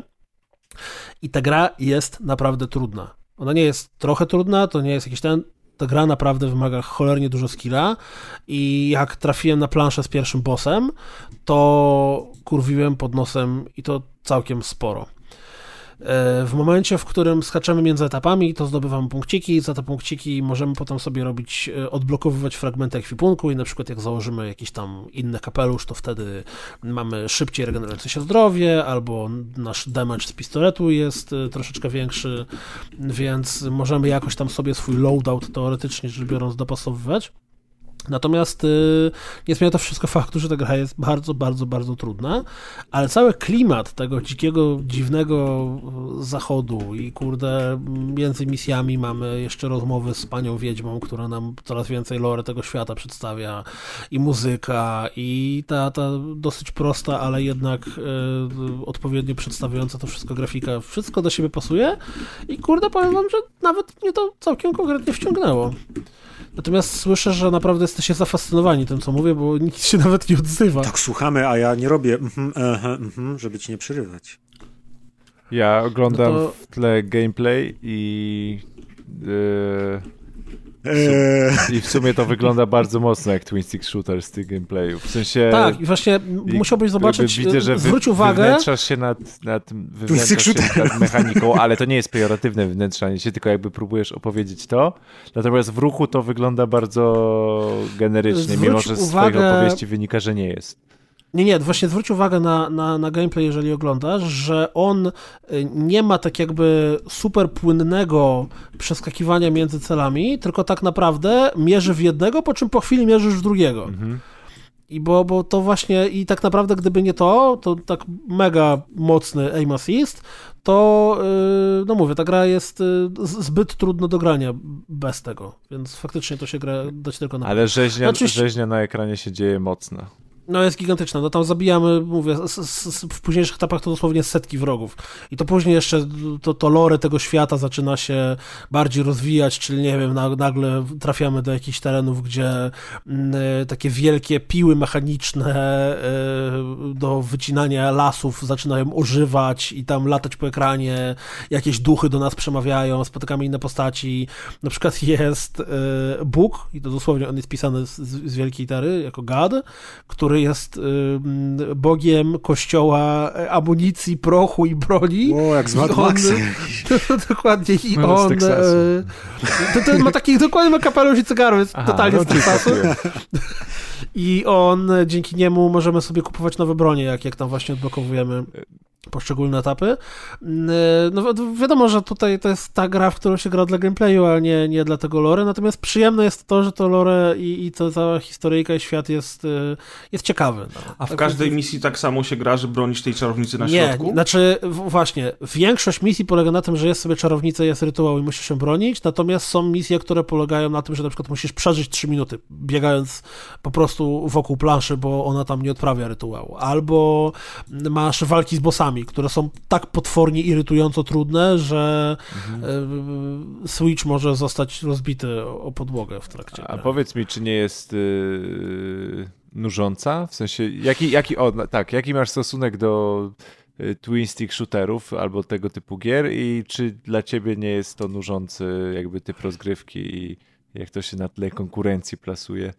Ja to lubię, lubię wszelkie te tam kurcze jakieś e, Enter the Gungeon Aha, i, i okej. wszelkie maści tego zabawy, ale nie jestem w stanie grać w nie dłużej niż e, kilka partii przy jednym posiedzeniu. tutaj musimy Znaczy- też rozgraniczyć, że twin stick shootery też się dzielą na wiele kategorii i na No przykład... tak, bo na przykład Enter the Gungeon to jest roguelike przy okazji, nie? I to jest też bullet hell. Tutaj masz, tutaj ten ritual to wygląda bardziej jak Crimson Land, gdzie Tak, tak, masa przeciwników spa, spamuje na ciebie tak długo, aż nie padniesz, chyba że przeżyjesz, nie? A I było jeszcze- e, bardzo długo większość tych przeciwników to są goście, którzy e, atakują siekierkami i dopiero później się pojawiają jakieś łucznicy i tego typu rzeczy, więc na początku zdecydowanie bardziej unikasz ataków fizycznych, strzelając z broni, niż e, jak w, na przykład Enter Gungeon, właśnie tak jak mówisz, jest, jest bullet hell, Jest bo wszyscy strzelają bullet hellem, jak, nie? strzeleni. To to właśnie Tak. ten, ten Ritual Crown of Horns to bardziej jest, jest Crimson Land czy Tesla versus Lovecraft. A Dokładnie tak. była jeszcze taka polska gra, która ukazała się w tym roku, gdzie się grało Diabłem i Aniołem. I Mhm, Ty to recenzowałeś. Tak to jest, też Trigger. jest z, Krakowa. God Trigger. Guts Trigger. Guts Trigger, tak. dokładnie, dziękujemy Atku. Ona też była robiona w takim rzucie właśnie mniej izometrycznym, a bardziej z góry, ale ona z kolei dużo bardziej przypominała e, Hotline Miami. I ja myślałem, To że... się ten- szybko ginęło, nie? Tak, tak, ona była też piekielnie trudna. A ja myślałem, że to jest podobna gra, a widzę, że ten Ritual to jednak jest bardziej w stronę Crimson Landa. Znaczy, Dlatego to się- lubisz te tam CCC, czy tam jakkolwiek ta firma od tych y, Crimson Landów się nazywa i od Tesli, tam 4 Cans, czy, czy jakoś tak, więc Te- 10K moim zdaniem tons. tobie, a to właśnie, moim zdaniem ten Ritual totalnie by tutaj podszedł. Mówię, może nie na to, żeby grać cały wieczór, 4 godziny pod rząd y, i w ogóle się strasznie tym jarać, ale na dwie, trzy próby, y, dwa, trzy etapy jak najbardziej, zwłaszcza, że wiecie, on też na Switcha wychodzi, więc można spokojnie sobie właśnie, jak to na Switchu bywa, mm, pograć. Tam No też, to ja na swoim Switchu se aż pogram zaraz chyba. No to na pewno.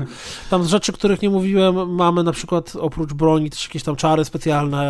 Pierwszym to jest taki, takie e, śmigiełko, które się wokół nas odpala. Też nasza wspaniała czarownica rozrzuca jakieś porapy, że nie wiem, szybsze przeładowywanie się i tam tego typu rzeczy. Ale no, no samo w sobie mechanicznie to jest najbliżej y, twin stick shootera jak się na niego patrzy, to faktycznie tak to wygląda. Y, I to, co mi najbardziej zapadło, jakbym miał użyć jakichś słów kluczowych dotyczących tej gry, to y, jest fajne lore i fajny świat, całkiem dobra mechanika i kurewsko trudne.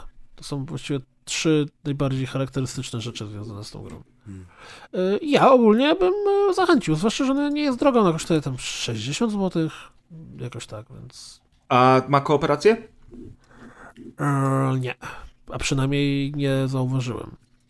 Okej, dobra, dzięki. Nie, nie, na, na pewno nie ma. Szybko poszło.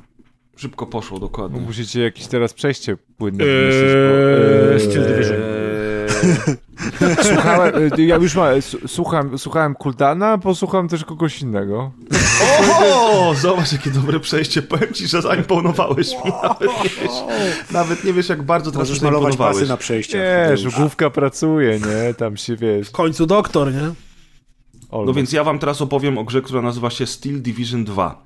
E, I okazuje się, że Wargaming, czyli ludzie, których doskonale zna Maciek, bo gra w ich Z nami gierkę wszystkich i każdego. World z of. Tanks. No tak, no ale wiesz o, Też o są co z Krakowa? chodzi. I zrobili grę o stalowym podziale. Tak jest. e, u- To jest Pięknie, druga Maćku. część. Trzecia już, trzeci Division. Stalowy tym razem. Czy trzeba grać w jedynkę, żeby można... Nie, nie, nie musisz znać fabuły, chociaż to jest ciekawe akurat, jeśli chodzi o fabułę. No, i o historię Steel Division, ale ja chciałem zacząć od czegoś innego, bo mnie to, mnie to Czy, strasznie czy, bawi. Steel, czy Steel Division bazuje na jakiejś prawdziwej historii? Powiedz, ile jest samochodów i w jakich kolorach? Ile jest wojsk radzieckich, a ile jest polskich. Y, tak, no tak. Czy można sikać? Amadeusz, Steel Division 2 wyobraź sobie, że bazuje na prawdziwej bardzo historii, to naszej lokalnej nawet, wschodnioeuropejskiej. E, Steel Division to jest seria gier strategicznych, które e, traktują o II wojnie światowej i pierwsza mówiła o operacji w Normandii, całym tym, e, że tak powiem, ataku aliantów na, na Europę w celu obrony tejże Europy, a Steel I Division o 2... moralnym zwycięstwie Polaków, mam nadzieję. Oczywiście, że tak. W Steel Division 2 My natomiast zawsze wygrywamy. mamy ten fro- front wschodni, a w szczególności operację, która nazywała się Bagration. Nie wiem, jak to się nawet y, wymawia. To była, ta nazwa została wybrana na cześć gruzińskiego księcia Piotra Iwanowicza Bagrationa. I była to ofensywa Sowietów, która miała na celu pozbycie się wojsk niemieckich z terenów głównie Białorusi.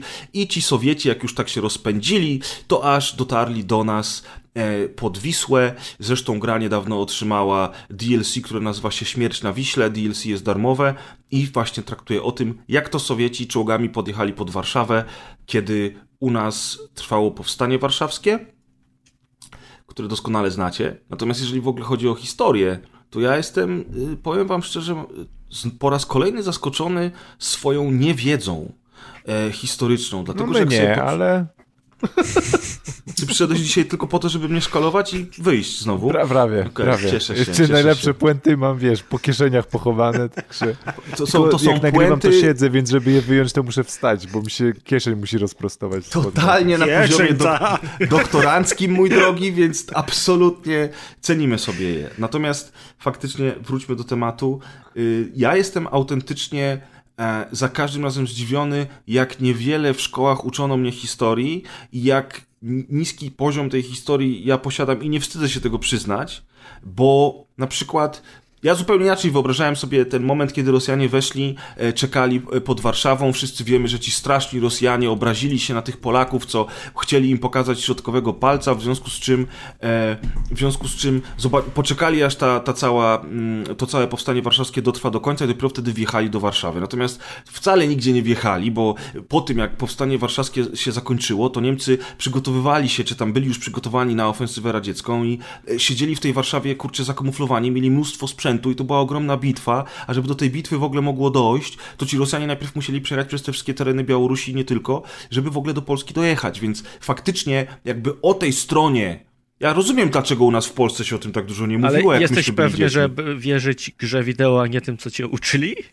Ale stary, oni właśnie mówią o tym, że nas te, o tym W nie ogóle uczyli. nie uczyli. A w- O to mi okej, chodzi. okej. I teraz mi się bardzo podoba to, że ta gra pokazuje fragmenty filmów dokumentalnych z okresu, z tych bitew, o których mówi, że jest narrator, który dosłownie pa w paru słowach wspomina o co chodziło w, da w danej tam bitwie czy w danej kampanii, że masz pokazaną mapkę i pokazane są te przesunięcia wojsk, bo ja uważam, że każda taka wiedza, nawet tak zdawkowa jak w tej grze, to jest zawsze wartość dodana, bo albo się czegoś nowego dowiesz, albo ci ta gra przynajmniej zachęci do tego, żeby trochę więcej o tym poczytać. I mnie na przykład zachęciło to. Ja nie zdawałem sobie sprawy z tego, jak duża kampania y, radziecka ze wschodu musiała nadejść, żeby tych Niemców też wypieprzyć z tej części Europy, no bo u nas się mówiło tylko o tym, jak Amerykanie przyjechali i wyzwolili całą Europę. A to nie jest prawda. Ja oczywiście wiedziałem, że Rosjanie z drugiej strony nacierali.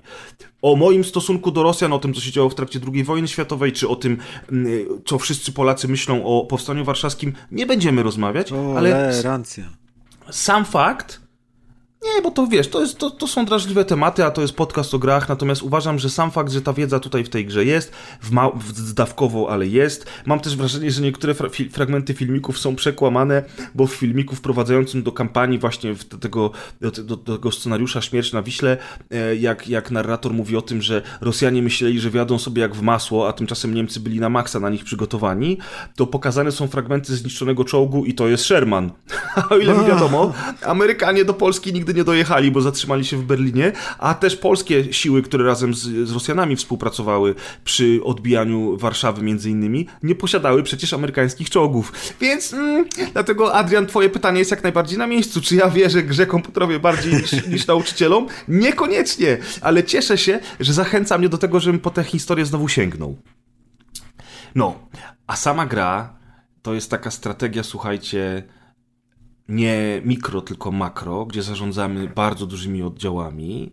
Mamy kampanię, mamy mapę strategiczną, gdzie przesuwamy sobie nasze wojska, jak takie, wiecie, żetony powiedzmy, jak to kiedyś w strategiach rzewniej bywało, chociażby była taka seria Panzer General. No i my te kartony sobie przesuwamy, ponieważ w przeciwieństwie do Steel Division 1, w Steel Division 2 nie ma takiej typowej kampanii fabularnej, gdzie z misji na misję robimy kolejne zadania, tylko sami decydujemy o tym, co będziemy w danej kampanii robić i naszym głównym celem jest na przykład dotrzyj do Siedlc przed upływem tam powiedzmy 8 sierpnia. I jakby od nas zależy, czy dotrzemy do, do tego miejsca w odpowiednim czasie, czy nie. Ale sam Trzon to jest gra taktyczna, gdzie fenomenalnie jest to zrobione, że mamy całą mapę tego terenu, na którym się dzieje misja i przybliżamy i oddalamy ją sobie dowolnie. I możesz ją tak bardzo oddalić, że widzisz kartkę papieru na stole i widzisz tylko te znaczniki twoich i wojski przeciwnika, które się przesuwają, a następnie scrollujesz w dół i widzisz prawie, że grafikę z Call of Duty. Zajebiście tak bardzo to szczegółowe to jest. Wygląda to niesamowicie. Rewelacja. Jest kurwa po prostu coś pięknego. Wystarczyło dzieje. 20 lat poczekać i te gry tak wyładniały. Wiesz, te, tego typu gier już było sporo. Natomiast ta gra łączy ten taki właśnie zaawansowanie technologiczne też z zaawansowaniem strategicznym. Ona jest dosyć trudna. Ja wolę, szczerze mówiąc, bardziej y, takie prostsze w zarządzaniu gry typu Company of Heroes No. mm, czy Sudden Strike. Ta gra to jest troszkę wyższy poziom trudności. Dla mnie to już jest taka gra, gdzie ci, co w nią grają, to właśnie schodzą do piwnicy z tymi w od mamy i zakładają te mundury, nie? I No ja bym, ja bym grając w tą grę bez munduru czuł się dziwnie w ogóle, że coś bezczeszcze. Oni, oni rzeczywiście siedzą w mundurach i tutaj mam wrażenie, że Wargaming doskonale wiedziało, co robić, bo ta gra jest wydawana przez Wargaming, ale nie jest tworzona przez Wargaming, więc uwaga, uwaga, zwolennicy apek, już mamy nową apkę, apkę Wargamingu, ona już była od dawna, no bo ludzie, którzy grali w World of Tanks czy no, już World mają of trzy Warships, gry, nie? Cztery, Dokładnie. bo Pagan jeszcze. Jeszcze Pagan, cztery gry, piątą jest Steel Division 2, ja mam wrażenie, że oni poza tym Paganem, który tak troszeczkę tutaj odstaje, e, to te inne gry właśnie mają na celu przywołać do tej apki, związać ze sobą wszystkich piwniczaków w mundurach, którzy w Yeah! tego typu militarne gierki grają. I ja szczerze mówiąc jestem bardzo szczęśliwy z tego powodu, bo No. ja widzę w tym przyszłość dla, dla kolejnych na przykład odsłon Men of War, żeby one tam się pojawiły. Uwielbiam Men of War, czy może kiedyś kolejne Company of Heroes, czy coś. No póki co jest to Steel Division 2. I... To było zajebiście, jakby Wargaming tą apkę nazwał Piwnicz Apka. Piwnicza apka, nie, albo wiesz, że masz dostęp do dodatkowych funkcji, ale tylko pod warunkiem, że grasz w mundurze. Właśnie chciałem powiedzieć, że żeby się tam zarejestrować konto, musisz, w agencji mienia wojskowego. musisz przysłać zdjęcie w mundurze i pokazać dowód i tam legitymację dziadka z AK. Ale już, już jest woda mineralna, piwniczanka. Myśmy nawet z Maćkiem kiedyś nagrali reklamę piwniczanki w Krakowie latem. Yy, Jego żona pomogła nam z te reklamy Nie ma tego stworzyć. chyba w internecie. Nie ma tego w internecie. A Słabe. teraz, y, teraz z kolei Kulden słusznie zaproponował Piwnicz apkę, więc Piwnicz Piwnicz apka apka. to jest, to jest dobra nazwa. Ale sama gra zupełnie na poważnie jest fenomenalna, tylko że to są długie godziny grania. Tutorial podstawowy to są cztery tutoriale, potem jest tutorial zarządzania tym generałem, czyli tą taką mapą Wrzućmy strategiczną. tutorial w twój tutorial, żebyś grał w tutorial. Tutorial do tutoriala? Siedem jest, czyli tak, cztery podstawowe tutoriale, potem siedem tutoriali generała, potem chyba z 10 tu, tu, tutoriali Ale ty wideo, które pamiętasz, co możesz było w pierwszym obejrzeć. tutorialu w ogóle? Tak, w pierwszym tutorialu było najprostsze. Załóż bo bardzo, mundur. Bardzo fajny pok- sposób pokazywali zautomatyzowane wydawanie rozkazów, co zresztą jest bardzo fajne jak na tak dużą strategię.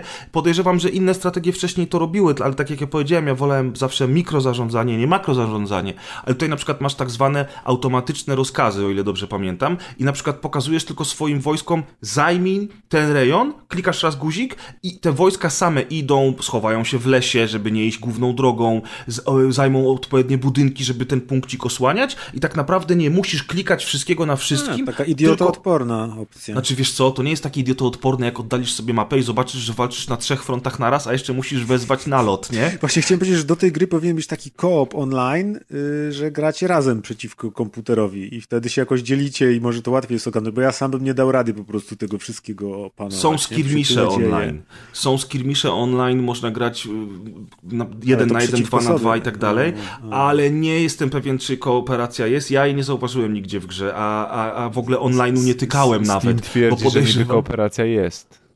ale czy to nie jest taka kooperacja, wiesz, właśnie w skirmiszach, Aha, że dwóch na dwóch? No. To jest pytanie za 100 punktów. Jeden siedzi w czołgu, drugi siedzi w samolocie. A w online ja piwnicy, nawet tak nie, nie ruszałem tam, bo ja wiesz. Jeden siedzi w czołgu, drugi siedzi w piwnicy. No, dokładnie. Natomiast jest też mikrozarządzanie, że możesz tam każdym żołnierzykom po, po kolei wydać rozkazy, wejdź tu, stań tam i tak dalej, ale to makrozarządzanie to jest coś mi pięknego. spodnie. No i koniec końców, ja uważam, że jako gra historyczna i strategiczna to jest bardzo fajne połączenie, bardzo mi się podoba. E, Jest oczywiście cholernie skomplikowana i na bardzo długie wieczory, ale to jest, wiecie, to jest jedna z tych serii, o której my zazwyczaj na podcaście nie rozmawiamy, a ona jest mega popularna i ma strasznie oddanych fanów. Mm, Natomiast ja jednak bym wolał, żeby to była kampania jak w Steel Division 1, to To jest, znaczy... jedna, to jest jedna z tych serii, jak była ta scena z tego, z 50 twarzy Greya, to jak tam wiesz, on mówi, że o, mam inne przyjemności, pokaż mi. I gość otwiera pokój, a tam Steel Division 2 na komputerze. Dokładnie, to jest taka seria. Więc tylko, mówię, kończę już. Wolałbym zwykłą kampanię jednak. Nie wiem, nie wiem czym się różnią poszczególne edycje Steel Division, ale o ile podstawka kosztuje 170 zł, to edycja Total Conflict Edition, czyli podejrzewam z jakimiś dodatkami, kosztuje 340 mundurem. zł. Tak, bo to jest Season Z Pass. ciastkami. Z mundurem. Nie, bo to jest Season Pass, dlatego że ta, ta śmierć na Wiśle to jest pierwsze DLC, one jest darmowe. Mają być jakieś inne jeszcze darmowe, ale mają być też trzy te kampanie dla generała, które są płatne. I... Jeszcze, jeszcze nie wymyśliłem tego, ale y, wierzę, że w tym nazwie kampanii Śmierć na Wiśle tam się kryje jakiś potencjał do Mi się od żartu. razu skojarzyło, a potem puszczasz nam film o facecie w łódce. To był śmierć w Wenecji, nie? I potem... Skojarzyło mi się to z tym. World in Conflict była bardzo fajna RTS-owa strategia, też taka, gdzie można było dużo odzumować. Cudowna. Ubisoft w ogóle robił chyba, nie? Cudowna E, była Tak, ta to gra. robili ci, co potem The Division robili. E, Tak jest. Massive. Oni zrobili najpierw Ground Control, potem zrobili World in Conflict, a potem The Division. O, to mogliby już The Division zostawić A End i War? wrócić To kto do robił? RTS-ów. A nie, wiesz, że mi się wydaje, że też Massive grzebał przy Endwar trochę? Tam było co się krzyczało. Oddział pierwszy, Oj, jedź teraz tak. do punktu No, Alfa. no ale super. to była taka strategia pod tytułem papier, nożyce, kamień. Czyli nie A to wiadomo. dobrze, że Atka nie ma. O, shit. Jak Ubisoft Shanghai, to dobrze, że Atka nie ma. Nie, no, to, to jest luz. To jest... A, wróciłeś. oficjalnie. Wolny Szanghaj! W każdym razie, w każdym razie, no teraz tak zaczęliśmy gadać o tych starych strategiach, to powiem ci Maciek, że chyba wezmę leki i zmienię pieluchę, bo kiedyś to było, Kiedyś kurde. to był Ground Control, jak wyszło, Ground to gały z Control, oczu wypadały. Ojej, a Company of Heroes pierwsze? O Jezus! A pamiętasz, jak ja mówiłem, to było tak, nie wiem, ze 4 lata temu może, że odpaliłem Company of Heroes y, tak, żeby Się nie sprawdzić. zestarzało. I byłem w szoku, jak to zarobiście wyglądało, kiedy z filmu, y, z intra, gdzie jest zoom na te barki płynące, żeby zrobić desant, nagle kamera odjeżdża i płynie do gameplayu przychodzi. Ja mówię, wow, takie gry robili 10 lat temu, wow! Ja widziałem ostatnio No. na Twitterze y, fragmenty gify z gameplayu z remastera Red Alerta i Command and Conquer. Wygląda właściwie dokładnie identycznie, tylko że w wysokiej rozdzielczości też hiperwentylacja. dostaje zrobienia. O Jezus, a jak cooldown dostanie hiperwentylacji, to się ściany trzęsą. To Ale ja Kuldan s- musi worka na śmieci 120 litrów używać, żeby się To Maciek, to Maciek, spokojnie. Ale, ale ten, no powiem wam, że faktycznie Maciek masz rację, że, że, że jakby teraz na przykład Massive się przerzuciło z powrotem na strategię, to by było To pięknie. ale ten gatunek jest strony, martwy niestety. Wiesz teraz. co, to tak samo jak ja bym cały czas chciał, żeby Bungie wróciło do myta. Mhm. O, no. Uważaj, bo... Taki ga- Ale patrz, myt już by podszedł pod gry Grzegorz, a wiesz, że soulsowe, Ru- Rune 2 wyszedł? czyli Już wyszedł Rune 2? Wczoraj i to był jakiś mega dziwny myk, bo ta gra miała wyjść w przyszłym roku, po czym nagle pojawiła się na Epic Store i ja nie jestem w stanie nigdzie w Epic Store doczytać, czy ona jest, y, czy to jest jakiś early access, czy co. Y, I Hammerhead Studios ogłosiło bankructwo, zamknęli się. Co ty Po pierdolisz? czym, y, nie, po czym dzień później wykupiła, znaczy inaczej, nie wykupiła, tylko Bethesda założyła, Bethesda, pozdrawiamy, założyła nowe studio, które się tam nazywa, nie wiem, Rocksteady Studios albo coś w tym stylu i zatrudnili wszystkich z Hammerhead, więc I what będą the robić fuck? Fallout. Znaczy, powiem ci tak, jestem zaskoczony. Myślałem, że ta gra wychodzi w grudniu w ogóle. Fajnie, że tych pracowników mimo wszystko Bethesda uratowała. Yy, ale Maciek coś mówił, a ty mu przerwałeś. Y, o, my- I mówił o myth, a to jest najważniejsze.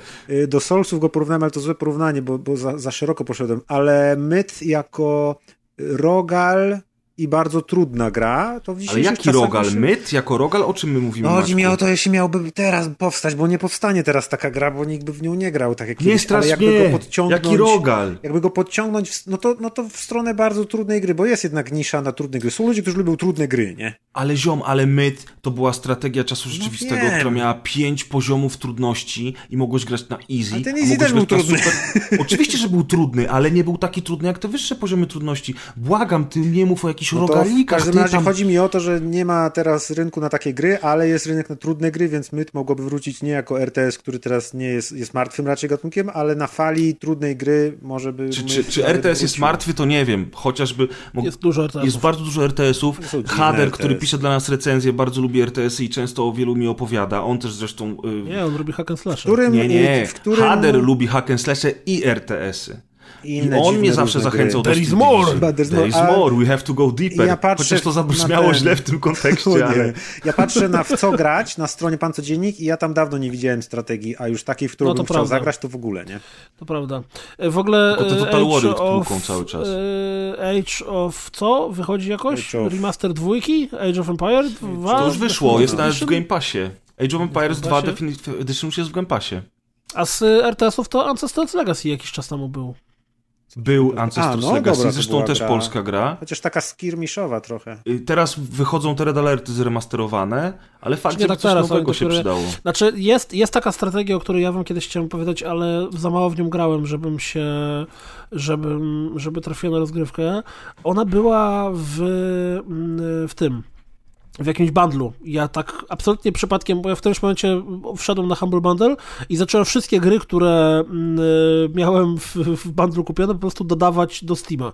Gra się nazywa Forged Battalion i to był RT. Budowałeś sobie w etapie przedmisyjnym y, jednostki, którymi walczyłeś. To znaczy, jednostki składały się tak jakby z bloków, czyli nie wiem, mia- miałeś gąsienicę, wieżyczkę i tam, kurde, mogłeś mieć czołg strzelający pociskami, czołg strzelający prądem, czołg mający machine guna i po prostu budowałeś sobie swoje drzewko na zasadzie deku w karciance mm, jednostek i potem z tymi jednostkami już miałeś potem normalną RTS-ową rozgrywkę. Wklepałem to w Google, ale wyskoczył Rojo, więc zamknąłem i nie wiem, jak to wygląda, ale e, Adek wkleił filmik na YouTubie z walkami robotów i teraz to To, będę to w oglądać. ogóle, więc w ogóle Force Battalion. Petroglyph zrobił, a Petroglyph to są ludzie, którzy robili y, RTS-y w Westwoods, czyli właśnie RT, y, Red Alerty i Command Conquer. Jo, ale ja jednak powiem ci szczerze, już mieliśmy tę rozmowę wielokrotnie, ale o, oczywiście Red Alert i Command Conquer kocham, no bo to jest moje dzieciństwo, natomiast te wszystkie gry od ple...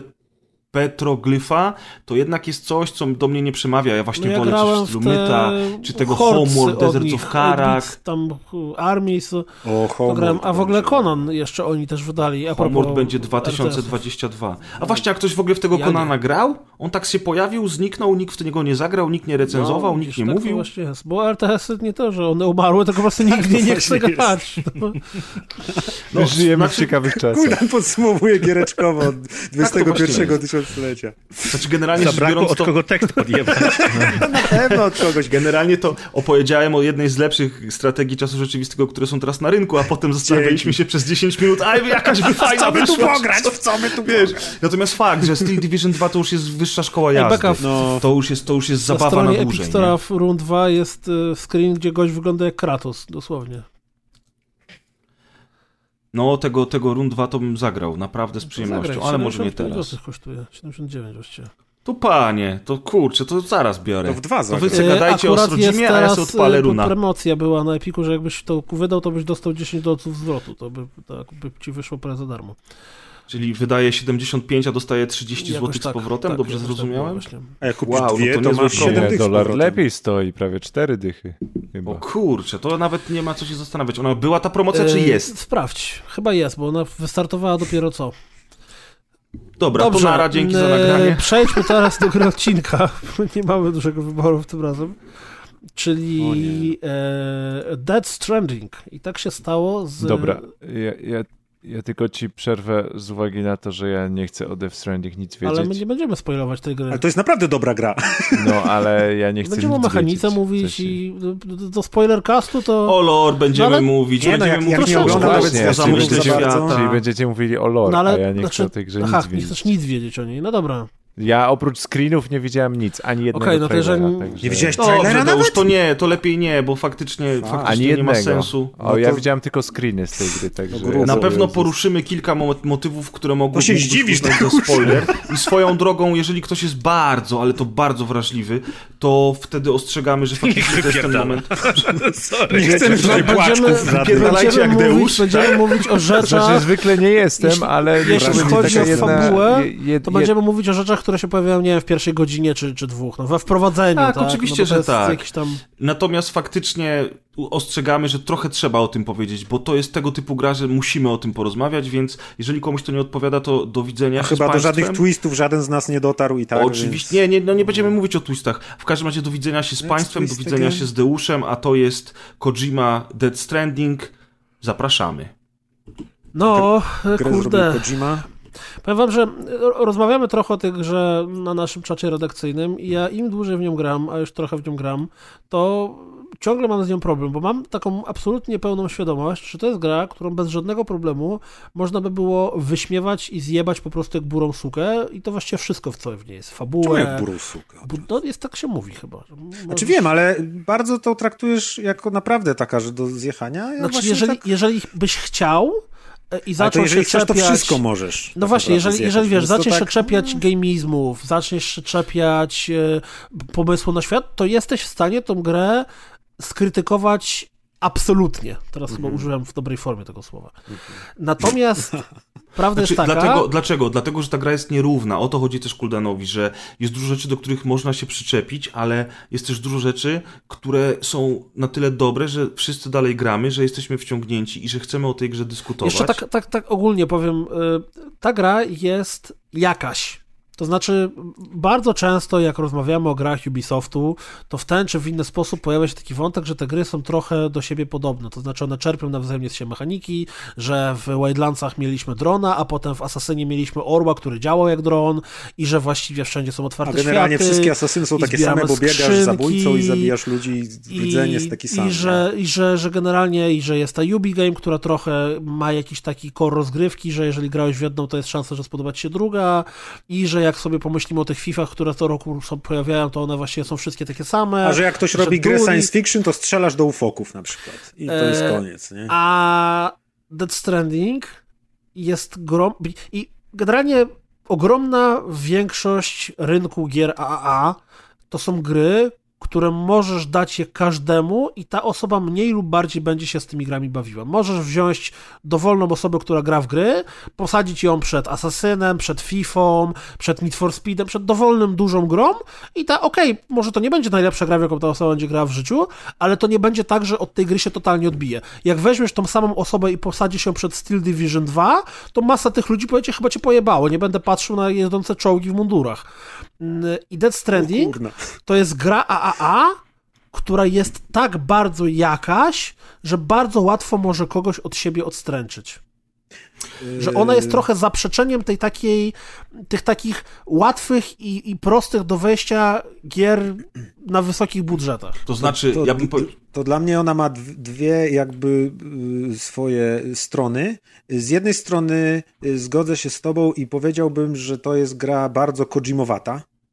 Y, bo jak patrzę na to wszystko i porównuję sobie to, ewidentnie jest przesiągnięta Kojimą i robił to wszystko Kojima i te modele, i animacje, i tekstury, i muzykę, i wszystko robił Kojima i czuć, że to jest jego gra, że to jest jego sposób myślenia, że to jest to, jak on lubi y, opowiadać historię, jak on lubi się wyrażać, to jest tym przesiągnięte. A z drugiej strony y, bardzo duża część tej gry jest totalnie kojarzyła mi się z takimi grami, w które właśnie można wziąć kogokolwiek i go posadzić y, i on sobie będzie grał, bo to mi się kojarzyło z czymś pomiędzy ech, y, częściowo powiedzmy Minecraftem, częściowo No Man's Sky, czyli generalnie takie gry, gdzie chodzisz i sobie tam kopiesz kilowkiem i tak robisz przez 8 godzin na przykład, żeby zebrać tysiąc y, tam y, skałek na przykład. I już ta mechanicznie część gry, tylko tak jakby... Znaczy, chodzi mi o to, że ta część gry jest bardzo prosta i kojarzy mi się z wieloma tytułami, które istnieją. I nie ma w niej żadnych Kojimowych, odjechanych nanomaszyn, coś tam. Tylko przez dużą część gry robisz to, co robisz też w Minecrafcie, w tych takich grach z otwartym światem, gdzie zbierasz surowce, powiedzmy. I Czy to, i to jest bardzo zwykłe w nie tej ma grze. craftingu czy jakiegokolwiek survival, tu łazisz... No jest crafting i jest zbieranie przy, No przy, czy- przedmiotów, no ale- powiedzmy. No ale to zbieranie przedmiotów to nie jest takie, że właśnie podchodzisz do... No okej, no faktycznie No jest. drzew, podnosi się Uldan, drzewka, umówmy podnosi się- się... I ogromna część tej gry na tym polega. się Tak podstawowo, na podstawowym poziomie gameplayowym, rozrywkowym, jeżeli już wspominasz o grach AAA, to Dead Stranding jest grą, która ma pomysły i wykorzystuje mechaniki, które były w innych grach, robi to w nieco inny sposób, ale też robi właśnie to, o czym powiedział Maciek. Kilka mechanik, które powtarzasz w kółko godzinami. I tutaj nie ma o czym dyskutować, bo jeżeli chodzi o klimat gry, o pomysły, o lore czy fabułę, tutaj możemy sobie dyskutować. Natomiast mechanicznie ta gra w dużej części to jest to, co robiły inne otwarte światy, tylko mniej, z mniejszą różnorodnością, ale, i tutaj akurat bardzo mi się to podoba, sposób przedstawienia podróżowania, dotarcia do celu i trudności, które napotykamy na swojej drodze, są tak odmienne od GTA, RDR-a czy Days Gone, Wszystkich takich sandboxów z otwartym tak, światem. że nie? to jest to, co ta gra robi inaczej. Tylko zobacz, że to też jest bardzo, bardzo mieszane, bo, bo z jednej strony na początku przejście właściwie dowolnego kawałka mm, mapy jest takie, o mój Boże, zaraz się wyjebie na płaskim i tak dalej, a jak potem w którymś momencie dbasz motor, to jest kurde YOLO! Ten motor jest fatalny. Już motor z Days Gone się lepiej prowadziło. To jest niestety Ale, ale, sprawa. ale ten motor tobie no, motor pomaga. odmienia... Najbardziej pomogły egzoszkieletowe nogi. A, no, no właśnie, bo, ta, bo ta, ta mechanika się Wiele rozwija i bardziej. za każdym razem, jak dostajesz Ale no, jakiś no to właśnie, kolejny to- to- punkt, to nagle rzeczy, które do tej pory były tobie ogromnym problemem, nagle Aha. Przestają tu- zupełnie być problemem. To nie? tu trzeba powiedzieć, co to jest. Ogólnie można powiedzieć, że tak jak y, najpierw wychodziły te zwiastuny, gdzie były właśnie y, sz- szkielety z karabinami w II wojnie światowej, oblepione smołą, żyjące czołgi, facet połączony z nimi linami, Czołgi y, w mundurach. wiszące ciała, plaże pełne martwych wielorybów i coś tam. I był ten właśnie, to było 100% Kojimowego what the fuck. I to jest ta część gry Kojimowa. A potem na niektórych zwiastunach było pokazane, jak idzie facet z paczką. idzie facet z plecakiem i idzie facet z plecakiem. Gameplay tej gry. I to jest gameplay. I Kojima zrobił grę o y, kurierze. To jest wszystko Więcej. oficjalne. Na początku się z tego wszyscy śmiali, że co, będziemy chodzić z paczką. A o tak, to jest gra o kurierze, który chodzi z paczką. Gameplay polega na tym, lore idziemy... świata jest zbudowane Tak. wokół kurierów Tak. chodzących z paczkami po I jest, świecie. Za- wszystko jest wytłumaczone w odpowiedni sposób, mniej lub bardziej naciągane, ale to jest gra, w której y, zadaniem gracza jest noszenie paczek. Zatrzymamy teraz- się teraz na chwilę. No. Jeżeli chodzi właśnie o noszenie paczek, bo dla mnie jest bardzo ważne w tej grze to, że, żeby ona mnie namówiła do tego, że ja już po 10 godzinach paczek, żebym przez kolejne 20 godzin paczki nosił. Bo po dwóch pierwszych godzinach gry, gdzie wprowadzenie do świata, gdzie cutscenki, dialogi mi się bardzo spodobały, fenomenalnie zrobione są te twarze aktorów, to jak oni się poruszają momentami, a momentami nie. Ale generalnie rzecz biorąc, jest ten klimat, jest to dziwactwo, jest ten horror i to wszystko gra. Natomiast później gra oczekuje ode mnie, że ja będę żmudnie po tej mapie chodził. I to mi się podoba. Pokonywanie tych przeciwności na mapie mi się podoba, ale jednocześnie dając mi tak naprawdę w kółko tę samą mechanikę. FedEx, dostarczanie przedmiotów z celu do celu i ja to robię przez długi czas. I tak jak powiedzieliście, pojawia się motor. Tylko to robisz w tej grze. Tak, pojawia się. No nie, jest jeszcze trochę walki, ale ta walka, umówmy się, jest, nie, jest, nie jest wybitna. Natomiast mm, potem masz motor, potem masz te nogi i tak dalej. I wszystko fajnie. Ja kupuję totalnie ten klimat, tylko. E, tylko czemu ja to w zasadzie robię? I ta gra, ja bym chciał, żeby ta gra mnie przekonała do siebie, że, ja, że, ja, że to ma wszystko sens. A tu niestety, na tej płaszczyźnie, bo tak, widoki są piękne, elementy tego sk- skradania się, prze, prze, przechodzenia Jak po kamerka się tak dalej oddala i muzyczka wjeżdża, to to są po prostu momenty... Muzyczka jest takie, fenomenalna. Wow. Ta gra ja jest- uwielbiam te cutscenki Kojimy, zawsze uwielbiałem cutscenki w MGS-ach i to się świetnie ogląda, ale po dwóch godzinach gry te cutscenki znikają. Kilka, teraz kilka tygodni temu wyszła gra, którą może Adek będzie pamiętał, jak ona się nazywa, którą e, i- jedyne moje skojarzenie z nią jaka jest, to jest taka, że to była gra, którą nie wiem czy przy produkcji, czy przy marketingu, ale pracował przy niej Piotr Gdyb. Okej. E, Ale Wonder, się teraz. Wanderlust. nic więcej nam nie powiesz? To jest jedyna podpowiedź? No to Tak, jest taka gra, w której się Travel czyta Stories. jakieś... e, To jest gra o podróżowaniu po świecie. Sorka, miałem której- wyciszony mikrofon. Wanderlust Travel Stories. O, właśnie, A, Wanderlust Wanderlust. Travel Story, tak. I e, jak oglądałem jakieś materiały związane z Wanderlustem, to tam Piotr Gnyb użył stwierdzenia, że e, to jest tak zwany slow gaming. I jak myślę o tym, czym może być slow gaming, to mi to się bardzo mocno kojarzy właśnie z... Przepraszam, ale to nie jest E, stwierdzenie Piotrka Gnypa, tylko przy RDR-ze to wyszło. To wyszło Już Maciek, Wanderze Maciek opowiadał o slow Oczywiście, gamingu. że tak. Odnośnie ja widzisz, Ale Piotruś, ale ja z nie mam problemu ze slow I ode gaming. mnie i od Gnypa teraz. Piotruś, No. wręcz przeciwnie, y, Zelda była slow gaming, Mi się wydaje, RDR2 że był slow gaming. slow gaming. I to też jest slow gaming. Ja nie mam absolutnie problemu z tym, że to jest slow gaming. Wręcz przeciwnie, mi to sprawia przyjemność, żeby usiąść i troszeczkę ten świat poeksplorować. Ja mówię o czymś zupełnie innym. Ja mówię o tym, że lore tego świata, całe podłoże, które ma mnie przekonać do tego, że ja tutaj wykonuję jakąś ważną misję, totalnie do mnie nie przemawia. Maciek mówi, że to z grubsza ma jakiś większy sens. Ja nie mówię o duchach powracających na ziemię i o tym wszystkim. Ja mówię o zwykłym, zwykłej po- postapokalipsie. Fajnie, że tu nie ma zombie. Fajnie, że to nie jest kolejny Fallout. Że jest zupełnie inaczej. Że ten deszcz radioaktywny, czy jak go nazwiemy, wyniszczył wszystko dookoła, w związku z czym mamy takie widoki. Chociaż z drugiej strony ktoś mi próbuje powiedzieć, że ja podróżuję po Stanach Zjednoczonych, a ja idę ze wschodniego do zachodniego wybrzeża i cały czas chodzę po Islandii. Która jest Nie, no zmienia troszeczkę się kopiuj wklej. Co, No, masz tam Przejechałeś jakieś- przez jezioro, przepłynąłeś? Potem Masz są tam, śniegi, wiesz, nawet tak, te, Maciek, ale z grubsza, ale z grubsza. jakieś, raz Znaczy jest to... Jak spojrzysz na inne gry z otwartym światem, RDR2, Dead Red Dead, tak, czy, czy, czy GTA 5, czy nawet Days Gone, to tam jest otwarty świat. Jest tam to- są różnorodne krainy, a tu tego nie ma. Tu jest otwarty świat I- w skali mikro, bo z jednej strony patrzysz, jak oni ci pokazują, jak na mapie Stanów Zjednoczonych, takiej mapie fizycznej, łączysz dwa punkty i wygląda na to, że pokonałeś 300 kilometrów, a wiesz, w świecie gry to jest 15 minut y, piechotą. Nie? Jep, jep, jep, jest, jep. to jest Ale wszystko właśnie, bo- zmniejszone, jakby ktoś zmniejszył świat stukrotnie. Bo ja chcę w to dalej grać, chcę to eksplorować, pojawiają się coraz to nowsze rzeczy. Ja już abs- abstrahuję od tego, że ja tworzę granaty z moich własnych sików i te wszystkie dziwactwa, bo to jest spoko. I z krwi, i z kupy, i ze wszystkiego. No, Właśnie te, te rzeczy z jednej strony to jest to, co Kuldan mówi, można to wyśmiać, a w tej grze są granaty z sików, nie? Ale jeśli gra mi tłumaczy, że wiesz, zbadamy to, ty, ty, jesteś postacią nie taką jak każdy inny człowiek, tylko tam jest coś z tobą nie tak, No, widać, że... Jo, jo, tak, jo, jo, rzeczy. jasne, Więc ale i oni, ja się tego te bałem, że oni tego nie wytłumaczą, a oni te absurdy tłumaczą Ale to jest i ja taka mówię, grafomania, dobra. Maciek, tam ale, są poczekaj, takie ale, właśnie, ale właśnie to jest, to jest dokładnie to, że bardzo łatwo można się do tego wszystkiego dopierdolić, bo i, i Czyli tak dopierdalając się, powiedziałeś. masz stuprocentową rację, bo nawet No. sama w sobie istota tych, czym są te, te, te brzdące, te, te BB, te tak, ełtki tak. w polskiej wersji językowej, to z jednej strony, jak, jak nie będziemy teraz o tym mówić, bo to jest tam, nie wiem, w trzeciej godzinie gry, to może ktoś chce wziąć niespodziankę, to z jednej strony, jak to słyszysz, to możesz powiedzieć, nie no, niech oni się jebną w głowę w ogóle, że coś takiego wymyślili, Znaczy- a z drugiej strony możesz mieć, no kurde, okej, Ale to- taki Ej, mają ale pomysł spoko, na świat. spoko, to wszystko im dziwniej, tym fajniej to wszystko tak naprawdę. zależy, wiesz, teoretycznie ktoś może być realistą i może skreślać całe science fiction i fantasy, że to są bzdury i skreśla całą literaturę i filmy i tak dalej. Oczywiście, nie? oczywiście, Tylko więc...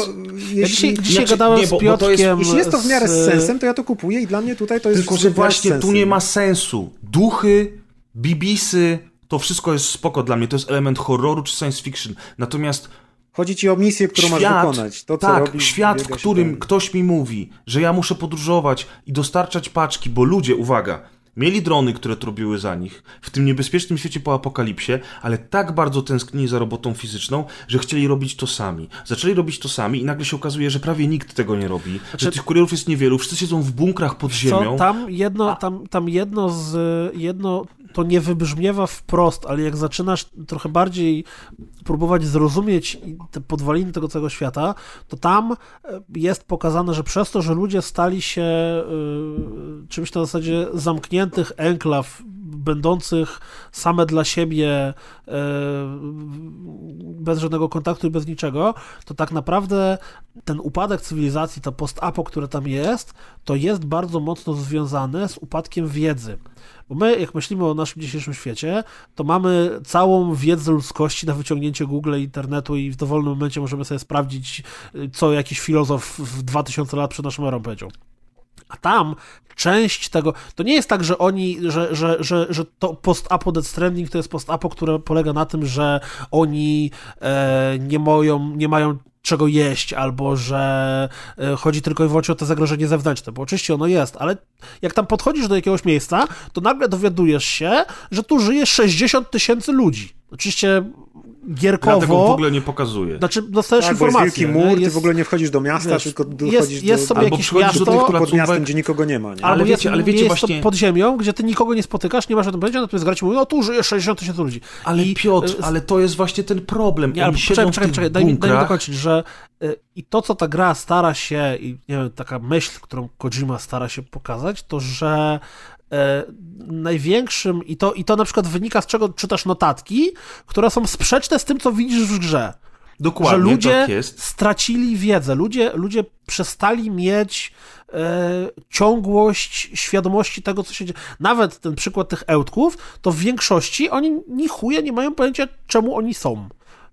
Tak, kto to są wymyślił, zbyt młodzi, kto to nie są stworzył. Aha, tak czemu one istnieją? No tak, oni wiedzą tego. Że no, mamy taką technologię i ona jest, ale właściwie... Nie, no dobra, okej, ale ja, ja tam rozumiem, że ludzie są od siebie, że, że, te, że te Kojimy rozkminy, że ludzie są od siebie odizolowani, chociaż tak naprawdę żyją w dużych grupach społecznych, że ten biedny sam ma telefon i maszynę do łączenia się z innymi, ale ona jest jakimś w, w, w kształcie kajdanek, bo to jest zniewolenie. jest- to Kojima są jest takie pierdoły, milion, nie? No ale oczywiście. abstrahuję od tego, naprawdę od tego abstrahuję.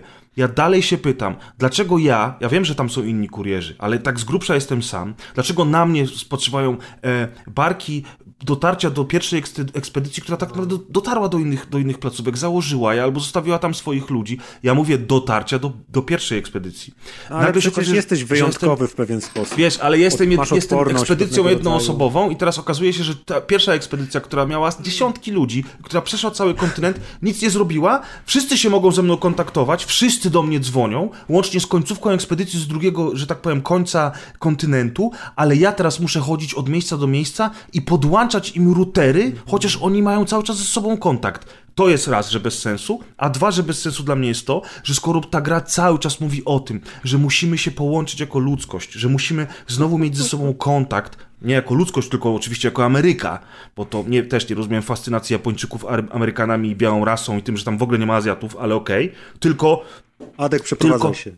Chodzi mi o to, że ja tam przychodzę do tych placówek, a do mnie koleś mówi przez hologram. Nikt do mnie nawet nie wychodzi. Ja mam swój prywatny pokój gdzieś na dole hangaru i tych ludzi w tej grze w ogóle nie ma. I teraz Znaczy jak potem Wiesz- wiesz, zaczynasz co- wiesz, sobie czym mi to budować, śmierdzi? jak zaczynasz sobie budować relacje z tymi niektórymi placówkami, to potem na przykład oni cię, oczywiście też hologramami, ale witają jak do nich przychodzisz, wiesz, Ale biegniesz paczkami, hologramy. ale nagle są hologramami. cztery hologramy Ludzie, stoją i widzisz, machają, nie? Oni są- mi mówią są- o tym, że ja jestem wspaniałym człowiekiem, który dostarcza im lekarstwa, bandyci. dostarcza im wiedzę, że oni się tak cieszą, że są znowu połączeni z resztą świata i nikt nawet do mnie nie wychodzi. Tak, tak, tak. A wiesz, czym mi to śmierdzi?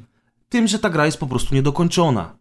Że ona miała być o wiele większa niż jest. To, to że jest tylko parę mechanik na krzyż, że się buduje parę tylko konstrukcji, że ta cała, przecież eksploracja te, tej Ameryki, to dotarcie z miejsca w miejsce, to jest fenomenalny pomysł. Tylko, że ja mogę tak, podłączyć linkę, rozstawić drabinę, zbudować most, zbudować wieżę obserwacyjną, zbudować skrzynkę pocztową, która, co najważniejsze u Kojimy, może grać piosenki, okej? A ja sobie myślę, kurwa, jaka to by była zajebista gra, gdybym miał musiał się przedzierać przez, przez lasy, przez góry, pomagać gdzieś coś ludziom, stawiać jakieś takie właśnie przyczółki, ale prawdziwe przyczółki, do których ta ekspedycja musi potem dotrzeć po mnie, albo wrócić tędy, albo zbudować jakąś ścieżkę. Nie, ja stawiam drabiny i linki. I oni mi cały czas mówią, że ja łączę ze sobą Amerykę. To wiesz, mosty dużo więcej rzeczy, mosty i autostradę i potem... Nie, no ale ja rozumiem, ja rozumiem Preza y, zarzuty i rzeczywiście on, mam wrażenie, że on by chciał grać grać w grę taką, tylko żeby to nie zrobił Kojima i żeby to zrobiło studio, które ma tyle kasy, co Ubisoft na Assassin's Nie, nie, nie. na przykład. Ja bym chciał grać w tę grę Kojimy, ja będę dalej w nią grał i chcę zobaczyć koniec, Chociaż grafomania i te wszystkie notatki, które, i ten cały lore totalnie do mnie nie przemawia. Natomiast klimat chłonę, chłonę tą eksplorację. Tylko ja bym chciał, żeby to była dokończona gra. A Wiecie ona mi co? tak bardzo śmierdzi tym, że zabrakło kasy Mhm. i bardzo dużo Co? elementów tam nie Kurde, weszło. Ale ja, ja tego ja na przykład tak- w ogóle nie czuję, ale ja mam jedno skojarzenie, którego nie jestem w stanie się pozbyć z głowy i mam je właściwie cały czas, jak w to gram, e, czyli Journey. Bo przez to, że non-stop napotykasz się na przedmioty innych graczy, co więcej, one są bardzo intensywnie ważne, istotne i przydatne i potrafią naprawdę dużo zmienić, bo nie wiem, na przykład zamiast łazić naokoło góry, nagle to jakiś tam Igor 2457 zostawił linkę do schodzenia i sobie po prostu tą linką na bajabongo zszedłem. Czy to, że jak ja wracam do gry e, i nagle dowiaduję się, że dostałem ileś tam lajków, bo ludzie korzystają z moich przedmiotów, to mi to się, jak, jak się wejdzie w to menu tego Bridge Links, mm, e, to właśnie widać, ilu jest graczy, z którymi wchodzisz w ten czy w inny sposób w interakcję, nawet o tym nie mając świadomości, yy, że mówię, mam skojarzenie z Journey, gdzie, gdzie spotykałeś sobie ludkę i nawet nie wiedziałeś, że to jest inny gracz na początku. Ja, a, a propos budżetu, to właśnie to, co mnie uderzyło na początku, też rzeczywiście ta, ta grafika wyglądała świetnie, ale potem zauważyłem, że ona jest sprytnie zrobiona i że jest zrobiona yy, jakby tak, jakby chcieli zrobić jak najlepiej wyglądającą grę jak najmniejszym kosztem. Yy, I z jednej strony jest korzystanie z tych fotoskanów i wszystko wygląda fotorealistycznie, świetnie dzięki temu, ale z drugiej strony to wszystko wygląda trochę jak właśnie w tych grach typu No Man's Sky, prawie że generowanych losowo, bo nie ma unikalnych miejscówek. Wszystkie posterunki, bazy wyglądają identycznie. Yy, Tak Mają jest. takie samo wnętrze i tak dalej. Jak Słucham idziesz tą, tą, Mhm. tą, tą pustynią, to owszem, to fajnie wygląda jak jakiś taki właśnie, nie wiem, marsjańska pu- pustkowie czy tam coś, ale po chwili tak się zastanowisz, że kurde, tak naprawdę to jest wielka plansza, tak jak z MGS-a, po prostu, tylko że jeszcze, jeszcze biedniejsza w detale, po prostu rozciągnięta i obrzucona tamtymi detalami, czyli No właśnie, Miałem wrażenie, że taki- biedniejsza że w dobry- detale, biedniejsza w że dobry zespół- niż MGS5. że dobry zespół taką mapę zrobiłby tam, nie wiem, wiesz, w dwa tygodnie powiedzmy, a to nie jest y, czesanie y, detalu i robienie pięknych, dokładnych etapów, tylko one spoko, wyglądają, są fajne widoki, ale jak przybiegniesz po tym pięć razy, to zauważysz, że zaraz, to jest tak naprawdę jedna tekstura i pięć kamieni I w tym zauważyłem, że on y, y, bez Konami pewnie nie miał takich środków, jakie miał wcześniej, więc na czymś musiały pójść cięcia i właśnie tu zrobili to takim sprytnym sposobem, że z jednej strony te widoki są świetne, a z drugiej strony to zrobiono kilkoma tylko elementami. Nie? I Ciekawostka Dropsa. Oszczędności były. Przy, przy Death Stranding pracowało y, mniej więcej połowa teamu. E, To byli ludzie, bo to było chyba 60 czy 70 osób, które y, jest z Guerrilla Games. Mhm. No bo oni Ale ten bo silnik właśnie udostępnili. mieli Tak, silnik tak, tak. Oni udostępnili silniki i oni tam srogo wspomagali tworzenie tej gry. pewnie. Nie? No. Yep. No słuchajcie, to jest taka gra, do której będziemy jeszcze wracać. My wszyscy musimy dokończyć w ogóle Dead Stranding, żeby porozmawiać sobie też o Mm. fabule na jakimś spoilerkaście, a Adrian i Amadeusz też na pewno zagrają. Ja jestem zachęcony po tym, co Ja wy jeszcze- teraz powiedzieliście to- i to- po tym, co na czacie pisaliście, to tak jak bardzo wcześniej ta gra mnie nie interesowała, tak teraz ja czuję, że powinienem w to zagrać i niekoniecznie to przejść, ale czuję, że to jest taka gra, że za parę lat będzie się o niej wspominać cały czas. To na Tylko pewno ja bym chciał jeszcze wrócić do mechaniki, do tego jak to jest zrobione, jak można zrobić grę o kurierze, gdzie mm, Kojima widać zrobił parę fajnych myków, które można, nie wiem, spotkać w gierkach flashowych, jakichś takich głupich, opierających się na fizyce albo coś, ale e, generalnie na przykład są tam takie rzeczy typu e, możemy sobie skanować otoczenie e, i są podłoże, po którym chodzimy, ma kilka stopni powiedzmy przyczepności, od takich, one się tam zaznaczają kropeczkami, kiedy taki skaner puścimy, od takich, gdzie jest dobra przyczepność, przez gorszą, przez teren trudniejszy do przebycia i tak dalej. Woda też nas spycha, wiatr nas potrafi zepchnąć.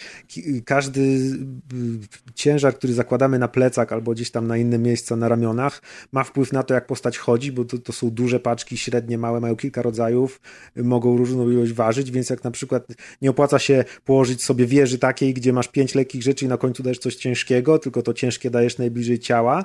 Potem, kiedy idziesz, to z pustami łapiesz się za te szelki od plecaka. Czyli możesz Mhm. biec normalnie, ale nagle cię zaczyna ściągać w lewo, więc się pojawia komunikat wciśnij ten prawy spust, żeby się podciągnąć. Łapiesz to. W ogóle jeszcze im bardziej jesteś obciążony, tym bardziej się chwiejesz. Jak na, Tak. naładujesz sobie, kurde, prawie że pod granicę tego, to nawet w animacjach widać, że on ledwo co wstaje Tak, i właściwie tak. przejście kawałka prostą drogą to jest wyzwanie. I potem na przykład, jak jest prosta, wygodna droga, to sobie możesz biec, a im te warunki i, i, i pogodowe, i terenu, po którym biegasz, i tego, co dźwigasz na plecach się pogarszają, to on zaczyna się coraz częściej ślizgać, potykać, przewracać. Czasem się potrafi, może się nie zatrzymać, tylko po parę, parę metrów jeszcze biegnie, bo ma dużo w plecaku i wtedy jak jesteś nad krawędzią jakąś, to masz stresa, czy tam nie spadniesz przez pomyłkę. Właśnie widziałem Ale taki co, z drugiej filmik, strony- tylko powiem, widziałem taki filmik, jak koleś biegnie po jakimś moście Tak. i, i, i nagle się gdzieś tam potknął, przewrócił, I wszystko mu spada do rzeki i odpływa, tak, nie? Tak, tak, tak. Ale wiesz, z drugiej strony na przykład Jest y, jeszcze- jeszcze user tylko- interface To jeszcze zanim, tragiczny. jeszcze zanim, to jeszcze zanim, to e, że jest system staminy, który jest skomplikowany, bo masz na jednym pasku e, zmęczenie i tam masz zmęczenie ogólne, które ci schodzi w czasie godzin grania, aż musisz się wyspać i zregenerować. Masz zmęczenie jakieś tam czasowe, czyli typu biegnę, biegnę, a potem na chwilę stanę, to mi się zregeneruje i masz jeszcze ten taki naj, najbardziej zużywający się pasek, który się zużywa na przykład, kiedy przechodzisz przy, y, przez nurt rzeki, albo, wstrzymujesz kiedy, oddech. albo kiedy wstrzymujesz oddech, żeby się przekraść między przeciwnikami i, i to jeszcze możesz do tego w, dowolnym momencie w tej grze usiąść, żeby sobie trochę to zregenerować, możesz się tam napić wody, manierka w wodzie ci się regeneruje, kiedy wchodzisz do rzek, albo kiedy pada deszcz. A jak na przykład usiądziesz, żeby sobie odpocząć na mrozie, to zamarzasz i umierasz, nie? A to jeszcze nie doszedłem do tego, ale widziałem, widziałem zwiastuny, więc potem dostajesz właśnie na przykład jakieś te, te, te, ten egzoszkieletowe nogi, one mają swoją energię, ona ci się może skończyć, ale dzięki temu możesz nosić więcej, możesz szybciej biegać, możesz zbudować stację, żeby y, tą energię y, zregenerować i tak dalej, więc tam mnóstwo rzeczy, które y, pasują jakby tylko do tej gry o kurierach i jakby to, co Press mówił, że mu się podoba, że to jest slow gaming i, i to zwiedzanie, to rzeczywiście to nie jest tak jak w GTA, gdzie idziesz i biegniesz, tylko skoro to jest gra o kurierze, który się przedziera przez trudny teren, to ona ma mechaniki y, polegające na chodzeniu trudnym. To jest I- chyba jedyna, jedyna gra na świecie, w której jak zbiegam z góry, to robię to mega ostrożnie, żebyś nie wypierdolić na ten głupi ryj, tylko, bo wiesz, w GTA to wii, Tak, lecisz, w ogóle nie? Z tego, co skaczesz. mówicie, to jest super potrzebne w tym świecie, bo bez tego to ci ludzie by mogli po prostu sobie przebiec, Tak, by bo to było łatwe. jakby cała, cała, cały bajer polega na tym, że żeby ta gra miała sens, to te mechaniki muszą być zaimplementowane i one są bardzo dobre. Plus, przedzieranie się przez teren jest dużo trudniejsze niż w takim Wildlands albo właśnie w Red Dead Redemption 2. Mhm. Jak widzisz zejście było- kamieniste, to mówisz fuck no, Tak, idę szukam innego, nie? Bo się I- wypierdolę, I, musisz a, a jeszcze autentycznie brać pod uwagę trasę, po której I są- przejdziesz. Musisz tak. uważać, być ostrożny. I to jest bardzo a propos, dobrze, a to jest propos, bardzo a dobra propos, mechanika. Jeszcze a propos uszkodzeń. Yy, transportujesz rzeczy, one są w y, takich walizach powiedzmy, albo w pudłach. Te pudła są owinięte taśmą, taką jakby ktoś żółtą taśmą z napisem uwaga, szkło, nie? I, i ten. I kiedy się przewracasz, to ta taśma zaczyna ci migać kolorami i im bardziej jest zniszczone, tym bardziej na czerwono ona miga. Więc od razu jesteś wizualnie w stanie ocenić, jak to jest wszystko rozpieprzone. Plus yy, pakunek, który niesiesz, ma własną wytrzymałość i wytrzymałość pudła. Najpierw się rozwala wytrzymałość pudła, w którym jest transportowany, potem pakunku. Niektóre pakunki musisz na przykład tylko, yy, możesz je w 30% albo w 20% uszkodzić, bo potem jest już nie, nieważny transport. Yy, pada deszcz, który te yy, pakunki niszczy. Już nie będziemy się w, w, wgłębiać dlaczego.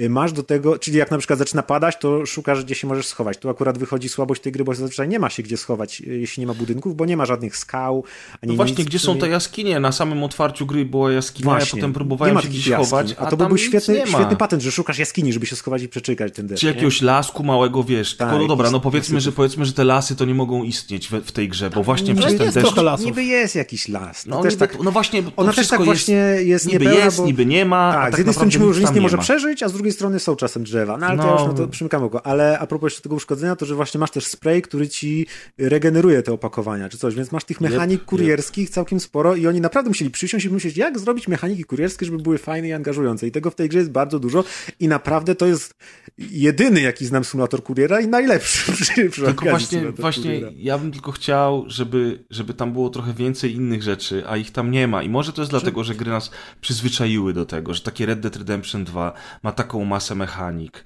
E, No, to, a, a wiesz, wiesz, ale, ale z drugiej strony, no, ja, to, nie jest kwestia tego. Kojima powiedział, że bardzo mieszane recenzje w USA wynikają z tego, że Amerykanie, y, tutaj tego nie powiedział dosłownie, ale są głupi i grają w strzelanki, a to nie jest strzelanka. A to nie jest prawda, bo jak sobie ja pomyślę o moich grach roku e, z ostatnich paru lat, to to była Zelda, to było RDR 2, gdzie oczywiście było kupa strzelania, ale lubię też jakieś takie gry chodzone, fabularne, bardzo lubię gry i taki slow gaming po, po kampanii w Modern Warfare i po multiplayer w Modern Warfare był dla mnie idealny. Ja po prostu spędziłem na początku bardzo długie trzy wieczory z tą grą, chłonąc ten slow gaming i ja nie mam problemu z tym, że tam nie ma dużo akcji.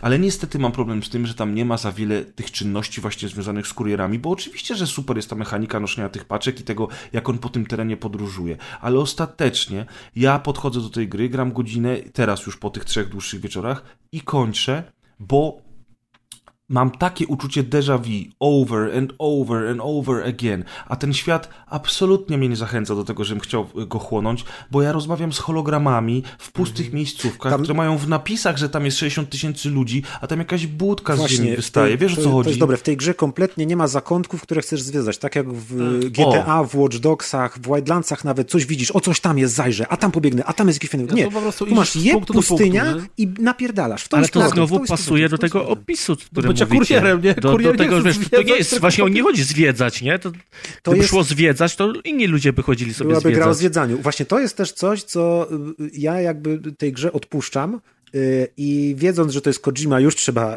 mieć jakieś odpowiednie nastawienie i, i trochę tam odpuszczać albo, albo całą grę sobie odpuścić, ale ja w tą grę trochę gram tak, jak się kiedyś grało w japońskie gry. Y, Kiedyś w sensie tam w, na przełomie tysiącleci, kiedy jeszcze nie znaliśmy się tak na mechanikach, nie, po prostu braliśmy grę i to, co ona miała nam do zaoferowania. Dostawałeś jakąś dziwną japońską grę, ktoś mówi, ej, gramy w jakieś coś tam dziwnego japońskiego, wrzucasz na swoje PS2 i to, co ci gra daje, to bierzesz, nie zastanawiając się, że o, można było zrobić to i tamto i tamto, tylko jakby pokaż, co masz i, i spróbuję w to grać. I jakby y, dlatego nie przeszkadzają mi tak bardzo te rzeczy, chociaż też bym wolał, żeby były jaskinie i jakieś tam inne ciekawe rzeczy, ale mimo wszystko nie obrażam się na grę, jakby nie staram się, żeby mi to nie przeszkadzało. Patrzę na pozytywne rzeczy, nie patrząc na negatywne. Nie można powiedzieć, że to jest takie, wiesz, zaślepienie i coś tam, i że trzeba pilnować standardów, a nie zaniżać coś, ale próbuję Nie, do tego nie, podchodzić tak, jak właśnie nie grałem kiedyś, że nie miałem jakichś... się. Nie, no, ale, ale tak jak kiedyś nie było ani jakichś wymagań, ani nie porównywaliśmy każdej gry do każdej, tylko po prostu ta gra była taka, a ta Tak, gra ale była to taka. było 20 lat temu, a my zajmujemy się recenzowaniem gier. I, i naprawdę na niektóre elementy trzeba zwracać uwagę. Kuldan, powiedz o, chociażby Znaczy, o GUI. no, Bo to to no, GUI zanim macie powiesz- właśnie, bo Bo ja bym się obawiał, że gdyby zaimplementowano to wszystko, o czym mówisz głównie ty, Press, że z tego by wyszło to samo, co z Horizonem, czyli z jednej strony próbowano zrobić coś innego, a później wychodzi Horizon i wszyscy mówią, łe, to w Asasynie było. Ale wiesz, Horizon na przykład miał no, tę Horizon mechanikę walk z tymi dużymi, No No miał, ale mas, masę rzeczy czytałem właśnie, że to jest taki kolejny Asasyn. Ale wiesz, to... questy, nie questy i tego typu rzeczy. No. Ale, No ale fakt, może przez okrojenie rzeczy gra się mechanik robi i na- bardziej indywidualna, nie? Mhm. Taka... I był taki, Znaczy. Wiecie, należy zwrócić uwagę na, na taki drobny szczegół, że przy tym przysłowiowym asasynie na liście płac to tam pracuje w sumie 500 osób pewnie, nie? Pięć krajów. 5, 5 krajów, 30 studiów i tam roboczo godzin kapzylion. A, A tą grę zrobił Kojima. znaczy, Come on, typ musi to spać i jeść. A, a w Kojima Productions, nie licząc Sikać. ludzi, którzy pracowali, y, pomagali z Guerrilla Games, to pracuje 80 osób. To w, chyba w 11 bitach pracuje więcej niż 80 osób w sumie, jakby zabrać Wow. dział wydawniczy i produkcyjny. Więc tak naprawdę Kojima Productions to jest, kurde, y, małe Mhm. indycze studio. No. Więc No tak, właśnie, może to jest taka gra Double A. Ale albo używając waszego argumentu, kosztuje tyle samo, co kosztuje Red Dead Redemption i Zelda. Bardzo tak, i, zobacz, i zobacz, że porównujemy ją właśnie z dużymi grami. Nie porównujemy I ją chciałem z... powiedzieć, że to jest też błąd, moim zdaniem, bo ona, mając swoją duszę, swoją mechanikę, pomysł na siebie i całą masę zgrabnych elementów, które są w Dead Stranding, jest porównywana do Red Dead Redemption 2, do Zelda, Breath of the Wild, do GTA 5. Wiesz, ale jest porównywane Czemu? dlatego, że odruchowo, odruchowo, jak mówi się o grach, to zawsze szukasz y, jakichś Tak, jest otwarty świat, styku. jest. GTA. Jak, jak nie wiem, jak mówisz, zobacz, y, jak, jak się mówi o Path of Exile, to z automatu mówisz, w czym jest podobna, w czym jest inna od Diablo, nie? Po, po, po prostu zazwyczaj mówiąc o grach, bardzo często szukasz y, bliskich, y, podobnych tytułów, żeby najłatwiej to tłumaczyć, tak? Najłatwiej się tłumaczyć przez porównania. I o Dead Stranding też y, łatwo mówić przez y, analogię do tego, że no jest otwarty świat i masz questy, i masz fetch questy. Ale tak naprawdę właśnie, to nawet nie jest to nawet nie jest sandbox, bo tam nie podchodzisz w różny sposób do tych Nie, zadań. tam, tam masz, tam, tam właściwie masz liniową dosyć rozgrywkę no, tak naprawdę, prawie, nie? prawie że, no. To nie jest tak, że możesz pójść nagle gdzieś indziej. Nie, masz najpierw, proszę, pierwszy e, region, chodzisz po pierwszym regionie. Teraz odblokowałeś drugi, dobra, to masz pierwszy i drugi. Odblokowałeś trzeci, masz pierwszy, drugi, trzeci. To To, nie trochę jest przypomina tak, mapy z tego, z metra, gdzie masz wielki region, gdzie masz kilka miejscówek, chodzisz w metrze akurat raczej w jedną stronę, a tu po prostu między nimi, ale jakby to nie jest właśnie GTA, otwarte miasto, gdzie żyje i różne rzeczy się dzieją. Nie, Są, nie, tam nie, stoi nie. przy tych bazach mnóstwo pojazdów i ja do żadnego nie mogę wsiąść, nie? I myślę, Tak, znowu mam tak. napierdalać na piechotę, dajcie mi ten jeden To pojazd. właśnie to nie? jest irytujące, że nie można Czerwone, do tej nawet nie przycisk do wsiadania się nie otwiera. Po prostu stoją ciężarówki i nikt ci nic o nich nie Bo, mówi, nie? bo ja jestem przekonany cały czas, będę bronił swojej tezy, że ta gra jest niedokończona i że te Możliwe. rzeczy miały w niej być. I na przykład te mechaniki, które są, są fenomenalne. Bardzo fajnie się z nimi bawię od czasu do czasu, ale tam tak bardzo wieje, wieje chujem i O tym nic się nie dzieje. co macie No teraz niego. właśnie, teraz trochę dziekciu. Po pierwsze yy, UI. Dla mnie, jeżeli gram w grę przez kilka godzin, nie wiem, 10 godzin, czy 12 godzin, czy ile tam, i dalej mylę się w podstawowych y, mechanikach, które robię od początku tej gry, No ja. to znaczy, że UI jest źle. Ej, Przykład. ja gram 100 godzin Jak- w Apexa i dalej zapomniał, którym się granat wyciąga, także... Jak, jak, jak rozkładasz sobie y, paczki po plecach, No. E, Ja to robię automatycznie, bo to gra najlepiej robi. Wciskasz przycisk i ona Też to robię sortuje. automatycznie, ale jak czasem nie chcę tego robić automatycznie, tylko coś samemu chcę robić, na przykład y, dostęp do narzędzi, to za każdym razem zapominam, że jeżeli chcę coś zaakceptować, to nie naciskam kółka, tylko wtedy zrobię anulowanie wszystkiego, tylko muszę albo zejść na dół i nacisnąć zatwierdź, albo przytrzymać X. Kolejny Ej, przykład. przytrzymywania dziwnego X nauczyłem się w pierwszej pół godzinie i jest to dla mnie bardzo wygodna mechanika. Już prawie moment, wszystkie, już prawie wszystkie terminale, prawie wszystkie terminale, z którymi porozumiesz się w grze, robisz to za pomocą kwadratu. Tak. Po czym nagle, jeżeli budujesz jakiś przedmiot y, przy użyciu, te, takie wspólne przedmioty, jak na przykład most nad, y, nad rzeką, to wtedy nie robisz tego przy pomocy kwadratu, tylko musisz przytrzymać, Przytrzymać opcję. Ja tam 5 minut spędziłem i myślałem, że samo. kurwa, zbagowało tak mi samo. się coś, czy... Więc wiesz, dopiero jak Znaczy, tak, Ja odszedłem myślę, że od Kojima tego... tak samo zareagował jak Maciek, nie? Ale, Jak ale nie, ale, w ten sposób. O, owszem, jest to trochę nieintuicyjne, bo y, tam jest tak, on, tak, ta gra jest zrobiona UI, że kiedy masz przytrzymać przycisk, to jest taka malutka strzałeczka Kółeczko nad wokół, nie? przyciskiem, ale ona jest naprawdę mała, a jeszcze jak jest ten przycisk options, to ona jest już zupełnie mała, więc tego No bo rzeczywiście te nie widać. przyciski są nieczytelne. Te menusy załadunku tych wszystkich questów i tego tam, jak sobie układasz te rzeczy, są nieczytelne. Wiesz, ja gram blisko Y, telewizora i nie mam tego problemu, ale jak ktoś ja siedzi, też gram jak ktoś siedzi telewizora. 4 czy 5 metrów od telewizora, to nie ma bata, żeby on te Ale wszystkie małe literki w stanie czytać. Tak samo jak ten interfejs mapy, który jest zasiany taką ilością rzeczy, że naprawdę ciężko Na jest czasami początku to jest jeszcze spoko, ale w momencie, w którym już trochę pochodzisz po tej mapie i No, wszystkie i to twoje drogi są twoje zaznaczone, trasy. To jest plus są zaznaczone... Tak, to jest mój tekst, dokładnie. Dzięki, Adek, dziękuję. Znowu Ja podjebujesz, Kuldan. Podjebuje Jest to, zostają te nitki nieszczęśli, nieszczęśliwe, które niestety przeszkadzają w, W ogóle nawigacji po tej mapie później. Nawet nie No, przeszkadzają, plus na przykład właśnie jak chcesz przybliżyć do questa, a tam się okazuje, że obok, obok questa jest czyjaś skrzynka pocztowa, a jeszcze coś postawiłeś sam obok, to nagle się okazuje, że rozczytanie tego Tuż tam i questa nie wybranie można tego, co stawiać rzeczy, trzeba. bo jest granica wokół budynków.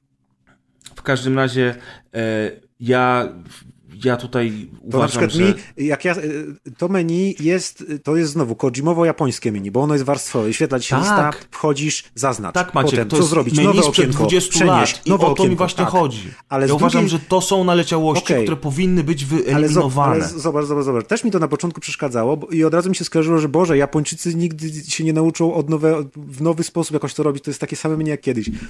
Ale teraz nie wiem ile w to grałem, ale już ponad 5 godzin. Kompletnie szybko śmigam po tych menusach i jak sobie pomyślę, że to miałoby wyglądać na przykład jak menu w Wiedźminie trzecim, które potem wraz z patchami i z tym wersją zmienioną konsolową na tego menu po prostu miało jakieś przekładania na bok, kopiowania czy coś i było dla mnie koszmarem, żeby się tam poruszać po tym menu. Albo na przykład menu w y, Assassin's Creedach. W Assassin's Creedach w ogóle jest mniej tych rzeczy do przerzucania, więc gdyby oni to zrobili w inny sposób, to wydaje mi się, że byłby jeszcze większy mindfuck. A tak masz posegregowane folderki, to masz w ręce, to masz w plecaku, to masz w skrzynce. Zwijasz sobie przenieść, dokąd przenieść. W jednym meni przenosisz, w drugim menu To- to kolejna do pierdoła. innym To- ten. Bardzo się To kolejna szybko pierdoła. Jak, jak, jak przychodzisz do, do jakiegoś y, budynku, gdzie oddajesz questy, questa, ale oprócz tego, że oddajesz questa, to jeszcze masz e, skrzynki zwykłe do oddania, to tyle ja się naoglądam tej animacji, Tak, jak on kładzie to to na skrzynce i to jedzie, i, ale nie Wiesz, że można, można to je przyspieszyć, ale co Tak. trzeba zrobić? Trzeba włączyć pauzę i wybrać guzik Tak. przewiń. Mega nie to, że jednym guzikiem to jak przytrzymasz, nie, no to, to Pomyśl, są, że ja dopiero właśnie gdzieś po, po piątej godzinie odkryłem, że to można przewijać i oglądałem te menu i to mnie rzeczywiście doprowadza, że nie ma po prostu to są skipowania. pierdoły, to są pierdoły, ale No. takie pierdoły, które Tak, to wynikają, czy na przykład coś, co... To jest jak skurowanie zwierząt w Red Dead Redemption, gdzie za każdym razem musisz Tak, tą tak. animację odbędzić. Jest sporo tych animacji i rzeczywiście przewijanie ich jest upierdliwe, ale już też się nauczyłem, że menu w prawo, okej, przewinięte. Menu w prawo, Mnie to, mnie to to, akurat fakt, to wyjątkowo mocno nie triggeruje, ani mi jakoś bardzo mocno nie przeszkadza, bo nawet gadaliśmy tę chwilę, jestem przyzwyczajony z Jakuzy, że to jest właściwie tam wszędzie, czyli... E, Product placement. znaczy, okej, w Jakuzie product placement jest wszędzie i jest dosyć nachalny, natomiast te, Jest- e, jest logiczny. te cztery b- b- monsterki, jebnij sobie ku monsterka, które stoją Mhm. na stole, to wygląda to śmiesznie, czy wręcz nawet jeszcze gorzej. To wygląda bardzo słabo, bo... On bije y, tego monstera jeszcze, bo to niech nie pasuje do tego świata. Znaczy- Jakby już został ten Monster Energy w manierce, że twoja magiczna tak, manierka Albo jak... niech zrobią jakiś design futurystyczny, niech to ma nowe logo i pasuje do wszystkiego, a to jest futurystyczny Nie, świat, nie, to stal i szkło i tak dalej i dzisiejszy. stoi monster najbardziej typowy w puszce czarno-zielony. To nie? musi mieć Który design dzisiejszy, żebyś ty to rozpoznał w sklepie. I to jest niestety coś, co się bardzo rzuca w oczy. I ja rozumiem, że budżetu zabrakło. Zresztą sam powiedziałem dzisiaj, że po tej grze widać, że zabrakło budżetu. I oni musieli się ratować. Ale jeżeli mamy po, pokój, ten private room, w którym możemy pogadać sobie do naszego Bibi, możemy sobie tak. puścić muzykę, możemy sobie poczytać notatki, które odkryliśmy po każdej kolejnej Musimy się misji. wykąpać, wysikać i wykupkać, żeby granaty Tak. uzupełnić. I nagle się pokazuje opcja, że mogę sobie spojrzeć na stolik tylko po to, żeby kamera najechała na monsterka, albo... Nie no, nie tylko do- możesz okulary założyć, No albo możesz czapeczkę. okulary założyć, ja wiem, masz ale wiadomo, do że to jest, że to jest tylko po to, żeby no. podjechało na monsterka, No tak. a potem wejść do, wejść do kabiny prysznicowej, gdzie jak zamykają się drzwi, O to jest. pojawia mi się baner autentycznie, nowy serial Ride z Normanem Reedusem na stacji telewizyjnej AMC. I ja mam takie, to może zaczniemy robić 10-sekundowe przerwy na reklamę w trakcie tego chodzenia. Bo autentycznie już niewiele brakuje.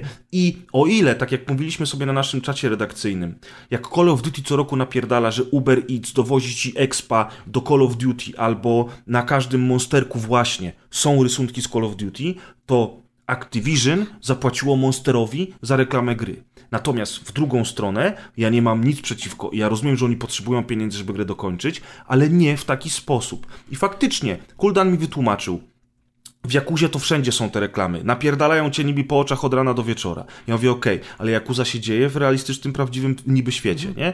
A tu mamy post-apo, gdzie nic nie przetrwało, ledwo co sobie radzą, ale, są monsterki. byku.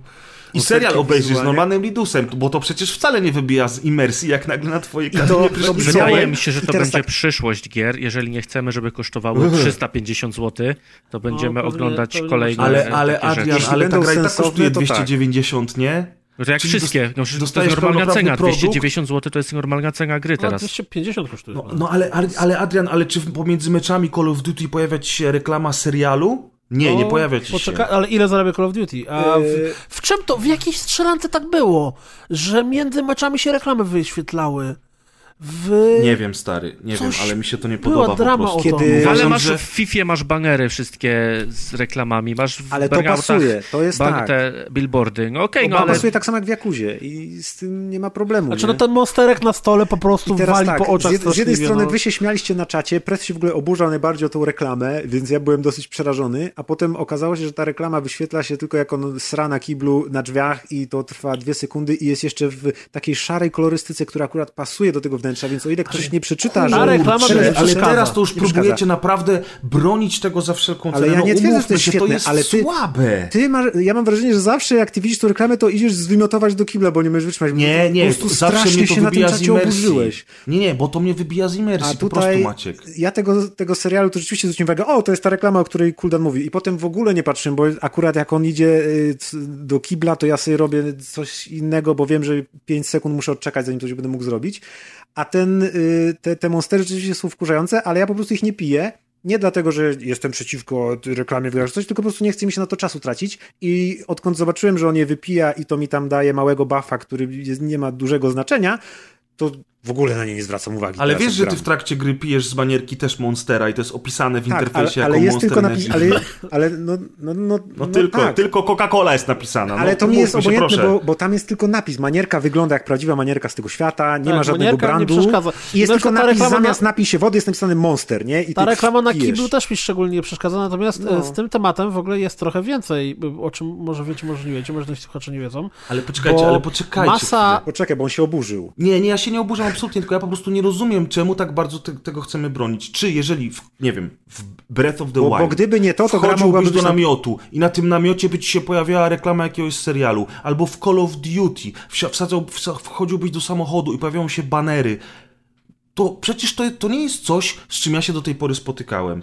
I przede wszystkim cierpi na tym imersja, moim zdaniem. Znaczy, to jest chyba. jak każdy produkt placement. Jeżeli Bond pije Coca-Colę, to ciebie to raczej nie bije w oczy. Co najwyżej może uśmiech. Bo na przykład y, Netflixa y, seriale są tak przeładowane produkt placementem. Ja się nawet czas, czas, często o tym z Basią dyskutuję, że Masy czy to jest produkt placementu się placement, nie widzi nawet czy tak to naprawdę. jest po prostu y, Tak, tak, ale na żeby przykład w pasowało John Wick do... 3 jest taka scena, jak John się bije z jakimiś typami w hotelu czy w innym tam biurowcu i są przeszklone całe ściany i oni się tłuką tam dobre 3 minuty i przez 3 minuty jest jedno ujęcie, żeby było widać za nimi na drugim budynku wielką reklamę marki jakiegoś samochodu. Ogromną, oczojebną, jeszcze w żółtej kolorystyce reklamę, która kontrastuje z całą resztą ciemnej scenerii. I ja, będąc w kinie, oglądając tę scenę, byłem tak samo oburzony, jak jestem oburzony tymi monsterkami i reklamą tego A, Może to teraz, teraz- bo, ja nic nie pamiętam z tego. A jak do? Mario Kartów było płatne deal... Ale A co, byłem w kinie. W sensie ja w ogóle nie kojarzę, że, że był jakiś product placement tam. Ale Słuchaj, teraz... a jak był, w no był, Mario był, no, widocznie jak ta akcja tak cię wciągnęła, Nie, w sensie, właśnie ja mam inne podejście, że mnie ten product placement nie rusza w ogóle. Nie w rusza Mario. Kartach No, było płatne okej. DLC, żeby jeździły samochody Mercedesa, które były reklamą Mercedesa, ale to było w ogóle płatne DLC, albo jak Ale to mi się tak samo nie podobało. Final Fantasy 15 albo w 14, nie pamiętam czy to było w tym online'owym, czy to było w tym 15, było w ogóle y, gigantyczna y, cross promo z y, wifonami tymi japońskimi, gdzie No tam okej, no i dostawałeś Sumona, który był podoba, no. wifonem. Możemy się przerzucać teraz grze, przykładami. no tak, Dokładnie, Grzechowi jest to- agree to disagree, po Czyli prostu z jednej strony disagree. to zależy od natężenia i jak chamsko w oczy atakujecie tę reklamę, a z drugiej strony zależy to od tego, jak to ma ustawiony poziom tolerancji na to, nie? Ja na przykład, Tak. No, kiedy pijesz tak. to monstery w tej grze, to jest mega zbliżenie, że widzisz każdy, każdą czcionkę składu tego monstera. To jest jak reklama totalnie, zbliża on to pije, ten, ten, ten. Ale kiedy tego nie pijesz, tylko wchodzisz, załatwiasz tam swoje rzeczy, nie zwracasz uwagi na monstery, to tego w ogóle nie widać. No równie dobrze powiedzieć, jak w to nie grasz, to tego w ogóle nie widać. No, tak, ale, wiesz, jakby no. wiesz, w Johnie Wicku za każdym razem w tej scenie to będziesz miał, czyli to jest niby bardziej agresywne. Z drugiej strony jest naturalnie pasuje do tego świata przedstawionego, więc to wszystko jest zawsze balansem.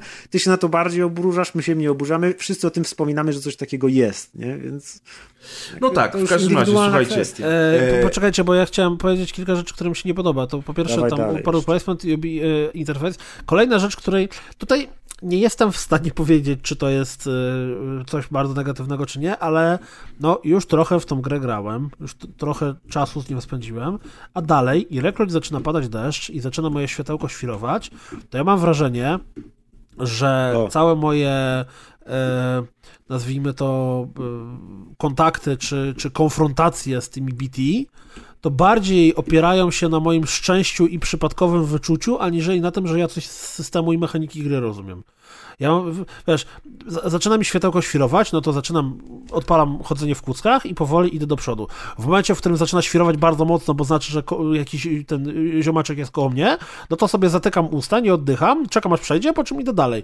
Natomiast ja nie czuję, że ja doskonale rozumiem tą mechanikę unikania tych potworów, czy tam duchów, czy wynurzonych, czy jakkolwiek ich nazywać, tylko że ja tak naprawdę cały czas tak trochę to po macku robię. Ja też mam takie wrażenie, bo ta gra bardzo wielu aspektów nie tłumaczy, plus niestety z, tymi, z tym skradaniem się z tymi duchami jest tak, że faktycznie to jest bardzo często po omacku i to nie jest jest po takie macku, bo są oczywiste. niewidzialni, widać ich tylko kiedy przystaniesz i stoisz chwilę, wtedy się te takie kropkowane, Tak, pikselowe tak. zarysy pokazują. I, i ja czytałem, prostu Ale właśnie, mijać. czy oni się przesuwają, czy oni się nie przesuwają, że No, oni, też tak nie jakby, wiem. Oni chyba- oni przeskakują jakby... Oni chyba po Chuj go y, wie, właśnie, swoim chodzi. małym, nie no, jak klęczysz i patrzysz na nich, to widzisz, jak oni się zachowują. I oni po, po małym takim okręgu, ale raczej stoją w miejscu, w sensie tylko tylko tam trochę metr w prawo, metr w lewo, ale to nie jest tak, że oni chodzą po tej lokacji, przynajmniej w tych kilku Generalnie teraz gdzie ja byłem. moje unikanie wygląda w ten sposób, że się czołgam, znaczy w sensie y, idę sobie na kuckach co chwilę wstrzymując oddech, a w momencie, w którym mnie wykryją, to rzucam granat z siuszków pod nogi i spierdalam do przodu już biegiem. Bo Nie? I tutaj mam Też takie, tak raz takie... zrobiłem, to mnie dorwali, ale się wyrwałem, to był stres. Tutaj się zastanawiam nad jedną rzeczą, najgorzej. właśnie żeby bronić tego elementu, e, zastanawiam się nad tym, że z grubsza to, że to, mówiliśmy o tym, że inne open worldy przyzwyczaiły nas do tego czy tamtego, mm, a ten nie ma w ogóle nawet połowy tych mechanik, które tamte open worldy miały. Ale tak sobie myślę, no nie musi w sumie ich mieć. I robi inne rzeczy i się na nich koncentruje. To, że akurat to jest z grubsza FedEx, to jest moim zdaniem bardzo duża wada, ale sama eksploracja jest super. I tak samo z tym, o czym mówimy teraz, że gra bardzo, bardzo wielu rzeczy nie tłumaczy i po 10 godzin grania ty tak naprawdę nawet połowy rzeczy jeszcze nie wiesz, ale poczytałem sobie y, fanów, którzy komentowali w internecie te różne mechaniki i doszedłem do wniosku, że jednak to jest tak zrobione, żebyś ty sam tych mechanik się nauczył. I być może właśnie to, o czym mówi Maciek, czyli musisz poobserwować postać w miejscu, rozejrzeć się i tak dalej. Ja na przykład co rzucałem siuszkami i kupą i dalej nie jestem pewien, jaki to ma efekt.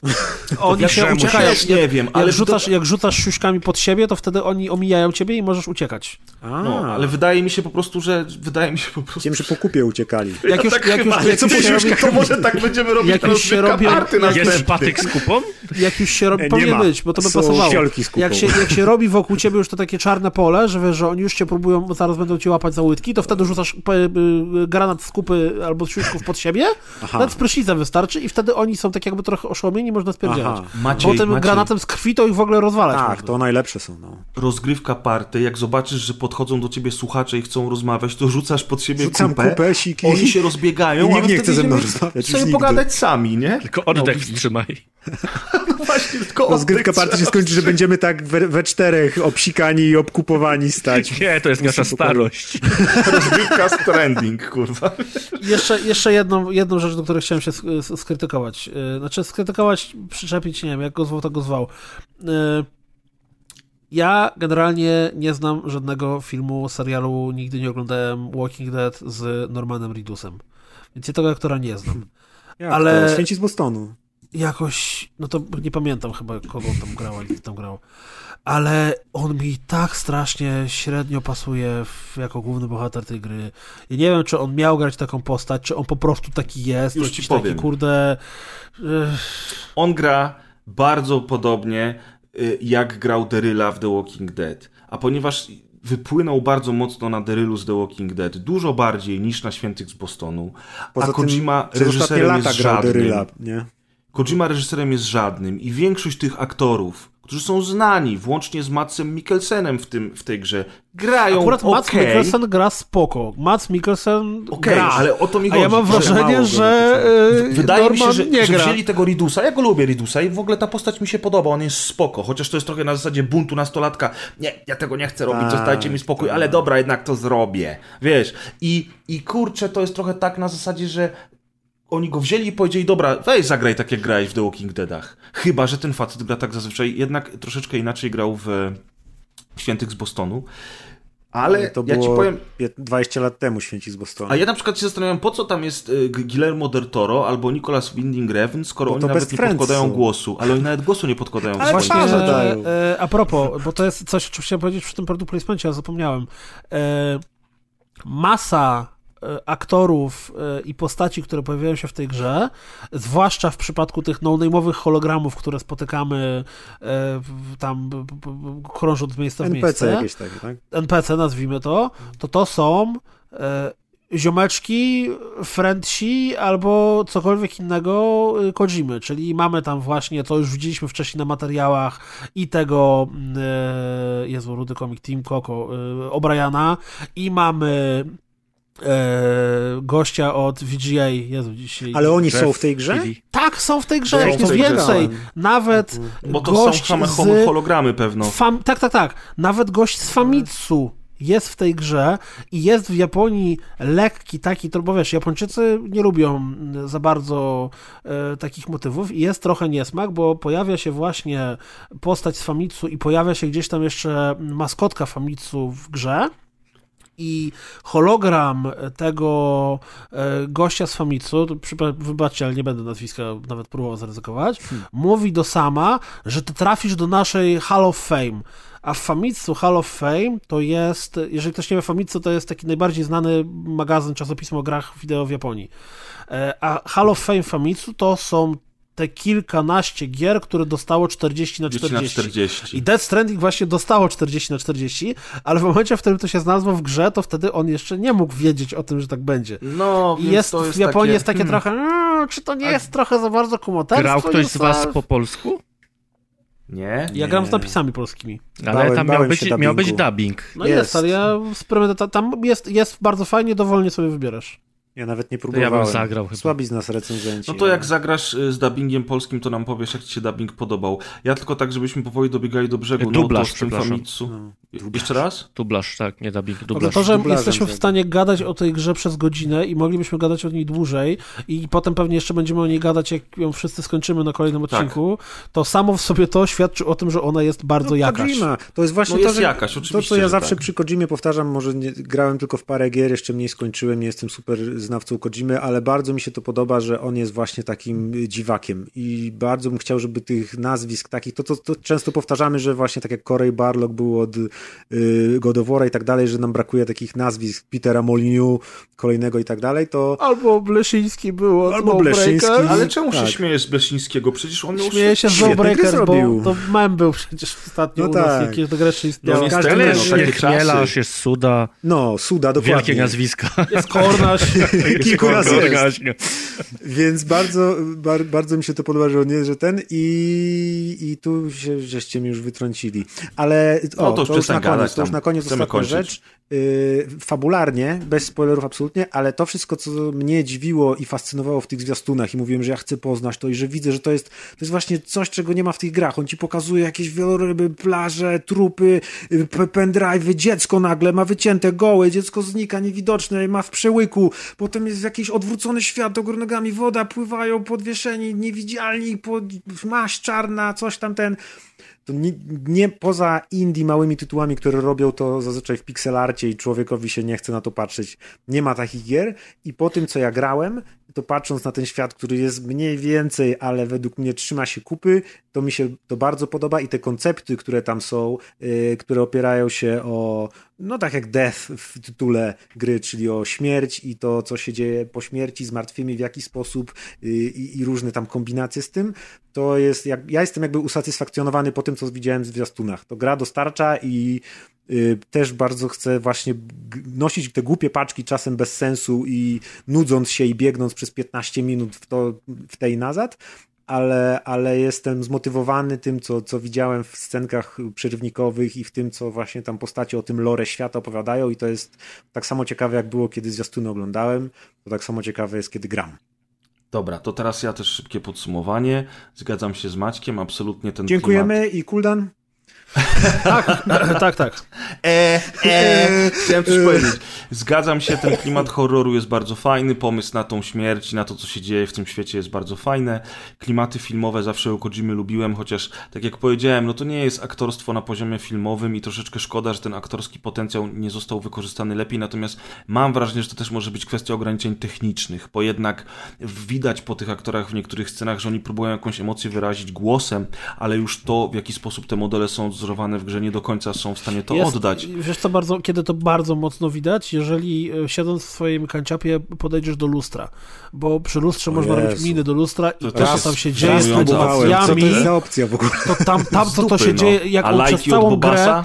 Lajki od Bobasa są spoko, to jest wpisane Daj w świat W ogóle, że się lajki dostaje w tym świecie. No i to, tam że- tam walutą przecież- są lajki w ogóle. Ale nie? nie To tylko walutą są powiedzieć. lajki, przecież tam w którymś Kojima momencie ostrzega nas przed notatek, internetem i walutą są lajki w tej grze. No, ale przecież dalej. w jednej z notatek pada, że tak jak jest oksytocyna, to też jest lajkcyna, taki sam hormon, który się wydziela, jak dostajesz lajki, więc No proszę, to jest no ważne w tym właśnie, świecie ludzi Dlatego to można lubić, to można tak lubić, jaram. a nie trzeba. To, to po prostu jest. No i tak to, to tak to jest. Ale co, chciałem, powiedzieć, że, tak, jak sam, sam przez całą grę jest y, taki bardzo stateczny i mało się odzywa i ma Generalnie, nawet jak jebnie sobie byku monsterka, to ma taką minę bardzo spuszczoną, na, tak. tak zblazowaną, to jak podejdziemy do tego lustra, to można mu tam kazać robić miny. I to, co się dzieje przy tym, to jest generalnie Nightmare Fuel.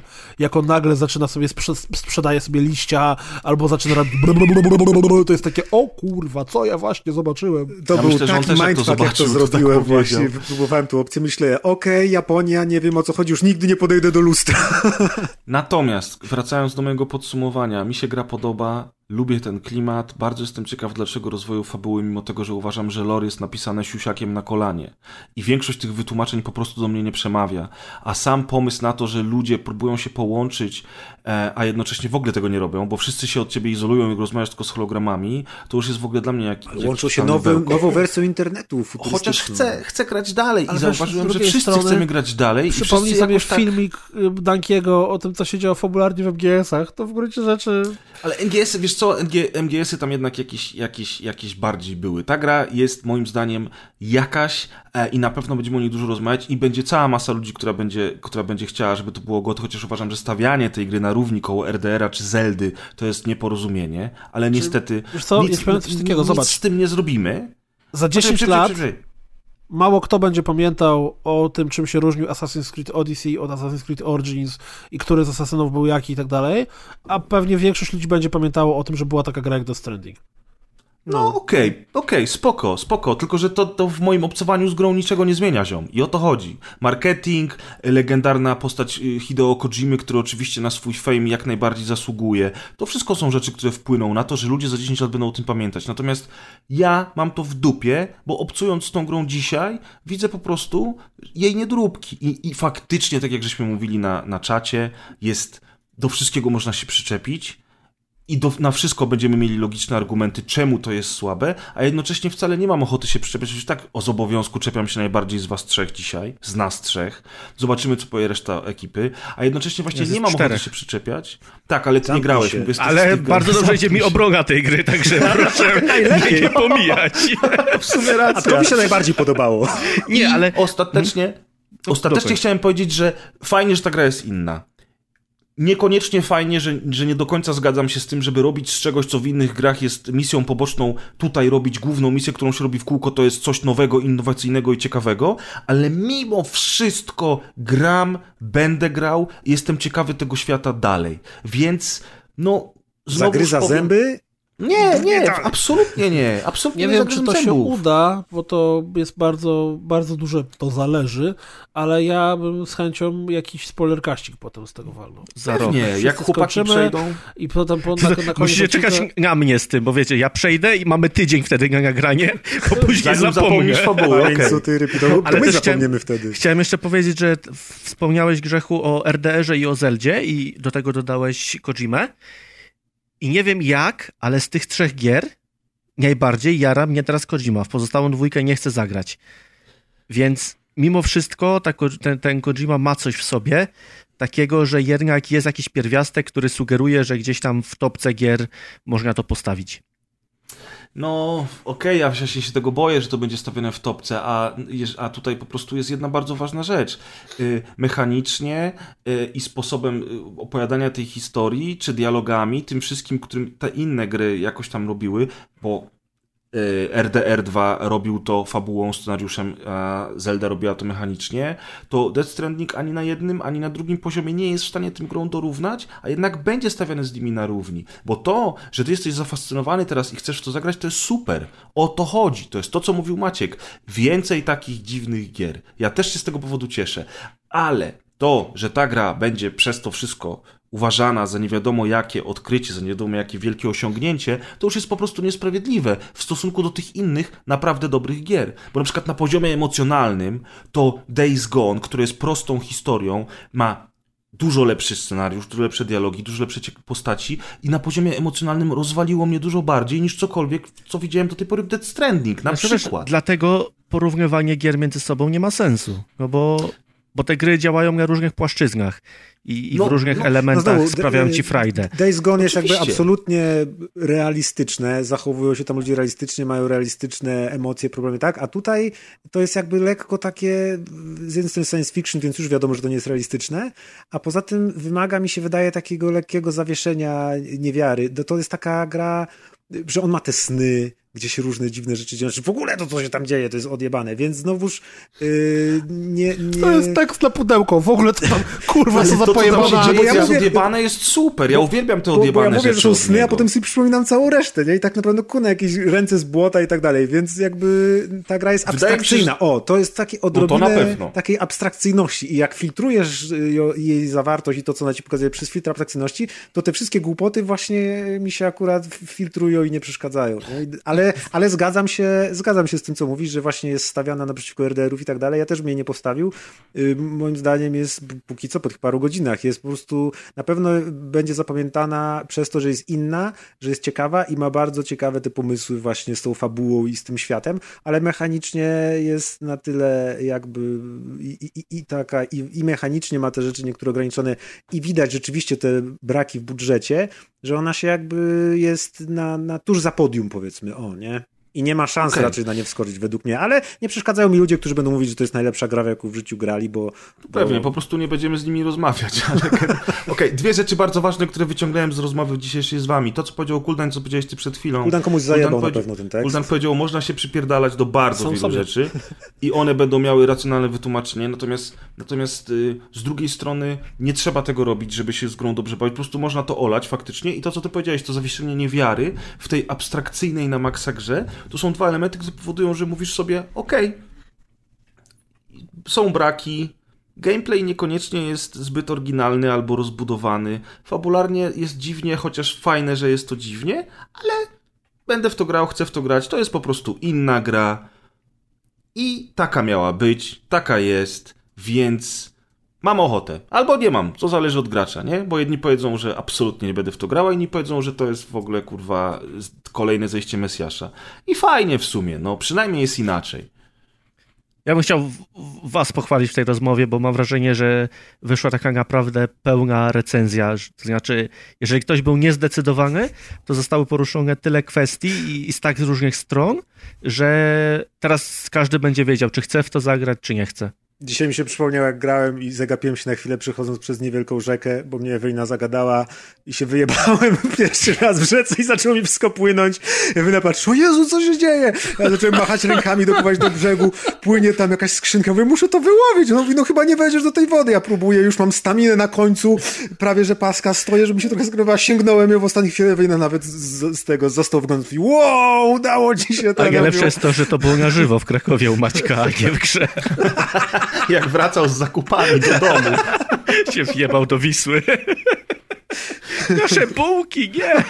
Muszę je wyciągnąć! Trzeba przyznać, że jest to jedna z niewielu gier, gdzie można się wyjebać na ten głupi I ryj. w najpiękniejszy sposób, jak, w jakiejkolwiek grze. No.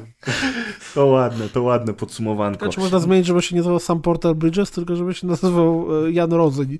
Weź mnie, nie mów o tych ich nazwach imion, kurwa. Ale w ogóle że właśnie, że on jest Bridges, na- nie? I Nazwisko Porter, Bridget. bo jest Wszystko porterem, jest a Bridges, Bridge. bo firma się nazywa Wszystko Bridges. jest od bridge, że mosty, że łączymy Ta, ludzi. ta, ta, no łączymy, łączymy Amerykę, Ameryka, Made America Kojima again. Słuchajcie, przechodzimy do działu y, reklamowego. Ja chciałem po, poreklamować troszeczkę y, nową recenzję Hadera, która się pojawiła u nas na stronie gry The Beast Inside, która jest y, polską produkcją z bardzo ładną grafiką i którą Hader zachwala po prostu totalnie.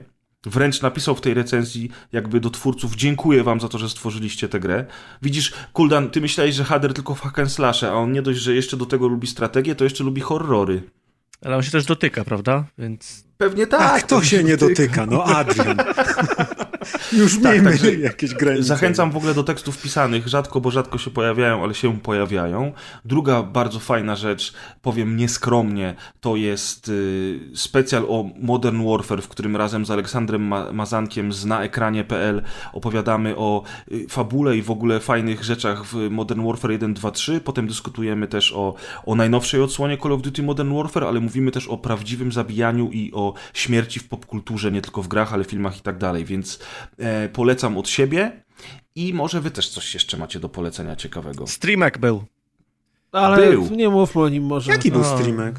A, był. Formogatki?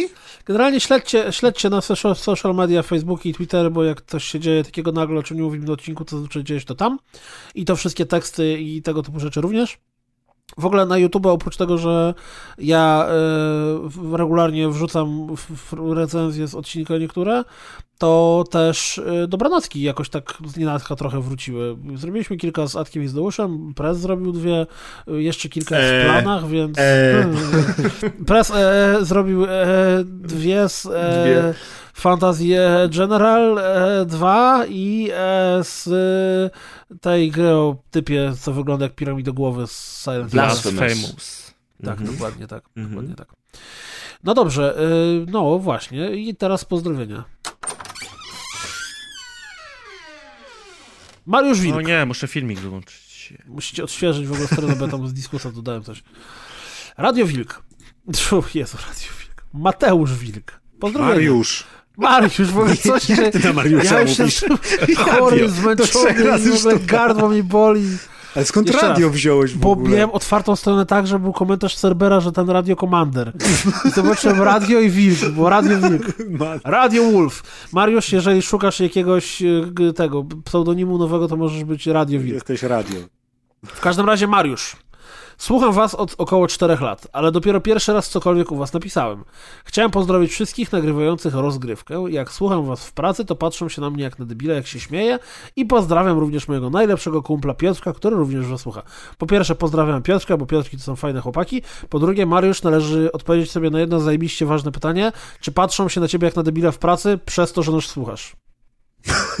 Dzięki Może Mariusz, przykład- słuchałeś. Szkoda, że już straciliśmy Może słuchacza. pięć lat temu tak samo że Mariusz wreszcie się zdecydował, żeby napisać komentarz tylko po to, żeby Kuldan zrobił z niego bekę. No właśnie po to się pisze te komentarze przecież. On żeby- się odważył, cztery lata, słucham, myślę, napiszę, to jest ten dzień, teraz, Teraz- przeczytają teraz, moje e, Po czym pozdrowienia, Kuldan teraz trzy radio. razy myli jego nickname, Po a czym- później go obraża. O, w rozgrywce tam 200, 297 za 4 lata będzie po raz kolejny po 4 latach odważyć się powiedzieć Kuldan, ty głupi chuju, jak mogłeś? Zjebałeś mi życie. Wszyscy mówią mi teraz radio. Ale Radio Był taki Wolf film z Kubo Gooding Juniorem Radio, nie wiem czy znacie, on tam grał takiego upośledzonego chłopaka. To, o, o, idziemy dalej, widzę. Dobrze, prez dołącza do szkalowników. Nie, to, nie, nie to miałem na myśli, po prostu bardzo dobry film, To na polecam. Porkajta coś teraz powiedz, śmiało. Okej, Porkite y, pisze tak, pozdrowienia, pozdrawiam wszystkich bardzo. No i wszystko by było fajnie, ale nie dałeś kropki na końcu, nie? No nie. Ale słaba Ten wrzuta, komentarz się nigdy nie kończy, nie wrzuta. przejdziemy dalej. Nie, bo on wszystkich tak bardzo pozdrawia, że nie ma kropki na końcu Ale zdania. chciałem powiedzieć, że 24 dni temu Porkret napisał pozdrawiam wszystkich by. Więc to jest komentarz, który się rozwija, Postęp, bo postęp. e, miesiąc temu Porkret napisał pozdrawiam. Więc totalnie ja tutaj widzę, to jest że Porkite jest, jest tutaj... e, Za pięć lat będzie Za pisać 5 takie lat te- będziemy mieli pełen komentarz. Będzie A pozdrawiam na końcu wszystkich będzie bardzo. wszystkich, tylko nie Deusza. Albo O Jezu. Dobra, Marcin ma 11. Pozdrawiam, kropka i tyle. Kropka. Super, Marcin, dziękujemy. Super. Patrzcie, Super, Marcin, dzięki, fajnie. Dzięki, dzięki, że nie ma obrazków żadnych. Super. To teraz, żebym ja się nie pomylił. Himareon. Himareon? Przeczytam po polsku, bo myślę po polsku. e, więc tak. I Biop do specjalna. No ale, ale jak do specjalna? No to czytaj, czytaj. Ale to nie do... Biop do specjala, bo tam pewnie nikt nie przeczyta. Okej, szybko się wyjaśniło. Panie wojewoda, wielka tajemnica przemiany atomówki w EMP polega na tym, że EMP i atomówka to jedna i ta sama bomba. Tylko wysokość odpalenia reguluje, czy usmaży elektronikę, czy użytkowników z Mi się elektroniką. bardzo podoba to wytłumaczenie. I resztę ekipy też pozdrawiam. Oraz baranki, nudle i dziedziaczki w słoikach robiących za lampki nocne. Ja tylko w, w gwoli wyjaśnienia zastanawialiśmy się na specjalu o Modern Warfare 2 i o scenie z atomówką w, w, na orbicie kuli ziemskiej. Yy, Aleksander sam przyznał, że nie do końca wie jak to działa, ale bardzo dobrze wyciągnął tezę z dupy i się domyślił i Himareon jeszcze jedna osoba odpisały nam właśnie o, mm, o tej atomówce. Okazuje się, że to jest w ogóle wszystko bardzo, bardzo prawdopodobne i że tak to działa. Więc okazało się, że bardzo dużo rzeczy w tych starych naszych kochanych Modern Warfare było przemyślane i, i sprawdzone No najpierw przez w jakichś tam ludzi. filmach też kojarzę coś takiego było, że zawsze tam, gdzie wybucha atomówka, to też w jakimś tam promieniu smaży elektronikę. Tak, tak, tylko że wiesz, że tutaj jest w ogóle cały, cały, cała rozkmina No tego, tak, że... że... wy tam rozkminialiście jakieś Nie, nie, nie, te- ogólnie pamiętasz tą scenę w Modern Warfare 2 Tak, przecież? bardzo fajna była.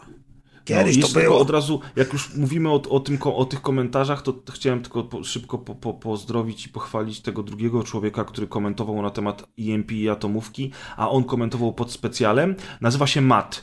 Matt nas słucha, dziękujemy, pozdrawiamy. Mateusz pewnie. Przez ile te, Mat? Przez dwa T.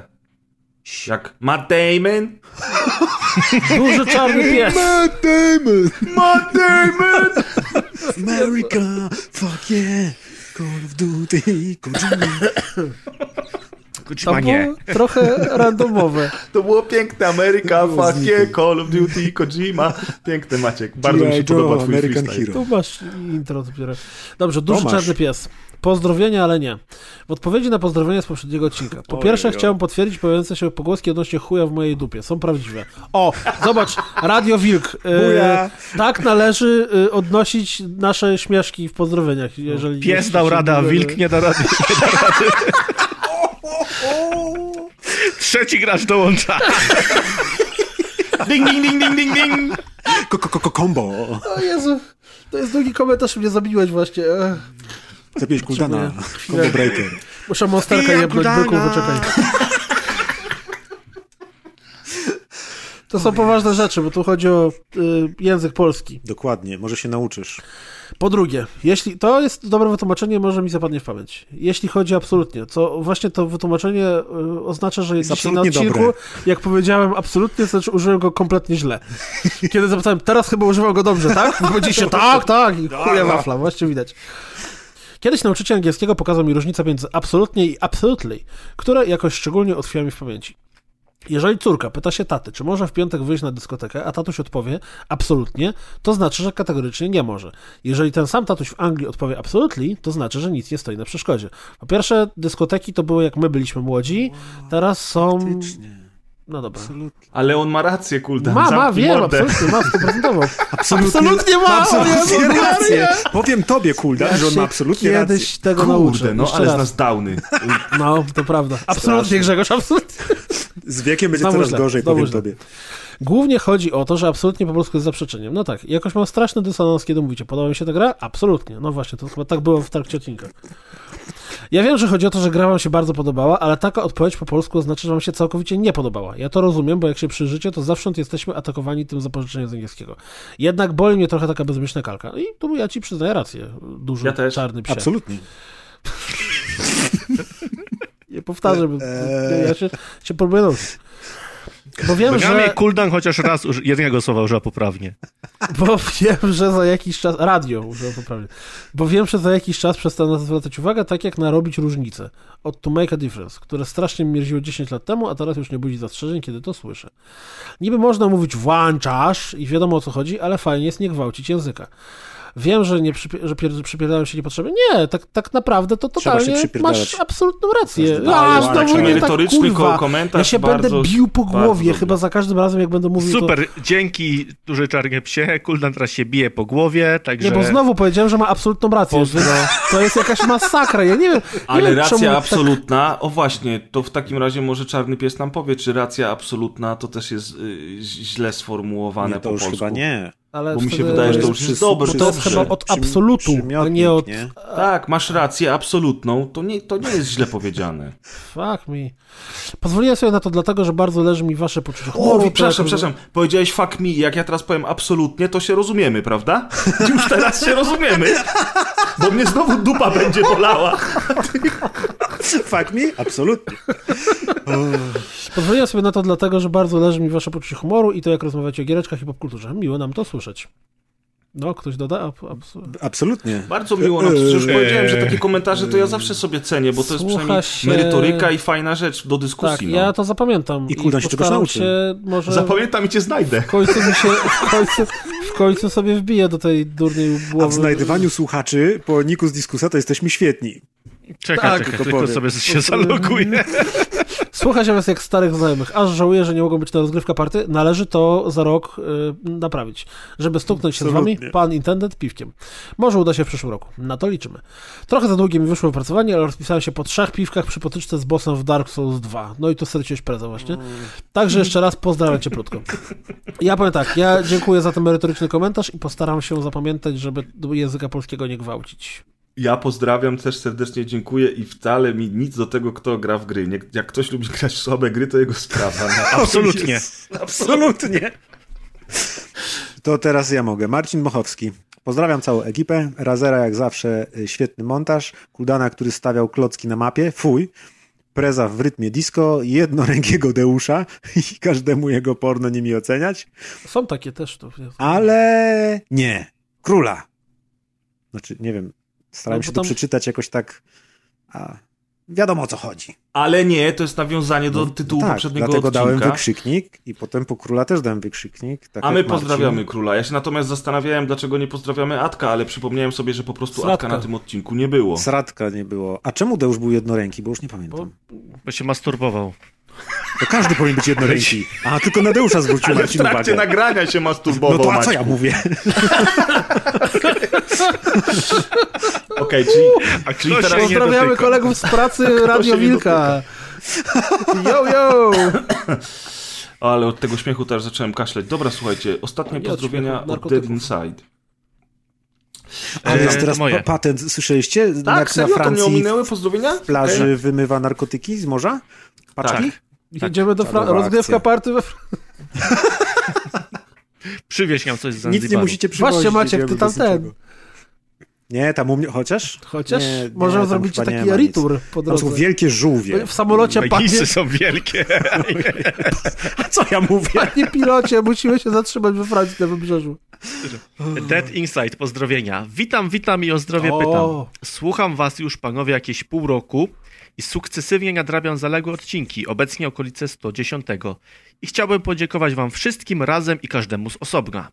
Po pierwsze, Razerowi, twoje intra to po prostu mistrzostwo za każdym razem. Początek odcinka przyprawia mnie o wielki uśmiech, a czasem nawet głośny śmiech. Co musi dziwnie wyglądać dla Czechów, z którymi pracuję. to nie XD. rozumieją nic to, wiesz. to nie ma. Po Słuchaj drugie, na głośniku, zobaczymy co zrobią. Twoje poczucie humoru i szpile wbijania współprowadzącym są cudowne, a za ilość muzyki, którą podłapałem od ciebie, to nie wiem, jak się Patrz, to jest ciekawe, twoje No poczucie super. humoru i szpile wbijane, to, to innymi słowy, jak nazwać, to się z chujem, nie? Absolutnie. Absolutnie. Eee, Po trzecie, Kuldanowi, ja nie wiem, czy teraz czytać te, te, te, powiedzę, te pozdrowienia. to chyba była szpila, Atyk. Za całą robotę wkłada, wkładaną w codziennik i pomysły na rozpoczęcie odcinków podczas podcastu. Ogromny szacun chłopie. On to kradnie wszystko. Dokładnie, dzisiaj wam powiedzieliśmy, jak to jest.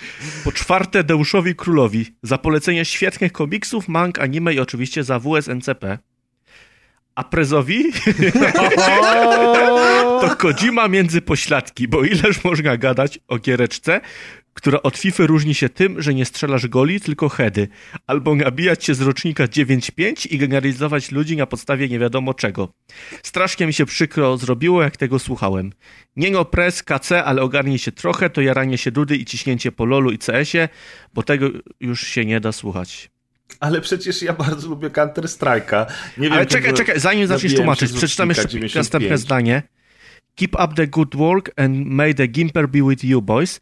Co oznacza, że on ogląda youtuberów, także I to jeszcze elo! Gimpera, więc tu Usuń. No to bo to minusik 95 będzie ode rocznik, to dlatego. Ja się przyznaję, to mój minusik jeden. To mój też. Są dwa pięknie. A mogłeś, wystarczyło Było Gimpera nie bliziutko, wspominać. bliziutko. Mogłeś ja zatrzymać też. się po moich Brawo, So pozdrowieniach. close, so close. Ale jako, że to pozdrowienia, to chciałem. A, że to pozdrowienia, to chciałem też pozdrowić Cinka, Gałę, Edwarda, Antosia, Śmigła, Kenego, Gordama, Larfę, Kubka, Nikolasa, Łukasza, Kłacha, Boldysa, Ajankę, MCeta, Zajkosia, Oczko, Karadlopa i wszystkich innych ludzi, których poznałem szwendając się po rozmaitych najmniej, serwerach, dwie, czy to TeamSpeak, czy co najmniej Discord. dwie osoby z tych wymienionych są poszukiwane przez policję listem gończym. Cinek i Gała. Jak no tak, to- tacy dobrzy jesteście z dyskusa i wyszukiwania ludzi, to musicie ustawić potem, żeby pozdrowienia ludzi powyżej 95 rocznika nie wchodziły nam na serwer. Ale że ja się jarał, nabijał z CS-a, to nie pamiętam. No trudno, no. I z Lola jeszcze. No teraz się ponabijaj, I żeby z było, Lola wiesz, w ogóle. Z Lola to chyba tak, zawsze, nie? Nienawiści do Lola, tak? E. Mistrzostwa Świata, teraz był finał Mistrzostw Świata z Polakiem. E, nie Polak. Na pewno nie żółty. G2, tylko ci, ten drugi.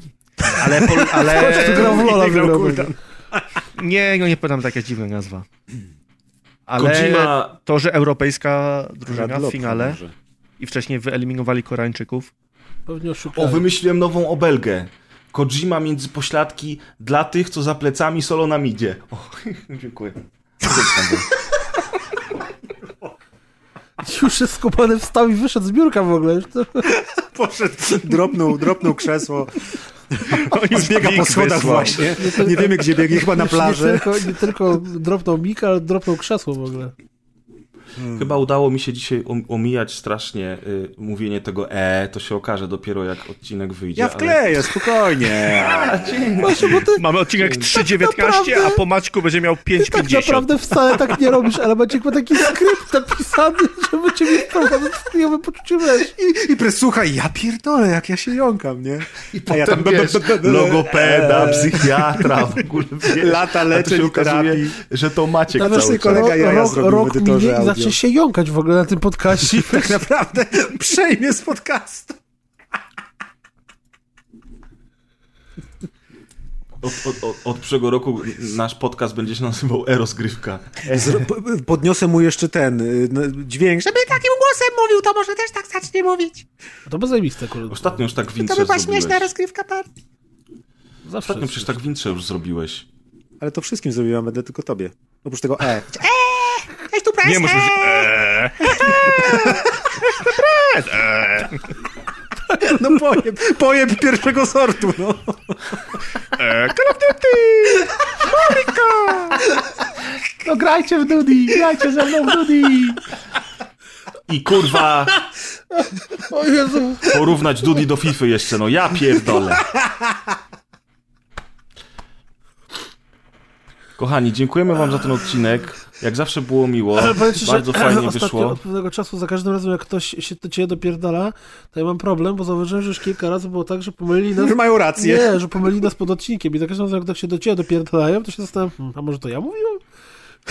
Dlatego ja, dlatego ja Na pewno mu zajebałeś. Spróbował Counter Strike'a, w którego gram zawsze na, wiesz, na lamparty, podpierdolka nie? z Counter Strike'a i Lola? Hmm. Brzmi jak kuldan. A, ty, a zobacz, a tymczasem ja ci podpierdoliłem hejt od słuchacza, widziałeś? Zrobimy za te eksperyment. teksty. Na redakcyjnym czacie będziemy obrażać jakieś gry i sprawdzimy, czy Kuli będzie je obrażał później na podcaście. Nie zestraj się. Chociaż nie, już za późno. Już za późno. Nie zdradzaj kulisów nagrywania odcinka. Taki protip. Patrz, a jeszcze nie grał w Death Stranding, a już się zestrał. Dawno nikt mi tego nie mówił i wyszło szydło z wora. Już nie bądź taki skromny. To tylko szydło, czy jednak Ale z worka mu wyszło. Już nie bądź taki bardziej. sam Porter Bridges. niż szydło? To co, panowie? Do brzegu? Do brzegu. A propos Death 15 Stranding w ogóle. Ładny czas. Dobijamy do brzegu? Krótki odcinek, cztery gry. No, miało być tak pięknie. 3,5 godziny, no. Ale za tydzień będzie odcinek dopiero. O, będziemy jeździć. O, ale będziemy, ale będzie Za jazda. tydzień? Za dwa tygodnie. Za dwa. Za tydzień będzie rozwyszanka. się bałem, że czegoś Za nie ty, wiem. bo, bo się formogatki najlepszej nie może doczekać. Nie, za tydzień, tydzień za będzie tydzień będzie rozwyszanka. A za dwa tygodnie będzie kolejna rozgrywka z grami. O, będzie wtedy. Fajno, fajno. To do usłyszenia za tydzień. Trzymajcie się i dziękuję wam Pa, panowie pa. za A to nagranie. nagrywanie Pa, pa. Za to nagranie wam A, dziękuję. ale Czopie. będziesz za tydzień do usłyszenia. Nie. Okej, No to papa, cześć. Adek wyłączył jego już Zakończ. nagrywa. A, teraz możemy gadać Czekaj, jak to było z tą flaszką? Kończcie flaszkę i do domu. Adek Radek. Dobra, wyłączam. Papa. Don't be so serious.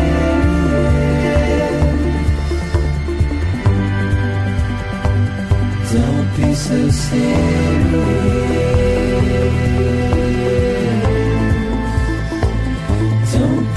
Be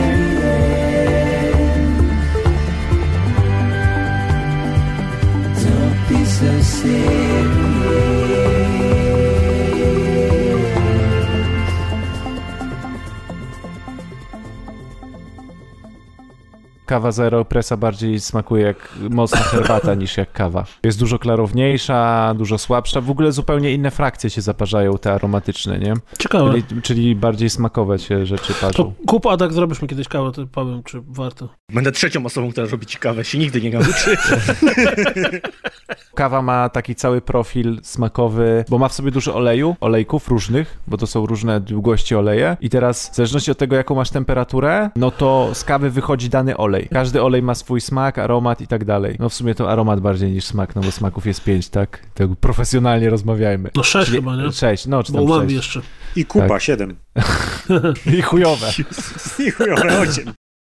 Raz, Delikatnie, myślę, że znowu jęczy pizdę, wiesz, tak na głos. Nie no, ale oni eee. zawsze wszyscy jęczą pizdę. Dobra, wiesz co, dajcie bo Dajcie Maciek prowadzenie szybkie. Wrzuci. Nie, bo Puli. Maciek znowu to gdzieś wrzuci. Puli wyślij ja link, zrobię ci remix. Będę wiedział, o co chodzi. Ja ci wrzucę zaraz. Jęczą pizdę. Jęczą pizdę.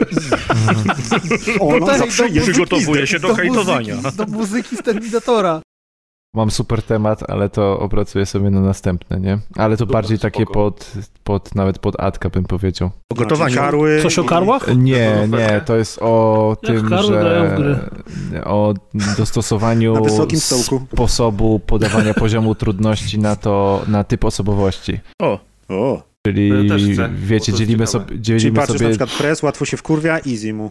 Nie, w ogóle, bo tam wiesz... Od kiedy ja gram na easy? No, bo jest jakby tak kilka działa. sposobów dozowania tego opcja, pokoju no, tego. poziomu trudności, no i w zależności od tego, jaki masz typ osobowości, czy tam cechy osobowości, to jak się do, odpowiednio dostosuje tryb trudności w danej grze, no to po pierwsze czerpiesz więcej fanu, a po drugie dużo lepiej w to grasz. Więc... Jak kamerka widzi Atka, to wyłącza grę i nie, nie włącza. Nie, były takie ten, do horrorów takie urządzenia, że w myszce miałeś czujnik Aha. pulsu. Albo to było w tyłek. Do jakiegoś no, ale to, albo ale, to, ale, Nie, do tego tak. na palcu, a były też takie, że w e, myszkach. Ale mi bardziej chodzi o takie skomplikowane typu, typ osobowości, jeśli chodzi w ogóle mhm. o tam te pierwsza, e, tam ta wielka piątka osobowości, tak? Czy jesteś bardziej neurotyczny, czy otwarty i tak dalej, i tak tak dalej, nie? Więc aż w ogóle twoimi cechami osobowościowymi wrodzonymi, nie? Próbnikiem Podział. w odbycie się gra. Dokładnie. Bo tak się bada osobowość. To a propos publika w odbycie, tak mała ciekawostka. Rozgrywka 196. Mała ciekawostka. E, w MGS-ie, e, pierwszym MGS-ie był e, taki przedmiot, który się nazywał diazepam. I to był przedmiot, który zażywałeś, żeby ręce ci się nie trzęsły, jak strzelasz. Tylko Ale problem to jest taki... coś takiego przecież, Absolutnie, jak najbardziej bardziej to jest prawdziwy lek. Problem polega na tym, że ten lek najczęściej podaje się w ramach wlewek do odbytniczych. Więc ten Snake, który tam leżał ze snajperką, ja momencik szybko wleweczka. I można strzelać. To ja lecę, zaraz wrzucę ja na serwer. Też lecę. Dzięki wam i trzymajcie się. A jeszcze 4 godziny. Okej. Okay. Ale prac, pracka, czy... Nie, no żartuję, też lecę, no kurwa. Myślałem, że przy komputerze będzie, ale nie, to jest będziesz paczki doleczeć. Patronami montażu są... Łódzki Dom Kultury. Pres lubi anime! Baseball. Ser. Paweł Las Jedi 84, Rumiński i Faza. Mm.